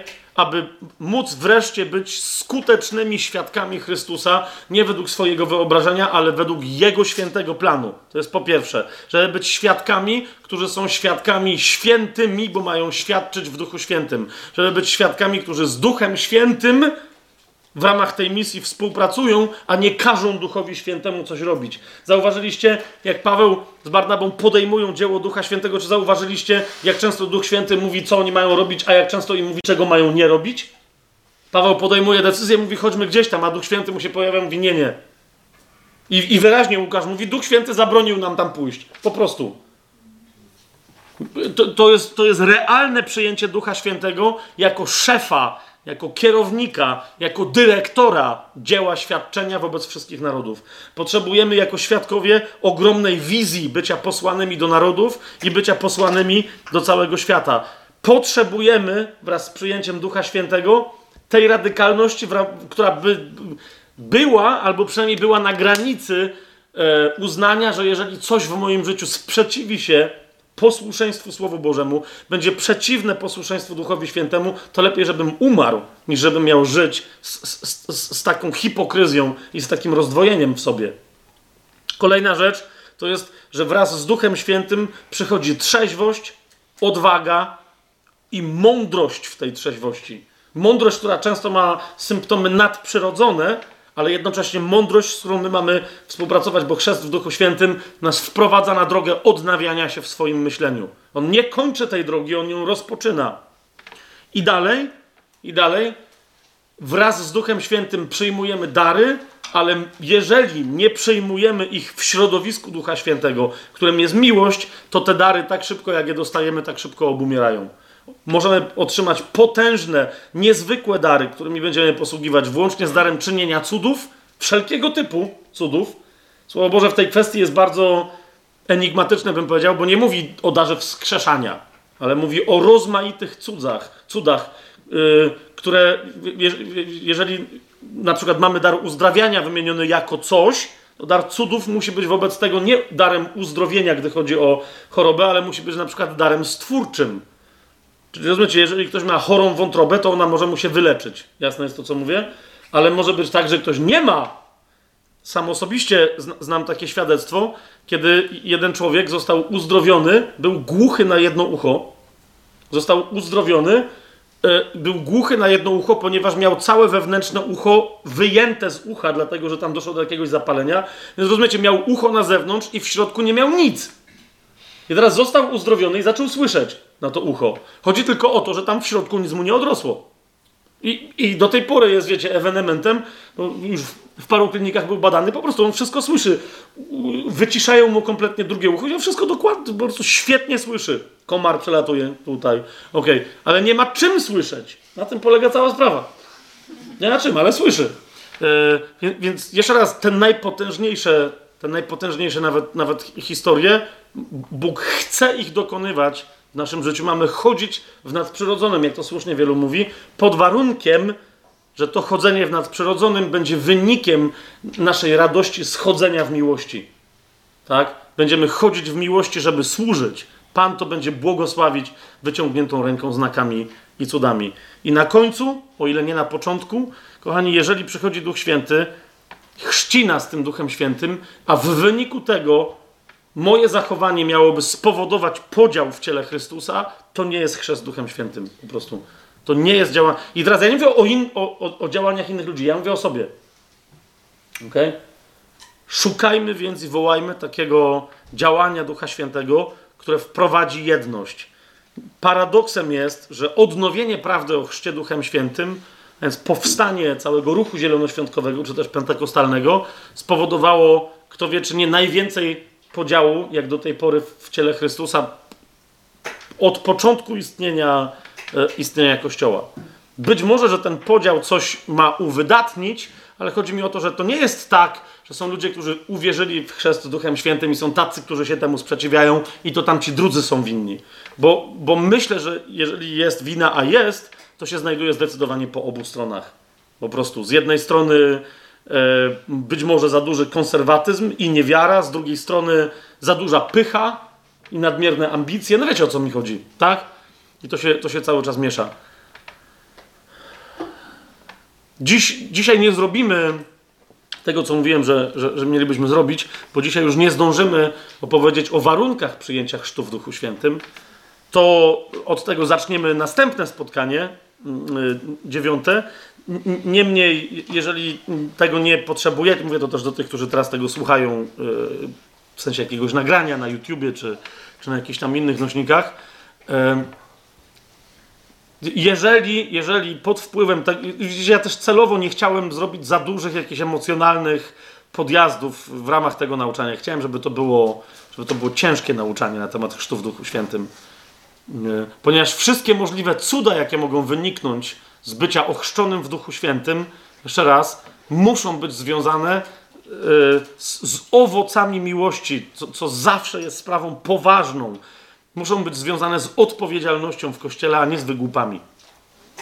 Teraz, jeżeli, jeżeli tego wysłuchaliście, jeżeli tego wysłuchałaś czy wysłuchałeś i, i, i, i obudziło się Twoje serce i obudziło się Twoje pragnienie i chcesz tego dla siebie, chcesz tego dla swojego zboru, chcesz tego dla całego Kościoła, dla, dla, dla całego ciała Chrystusa, to mówię Ci, zacznijmy się o to modlić. Gdziekolwiek to dotrze przez Twoje świadectwo, rozumiesz? Mów o tym też innym. Zacznijmy się o to modlić, zacznijmy wołać o nową pięćdziesiątnicę dla całego Kościoła na całym świecie, żeby ona przyniosła nam taki skutek.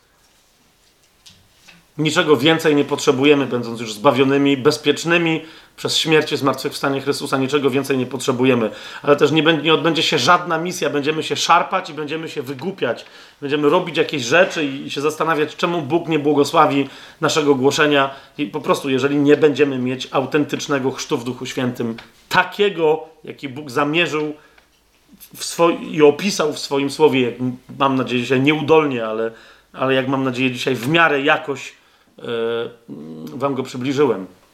Zanim jeszcze zaczniemy rozważać, jakie warunki indywidualnie, osobiście trzeba spełnić, jeżeli jesteś osobą teraz poruszoną, zacznij się modlić i nie przestawaj się o to modlić, bo nawet jeżeli ty zaczniesz chodzić w, czystej, jaśniejącej atmosferze Ducha Świętego, to nadal co z tego, że ty w niej będziesz?